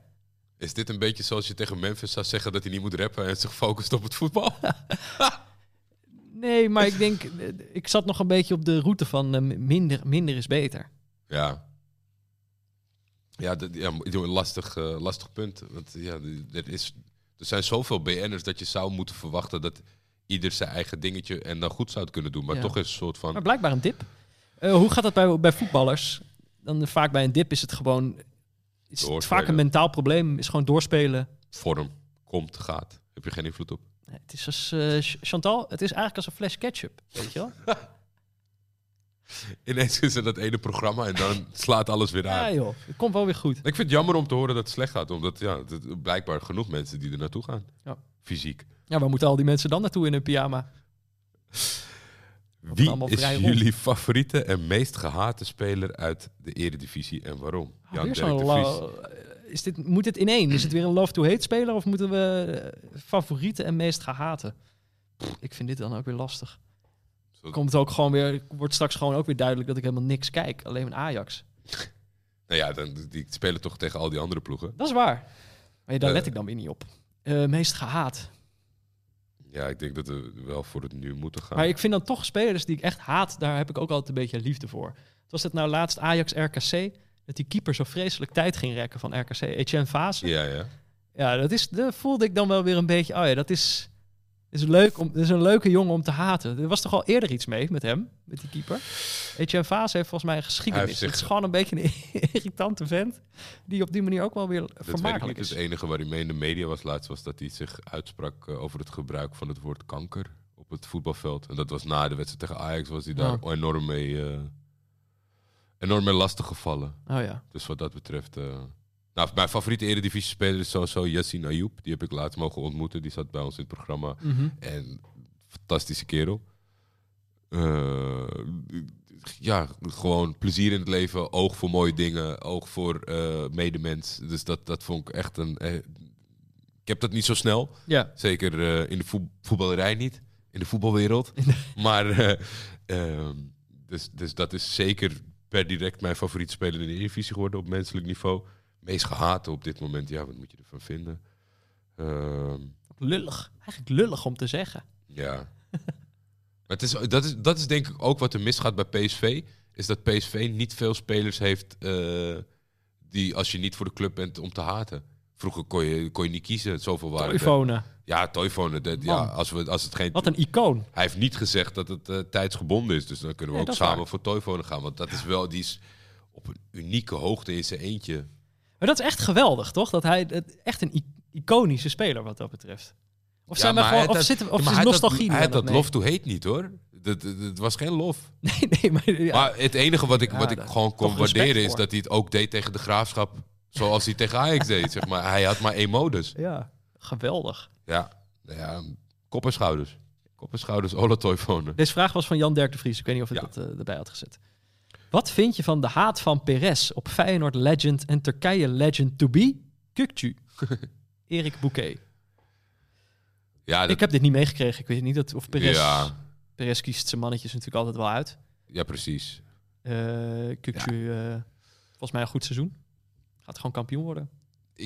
Denk dat je binnen, binnen het vak van eh, dat iemand je naar je mening vraagt, dat het goed is om, om een stijl te creëren. Maar ik denk ook altijd wel dat je, dat je wel in oog moet houden en soms ook je verlies moet nemen, zeg maar, met, met, een- met een standpunt. Want anders ergens wordt het ludiek. Zeg maar, ja, ja. het- als Steven Bergwijn tien wedstrijden achter elkaar een hat maakt. En dan de elfde wedstrijd dat jij nog steeds gaat zeggen, ja, maar Hij heeft eh, nonchalant. ja, Een nonchalante jongen. kijk, hier heb je een fragment, dan had hij ook twee stappen naar achteren kunnen doen om even mee te helpen. Weet je, Ja. dan, dan, ik, ik zou daar zelf nooit voor kiezen. En bij Perez is het bij een aantal spelers, maar bij heel veel analisten is het bij een heleboel spelers duidelijk wat hun persoonlijke voorkeuren zijn. Pierre van Hooijdonk heeft ook de spelers en trainers die hij wel mag en niet mag. En Ja. ik vind het zo'n rare keuze vanuit die mensen zelf. Omdat iedereen het doorheeft en, en dat je dat dan toch blijft doen, terwijl je eigenlijk, zou je moeten zeggen, jezelf een beetje voor schut zet. Als jij nou een heel goed boek hebt geschreven, en, maar ik vind jou een lul, dat ik dan ga zeggen het is een slecht boek. Nee, dan zou ik toch zeggen Peter is een lul. Ja, ik weet het niet. Ik weet niet of dat dan ook of je dat dan ook op tv moet zeggen. Maar ik weet ook niet of ehm, ik heb dit sowieso niet meegekregen dat hij daarop haat. Ja, maar het, gaat het gaat over het feit van dat als iemand goed presteert, dat jij blijft zeggen of, of ge- geforceerd gaat zoeken naar Ja. zwak, zwakheden. Maar het is natuurlijk, hij moet gewoon volhouden. Want op een gegeven moment lijkt het weer, gaat het vanzelf weer lijken alsof hij gelijk heeft. Dat is waar Ja. hij op gokt. Ja. Kukçu gaat niet de rest van zijn carrière goed zijn. ja, maar je kan toch ook gewoon zeggen dat hij drie weken achter elkaar goed is en dan Ja. die vierde week zeggen, nou zie je wel, dit is een van die punten die ik toen ook al zei. Maar uiteindelijk, ja, wat is zijn werk? Is ook, denk ik, uiteindelijk om mensen iets te geven om over te praten. Ja. En dat is, eh, kijk, ons, kijk ons eens. Zitten we, er, zitten we er gewoon over te praten? Welke speler uit het verleden herinneren, herinneren jullie je totaal onterecht als grote speler? Martijn Zoeteman. Ik denk eigenlijk gewoon sowieso alle spelers tot mijn twaalfde, weet je wel. Gewoon alle spelers die je hebt gezien toen je echt jong was, leken gewoon geweldig. Dat zijn gewoon de eerste voetballers die je ziet, die denken, ja, dit zijn dan de beste ooit. Jordan Lechkov van Bulgarije. Kaal, 10, speelde achter Stoichkov. Dacht ik echt van dat het Zidane, Zidanesk was. En die was wel goed, Ja. maar die was niet Zidanesk. En dat komt wel door de leeftijd die ik had toen ik hem zag. Het was net zoals wat jij zegt, maar ik was niet. Ik was verliefd op veel spelers, maar niet op alle spelers, zeg maar. Maar daar zitten wel een aantal, aantal in die bij mij, zeker met WK 94, mij heel veel emoties hebben gegeven en plezier. En waar ik dan later in hun carrière achter Ja. kwam van ja, Maar dat is dus nu. de keeper van Nigeria stond onder contract bij Go Ahead. Zo goed kan hij nooit geweest zijn. Maar het is ook.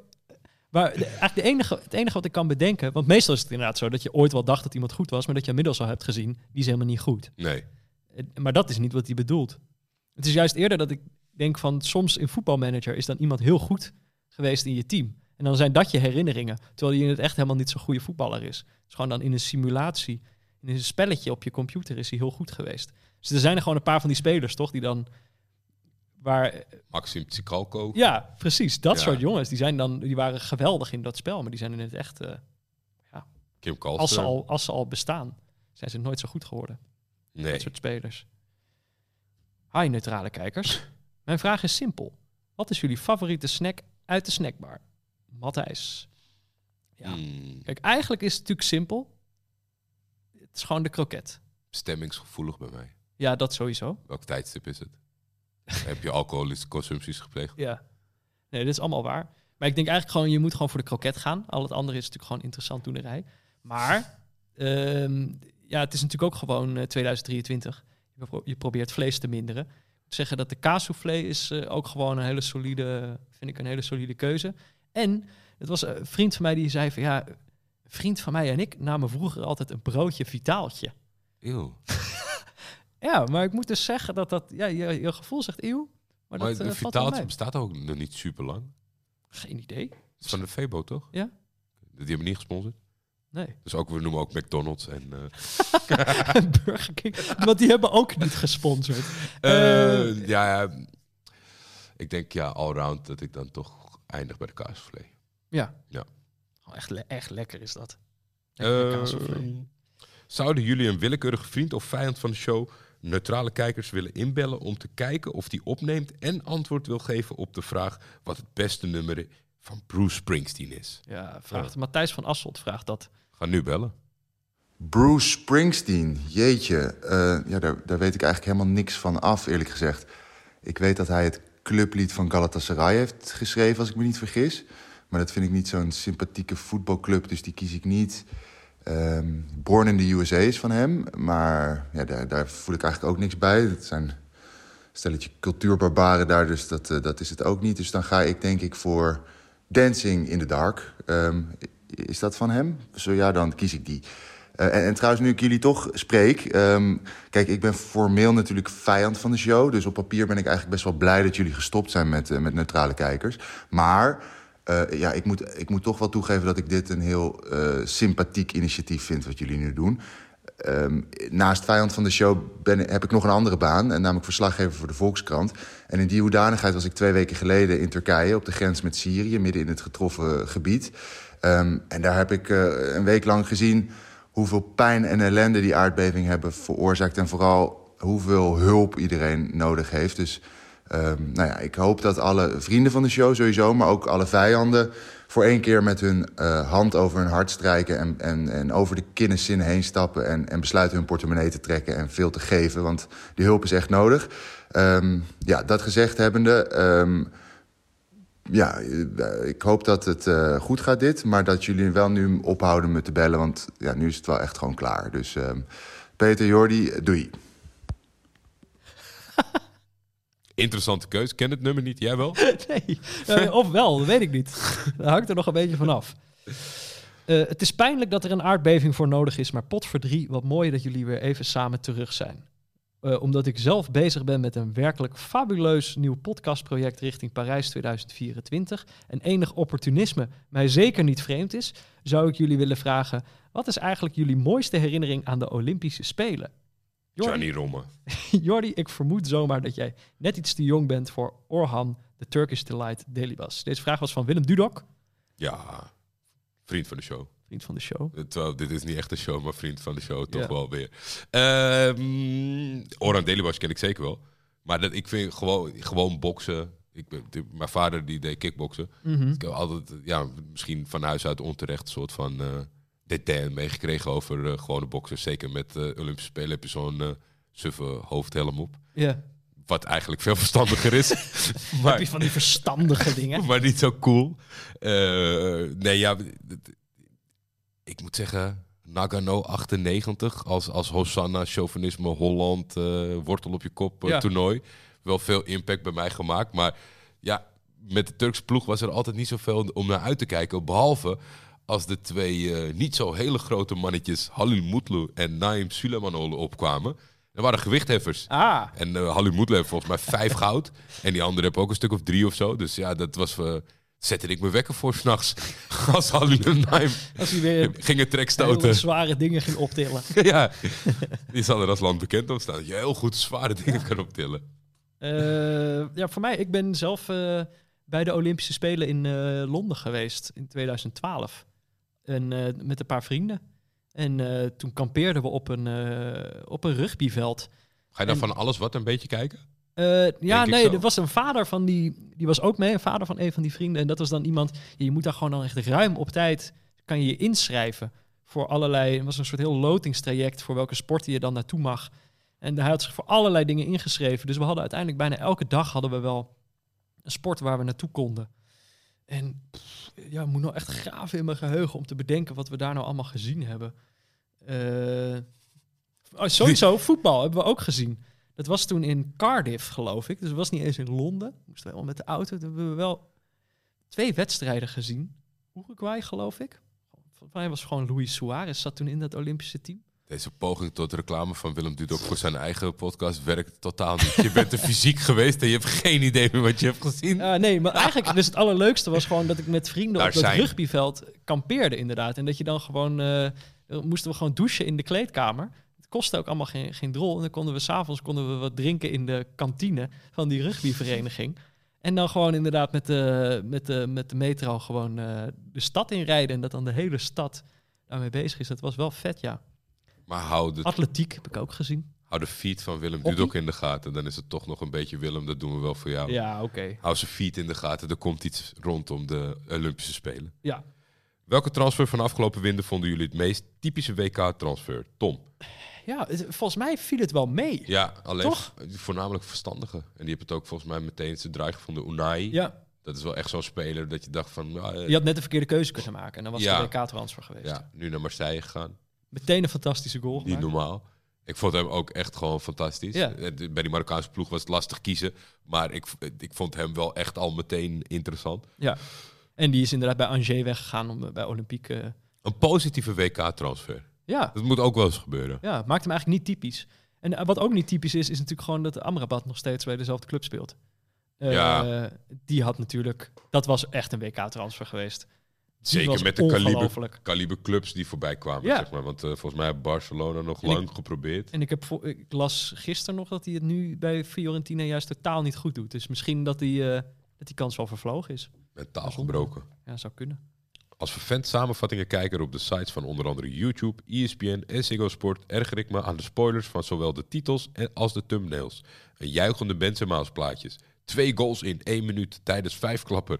Of simpelweg de uitslag al in de titel. Herkennen jullie deze ergernis en hebben jullie een strategie om daaromheen te werken? Ik hou bijvoorbeeld soms mijn hand voor het deel van het scherm waar ik denk dat de spoilers staan.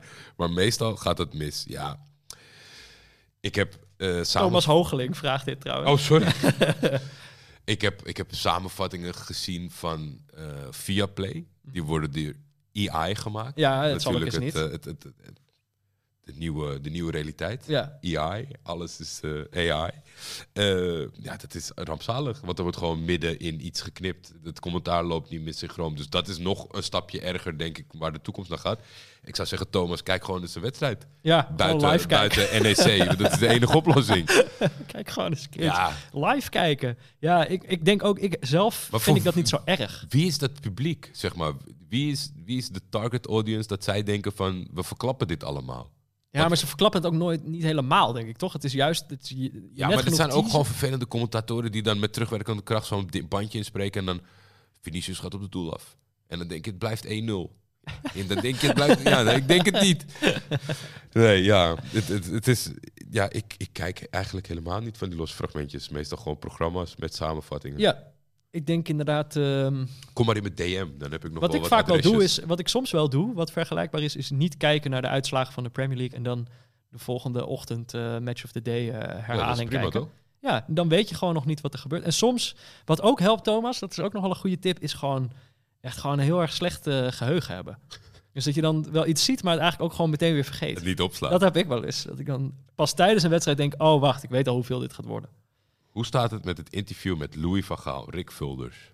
Nou nou ja, Eh, nog niet plaatsgevonden. nog niet plaatsgevonden. Eh, Tanner Karaman, Jordi, we weten dat je groot fan bent geweest van Haji bij Galatasaray. Oh, Ik- is dat zo? Ik ben benieuwd van welke Turkse speler je ooit in de rood-gele geschiedenis hebt genoten en welke je het allerslechtste vond. Oké.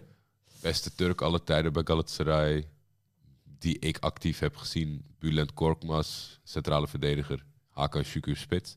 Kan niet tussen die twee kiezen. Die twee zijn gewoon de bouwstenen zoals Fatih Terim dat is geweest. De aller, allerslechtste.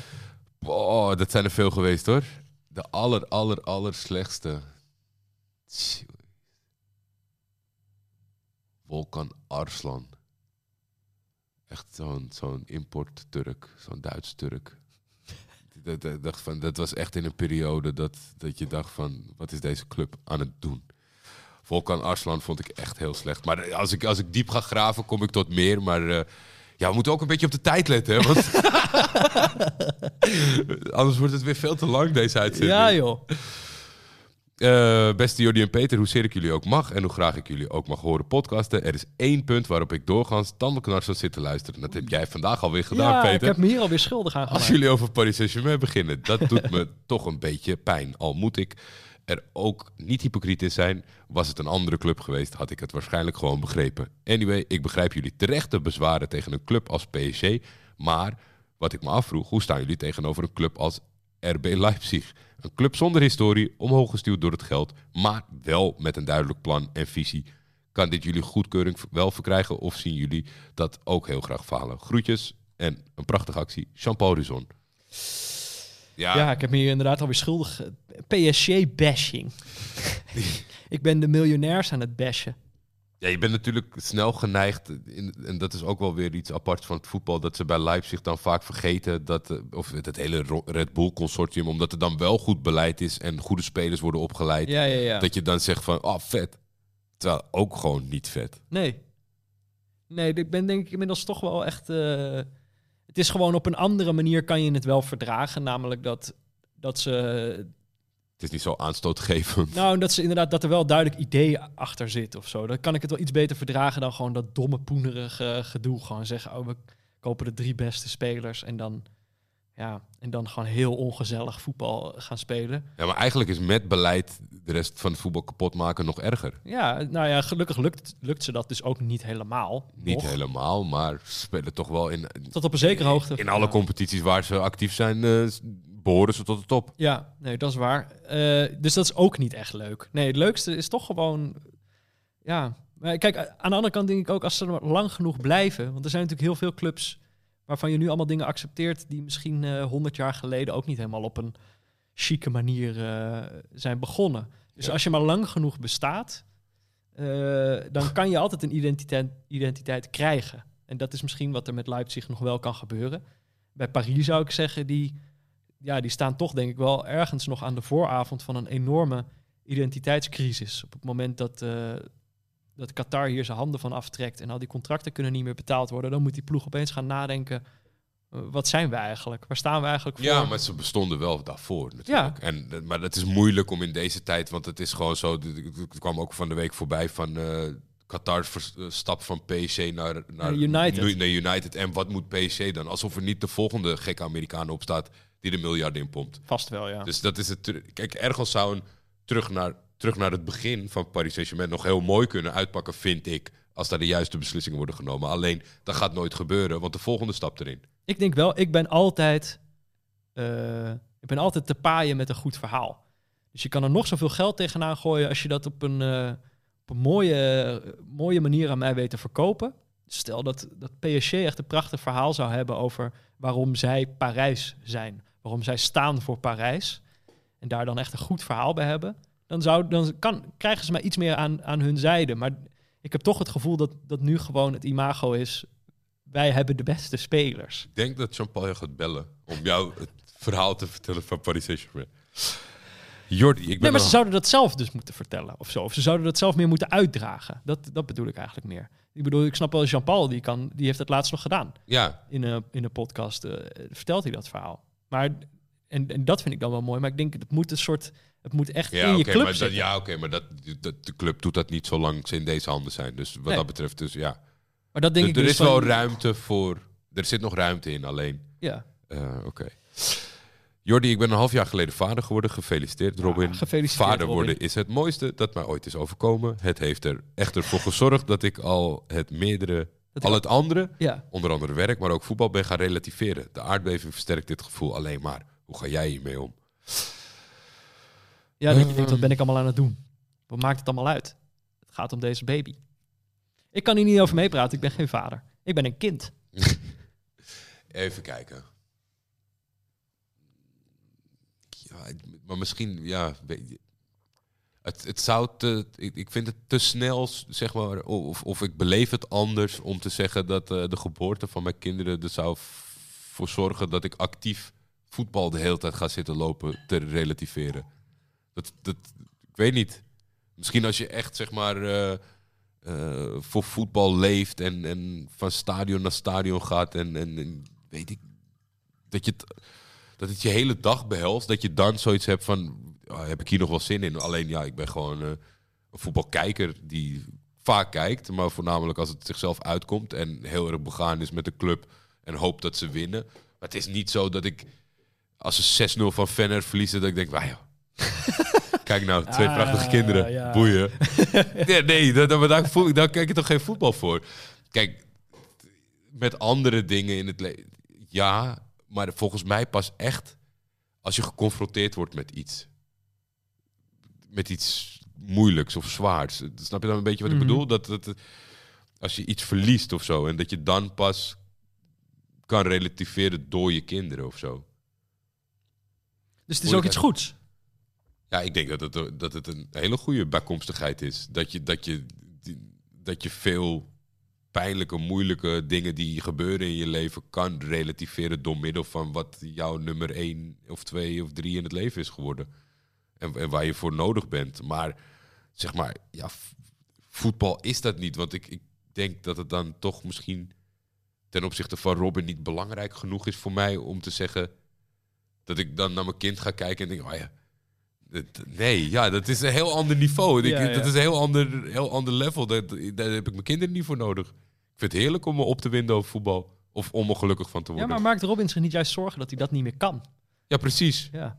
Maar dan moet het, Robin moet dat loslaten. Dat heeft niks met elkaar te maken. Als je, ik ga ervan uit dat je voor een club bent, Robin. Ga daar gewoon in op. Ja. En, en baal of vier feest. En zonder te denken in je achterhoofd van... Waar, dat kindje. Dat kindje houdt gewoon van je. ja. En die is er gewoon. Maar gefeliciteerd met je vaderschap. Zeker Eh, weten. Hi Jordi en Peter. Wie moet de nieuwe TD van Telstar worden? Groetjes van de Telstar Clubwatcher van Schietvogel Media. Ja, dus Oké. Jochem, Jochem de Hoog was... Jochem de eh? Ja, ik, Teken ik, had, eh, ik had 18 of 19 eh, clubwatchers. eh. ja, ga jij maar eens het transferbeleid van Telstar in de gaten houden, Peter? Ja, nou ja, Jochem heeft dat dus gedaan. Maar dan moeten Ja. ze, die zijn blijkbaar hun TD kwijt. Dan moet een nieuwe komen. Ja, ze zijn de voorzitter ook kwijt. Die Pieter de Waard, die gaat weg Oh, volgens oei. mij. Ik weet niet. Ik, ik, zou, ik zou zeggen alles aan Mike Snoei geven. Mike Snoei is de trainer. Ik kan me nog wel herinneren dat, dat die keer dat ik te gast was bij ehm eh, Tekengeld... en dat het over Telstar ging en over hun aankopen... dat wij het allebei eh, niet avontuurlijk genoeg vonden. Dat we zeiden van, joh, je bent Telstar. Ga gewoon eens even lekker wat gekke... ga een beetje rare dingen shoppen. En dat ze dat niet deden. Dus ik denk wel dat ze rijp zijn voor een nieuwe TD. En dan het liefste iemand die, denk ik, daarmee door kan gaan. Want anders dan gaat Telstar, als ze die voorzitter ook kwijt zijn... denk ik toch een beetje richting de anonimiteit. Oeh. Toch? Dat- ja, dat zou Tuurlijk, zwaar dat- komen te vallen. Want ze hebben, geen, eh, ze hebben in principe niks anders. Maar dit is dat hele, dat, Cult. ik, ja, dat cult, ik snap dat dat, dat, dat ook Cult, allemaal op het, dat zit allemaal vreselijk op het randje. Maar uiteindelijk is dat natuurlijk wel wat die club, eh, dat is wat zij cultiveren, dat ze cult zijn. En Van het begin van die vraag tot en met het woord cult is gevallen. is nog nooit zo lang over Telstar zo gesproken zonder cult. hey, dat is echt ongelooflijk. Ja, het schitterend. Record gevestigd. Maar ik zou dus, ik zou denk ik wel zeggen dat je op die koers verder moet gaan. Dus je moet niet een of andere gast, een of andere super, ja, je moet wel een handige, iemand die een beetje handig zaken kan doen. Creatieve geest. creatieve geest. Niet een soort verstandige jongen. Please, eh, please geen verstandige jongen. Nee. Gewoon eh, compleet onorthodox figuur. Maar wel betrouwbaar en honkvast. Ja, Want anders gaat de club kapot. ja. Eh, geen vraag, een minuut stilte misschien. Nou, dat, ik, na deze podcast. Toch? We zitten de laatste loodjes. Een mooie actie van jullie die ik graag ondersteun. Geen vraag, maar wel een hypothetische situatie Ach, voor Jordi. jezus. Galatasaray zou vijf jaar kampioen kunnen worden. En de Champions League winnen. Goeiedag. Maar dat zou wel zijn met Pep Guardiola als trainer, Pep voetbal en Sergio Busquets en Jordi Alba structureel in de basis. Zou je hiervoor tekenen? Thijs Faber. Nee. Nee, niet. Nee. Nee. Ik heb, maar jij bent ook iemand die eh, over eh, de kampioensjaren van Frank de Boer al zei van ik had liever verloren met leuk voetbal. Toch? Ja, ja, en dat klinkt eh vele gek in de oren, maar ja, als je het elke week kijkt en graag ziet, dan sta je er zo in. Kijk, ik, ik zit een beetje. Nu ga ik toch relativeren. Ik zeg dat toch mijn kinderen. nee, maar ik bedoel, als je, als je 30 keer kampioen bent geweest, Peter, wat maakt die. Je, elk jaar ga je ervoor, maar in perspectief, wat is die 31ste dan? Ja. Dus als ik vier jaar lang het, het, het, het- het stoom uit mijn oren komt Van hoe saai het is. van hoe saai het is. En Ja. dat je gewoon de wedstrijd kan uittekenen van minuut 1 tot en met minuut laatst. In het geval dat je geen succes hebt, is dat scenario nog erger. Dat was de afgelopen tijd in Turkije. Ja, doe, doe iets. Mhm. Weet je? Dus ik, hiervoor tekent ga ik niet. Ik voor. haat deze mensen. ja, Ja. Oké, ja. Nou, dat wel duidelijk. gewoon met, Ik- met Arne Slot de Conference League winnen bij Galla. Ja, Ja. Ik, ik moet... Nee, ik niet. Precies. Eh, dit is trouwens ook, eh, de, de minuut stilte was trouwens van Michel van Vliet. Ja. Nog even zeggen, het is wel zo vriendelijk. Natuurlijk benieuwd hoe jullie Liverpool Real vanavond hebben beleefd. Maar nog meer benieuwd naar James Worthy. Mijn vraag is aan jullie om dat aan hem te vragen. Sophie Huiskens. Oké, ja, hoe zou het met eh, James gaan na gisteren? Demasqué van Liverpool. Eh, jij, kan, jij kan het aan hem vragen, toch? Ja, ik ga het zeker aan hem vragen. Ik wilde het niet vanochtend vroeg doen, want ik kan me voorstellen... is- Ik heb ook wel eens na zo'n deceptie... eh, dan slaap je niet lekker. Nee. En dan wil je niet je telefoon oppakken en dan dat iemand vraagt van... eh, Nee. hoe voelde je? Hij moet zichzelf eerst een beetje bijeenrapen en dan... eh, Ja, exact. En dus dan, eh, eh, als we- gaan we dat zo vragen. ja, dan gaan we achteraan. Hoi, Sophie Huiskens. Je had een vraag en een donatie. Dus hier ben ik met het antwoord. Hoe heb ik gisteravond beleefd? Liverpool, Real Madrid, 2-5. Eh, ik heb de wedstrijd met mijn zoon gekeken. Mijn zoon is 9 jaar oud. Hij mocht eh, wakker blijven van eh, zijn moeder, van mijn vrouw. Eh, ze is zijn moeder, maar ook mijn vrouw. Het is een geniale vrouw, dus eh, ze kan twee dingen tegelijk. Ehm, en het begon leuk. Eh, we waren echt aan het lachen om, om Courtois. Courtois, mooie uitspraak. Eh, we waren aan het dansen en, aan het springen op de bank. En toen, eh, toen kregen we de deksel op de neus en op de vingers en op ons hele lichaam. De deksel was gigantisch en pijnlijk. En nu, ja, hoe voel ik me? Ik voel me redelijk rustig wel, want dit is gewoon wat het is. Wij waren twee jaar lang misschien wel het beste team van de wereld. En nu zijn we gewoon weer, weer een heel normaal team met een leuk stadion en een prachtig liedje van Lee Towers. Dus eh, ja, en dat is hoe het gaat. Weet je, dat is het leven. Weet je, soms ben je de beste en soms ben je, ben je niks. Weet je, soms mag je wel naar het boekenbal en soms mag je naar de Vebo. En ja, dat is, dat is hoe het gaat. En daar kan je niets tegen doen. Dus geniet van het leven. Hoogtepunten, dalen. Maak er iets moois van. Super bedankt voor je donatie. Laten we de wereld een mooie plek houden. Laten we het mooi maken. En Sophie, bedankt voor je vraag. Je bent een kanjer. Shout-out naar Vef, shout-out naar Jordi. Dit was een prachtig, prachtige dag. En uh, niets dan liefde, nogmaals. Uh, hoe gaat het tegenwoordig met Gerno Roor? Of Gernot, Gernot Roor, ik weet niet. Jurre Sikkema vraagt dit. Ja, die de, gaat... De, eh, Duitse, de Duitse vreselijk, de- gewoon de allerslechtste trainer. Ja, slecht is ook niet het woord. Saaiste trainer ooit. Die, die, voetbalhater heb ik. Voetbalhater, ja. Ja. Het, ontzettend veel leuke spelers bij Nigeria en dan het saaiste voetbal ooit. ja, spelen. misschien wel van nature uit het meest attractieve voetballand. Van hoe de voetballers naar het spelletje kijken. En die dan 6 6 2 1 1 laten spelen. en, en een verbod Gewoon vijf leuke aanvallers in je selectie hebben en er dan één opstellen. Eh, ik denk dat... Dat, dat is dan eh, Paul eh, Onuachu. Ik denk dat Jurre goed geïnformeerd was, want eh, hij is recent weer aangesteld. Hij- We waren van hem verlost, maar hij heeft nu besloten om het eh, voetbal in Benin kapot te maken. Ach, Benin, arm Benin. Arm Benin, ja, zeg dat. Nou, ga er maar aan Ja. staan. Wat is dat toch ook? Met die vieze mannen die dan in dat, in dat Afrikaanse circuit gaan zitten. Toch? Dat, vind ik, dat vertrouw ik gewoon niet. Nou, nee, ze moeten ergens beginnen, Ja, maar... Het, niet bij Gerno Roor. Nee, maar het is ook gewoon... Het, het is nog steeds heel erg, de koloniale trainer. Ik snap ook niet... eh, Nee. Het is ook gewoon een wens vanuit die bonden. Ja. Dus wat anders dan... eh, ze stellen zichzelf aan, maar eh sterkte Benin. Gerard Jan vraagt: Kunnen jullie een jaarlijkse dag van de neutrale kijkers invoeren? Hebben we toch al? Dat hebben we toch gedaan? Zegt hij bijvoorbeeld 29 juni, marathon-uitzending graag. Ik weet even niet welke dag het is. Maar was dat niet gewoon 19, 29 juni? Nee, het zal wel eerder geweest zijn. Moet ietsje Het eerder was geweest tijdens zijn. een toernooi. Ja, maar dit- het een uitzending graag als in deze of in, op die dag elke keer een marathon maken. Dat, dat zie ik niet zo zitten. Maar Nou ja. we hebben al een dag. ja. En jij bent geen echte fan als je het niet weet. en wij zelf ook niet als we het niet weten. Of we hebben het niet goed gecommuniceerd. Maar die dag bestaat al. Moet je maar even zoeken welke dag het is. Dat, volgens mij op Twitter kom je daar heel snel genoeg achter. Ehm, Wat een Zijn we uitsmijter. zijn we nu bij de laatste? Wat een uitsmijter. Vraag aan Peter. Wat is saaier? Real Madrid in de Champions League of Haaland in de Premier League? Ja, dit is, e- wat is dit voor vraag? Ja, ik heb hem ook niet bewaard voor dit het is toch eind, maar heel- dit is, eh, zo makkelijk? Het Ja, dat denk ik ook. is toch hartstikke makkelijk? Het is toch Haaland in de Premier League is toch gewoon saai? Ik zag het gisteren, gisteren dus dat filmpje van Thierry Henry. Dat hij Ja. het eerst over Kane heeft en daarna over Haaland. Hij maakte toen... Kijk, eerst was het natuurlijk eh, Dan- Danielle.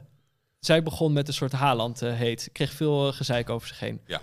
Was natuurlijk, zij begon ermee. En toen dacht ik, dus leuk, doe ik er nog een schepje bovenop. Gewoon, de hype, de hype is Haaland en daar dan tegenin gaan. Mhm. En dan krijg je zoveel reacties van mensen die je uitlachen als hij er weer eentje in, in schopt, in trapt met de onderkant van zijn van zijn schoen. Eh, en dat hij al zo gaat- vaak heeft gescoord en zo. Daarbij Dan ga je aan jezelf uit- twijfelen. Nee, maar daarbij gaat het volgens mij om het uitlachen van iemand. En niet zozeer omdat ze zelf plezier halen uit die speler. Nee, dat is waar. Maar, dus, maar dat ik dus ging twijfelen aan mezelf van oké, ja, is het misschien niet toch ook leuk of zo. Je gaat toch, als je een beetje gezeik over je heen krijgt, ga je toch, tenminste zo zit ik in elkaar. Er zijn genoeg mensen die dat anders doen, maar ik ga dan aan mezelf twijfelen. Toen zag ik het gisteren Thierry Henry zeggen. Toen, zag, toen dacht ik, zie je nou wel? Hij vindt het ook gewoon. Hij zei ook gewoon van ja, City werd al kampioen zonder hem. Dus wat komt hij doen? Wat doet hij eigenlijk voor die club? En dan zeker in het contrast met Harry Kane. Hier vindt echt iets plaats, dat ik dit ga zeggen. Maar Harry Kane is iemand die zijn team beter probeert te maken. En Haaland komt gewoon bij een team dat al kampioen werd. Om daar dan heel erg veel te scoren. Maar eigenlijk ook een beetje dat team in de weg te zitten. Want ze moeten zich allemaal aanpassen aan hem. Volgens Henry past hij zich ook weinig aan aan, aan zijn medespelers. Hij lo- doet gewoon de hele tijd hetzelfde, zegt hij. Ja, bij voorkeur speelden ze ook natuurlijk zonder spits. En dit is wel spits-spits. Precies. En eigenlijk ook, ze wilden natuurlijk eigenlijk Kane bij City. Maar ik, ja, Haaland in de Premier League, echt, mensen, dit zie je toch? Iedereen ziet dit toch, dat dit, dat dit helemaal niet leuk is. Hier word je toch niet blij van? Hier wordt niemand toch blij van? Ik kan me niet voorstellen dat je daar blij van wordt. Nee, toch? Nee. Als je iets meeneemt van, de, van deze drie uur, ruim drie uur, is het van jongens, dat is niet leuk. Dat weten jullie ook. Goed, dan zijn we door alle vragen heen. Wat een lijst. Eh, hartstikke bedankt aan iedereen eh, voor je donaties aan ABAP. Ja, Ehm, en, en nog twee sponsoren. Oh, Want die zijn we bijna vergeten. Nou, maar op mooi plekjes op het einde makkelijk terug te vinden om het... eh, om het eh, en dan doen, we- ronden we het daarna nog eventjes af. Ja, zeker. Eh Cocon vastgoedmanagement. Eh Beyond Bricks is hun slogan. Ik weet niet wat je daar... Ah, nee, daar, daar, daar durf, ik niet, durf ik niet te overtoepen. Cocon is de vastgoedontwikkelaar die verder kijkt dan stenen. We realiseren meerwaarde voor gebruiker en investeerder door de mens centraal te zetten. Dit is een nou ja, vastgoedontwikkelaar en beheerder die, eh, waar wij al jaren mee samenwerken. En, Die ja, gebruiken dus niet alleen stenen. nee, maar het, het grappige is Schimmel. dan, je moet nu over toch eh, bij, de, bij de categorie donateurs waar ik moest zoeken. Ah ja, Zit je op de fiets en denk je, ja, hoe maak je daar nou wat moois van? Maar ja, dan, moet, dan ga je toch weer een beetje op zoek in je oprechtheid. En we werken natuurlijk met een heleboel partijen, opdrachtgevers. Maar wat ik oprecht vet vind aan hun, is dat ze hebben hele, heel veel kantoorruimtes, zeg maar. En er heerst natuurlijk altijd een beetje een klimaat in het ondernemerschap om, om zo min mogelijk te leveren voor zo veel, veel mogelijk bejag. En zij Ja. maken gewoon oprecht hele toffe, mooie, duurzame dingen. Het zijn altijd kantoren waarvan je denkt, oh vet. Weet je, dat is vaak in samenspraak met degene die het gaat huren. Mhm. Maar dat is wel als je iets positiefs moet zeggen over, eh, over Cocon. wat, er, wat, wat je branchebreed ziet, zeg maar, in, in het genre. Mhm. Dan is dat dat zij echt staan voor eh, kwaliteit en duurzaamheid en duurbaarheid. Dus het is ook niet dat het eh, elke keer eh, plat en omhoog, plat en omhoog. Dus eh Coco Vastgoed, hartstikke bedankt. En tot slot de tweede. Ja, dat is ook een beetje gek, want zit ik in een, in een splagaat. Want dat is mijn eigen opdrachtgever. Dat is mijn eigen werkgever, AH Duinker. Mijn vader heeft natuurlijk ook zijn donatie gedaan. Mhm. Eh, we hebben het hartstikke druk, dus eigenlijk zit ik een beetje in dubio of ik wel reclame moet maken. Maar A- A- AH Duinker, opgericht door mijn opa, de vader van mijn moeder. En inmiddels al 60, 70 jaar eh, in het vak, erkend installateur. Meestal als je tegen mensen zegt, eh, we hebben een elek- elektrabedrijf, wat dan? Maar ja, gewoon de stopcontacten in je muur, die komen daar niet zomaar. Er moet een pijpje en draad naartoe. En dat, dat, dat soort zaken en nog veel meer verzorgen wij. Dus dank beide voor jullie gulle donaties. Ja, heel erg bedankt. Ehm, en mocht je dit dus nu luisteren, en nogmaals en denken dan van ja, eh, shit, ik heb dit helemaal gemist. Ik wil ook graag nog wat doneren. Eh, kijk vooral eh, op Twitter bij Jordi, daar staat de, de link. Je kan nog steeds doneren natuurlijk. Het is dan niet meer in ruil voor een vraag van ons, maar ja, ik bedoel, na deze podcast gaat het allemaal gewoon door. Ja, voor, de, voor, voor diegene vind ik het wel oké, toch als wij... als ik even een tussenstand geef. Ik had laatst Oh, gevraagd ja. van, willen jullie een tussenstand of eh, moet ik het in de show bekendmaken? Eh even kijken. Waar zitten we op? We zitten op... want Ik, heb op ik zit op vliegtuigmodus, dus daar kan je niet... eh, dit gaat niet goed. Ja, je bent de spanning aan het opbouwen, hè? Nee, maar Ga je thuis nog een roffeltje onder zetten? er hebben mensen gezegd het te doen, zeg maar. Die neem ik even mee. Maar omdat ik op vliegtuigmodus zit. Tussenstandje? 9806 euro. Ja. Nou, dat is toch... eh, Ietsjes meer dan een druppel op een gloeiende eh, Ja, plaat, hoop denk ik. ik ook wel. En ik vind het ook wel hartverwarmend dat er, zeg maar, jaren nadat we gestopt zijn, nog steeds een community is die zo zijn schouders eh, eronder, eronder zet. En die het gewoon leuk vinden om ons te onderwerpen aan een soort slijtageslag van drie uur en langer. om dat te Nu bewerkstelligen. het erop zit, viel het mee of tegen? Als je vond je het lastig eh, in te schatten, de, de hoeveel het nou zou worden daadwerkelijk? Ja, het is, eh, maar volgens mij werkt het met, net als met een marathon lopen. Dat je dan... eh, eh, Kom je in die... eh, je zit er op een gegeven moment in. ja. En dan moet je gewoon blijven rennen. Moet je niet stoppen, want dan, dan wordt het moeilijk. Dus het was, ik weet nog wel, we waren een uur bezig. Toen dacht ik, oh, we zijn pas hier. en nu is het twee uur later en zijn we klaar. Dus het, is, eh, ja, het valt uiteindelijk altijd, eh, eh, altijd mee. En, eh, en het waren leuke vragen. Dat hielp wel. Ik denk dat het anders wel, anders hadden we er hard aan moeten trekken. Maar ik- dit was gewoon... eh, onze, community, onze community heeft zich toch weer... eh, Getoond. heeft zich weer getoond. Getoond. heel erg bedankt daarvoor. En ik hoop dat het goed gaat met jullie allemaal. En Jordi, Peter, jij bedankt. Bedankt. Media bedankt. Broadcast Media, Die bedankt. ook gewoon... eh, gewoon...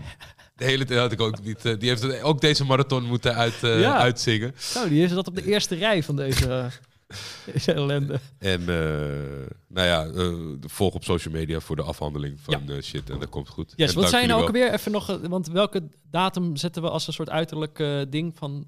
Dus je, je luistert Wij dit... zitten nu woensdag 22, 3, 4, 5, 6... Maandag 27 is de februari. deadline, Is de deadline. Nee, zondag. Oké. Zondag is de deadline, maandag maak ik het over. En dan zal ik dat... eh, Spreken we dat af. Dus mocht je nog een, een duit in het zakje willen doen, doe dat daar. En eh, heel erg bedankt voor het luisteren. En eh, doei! dag.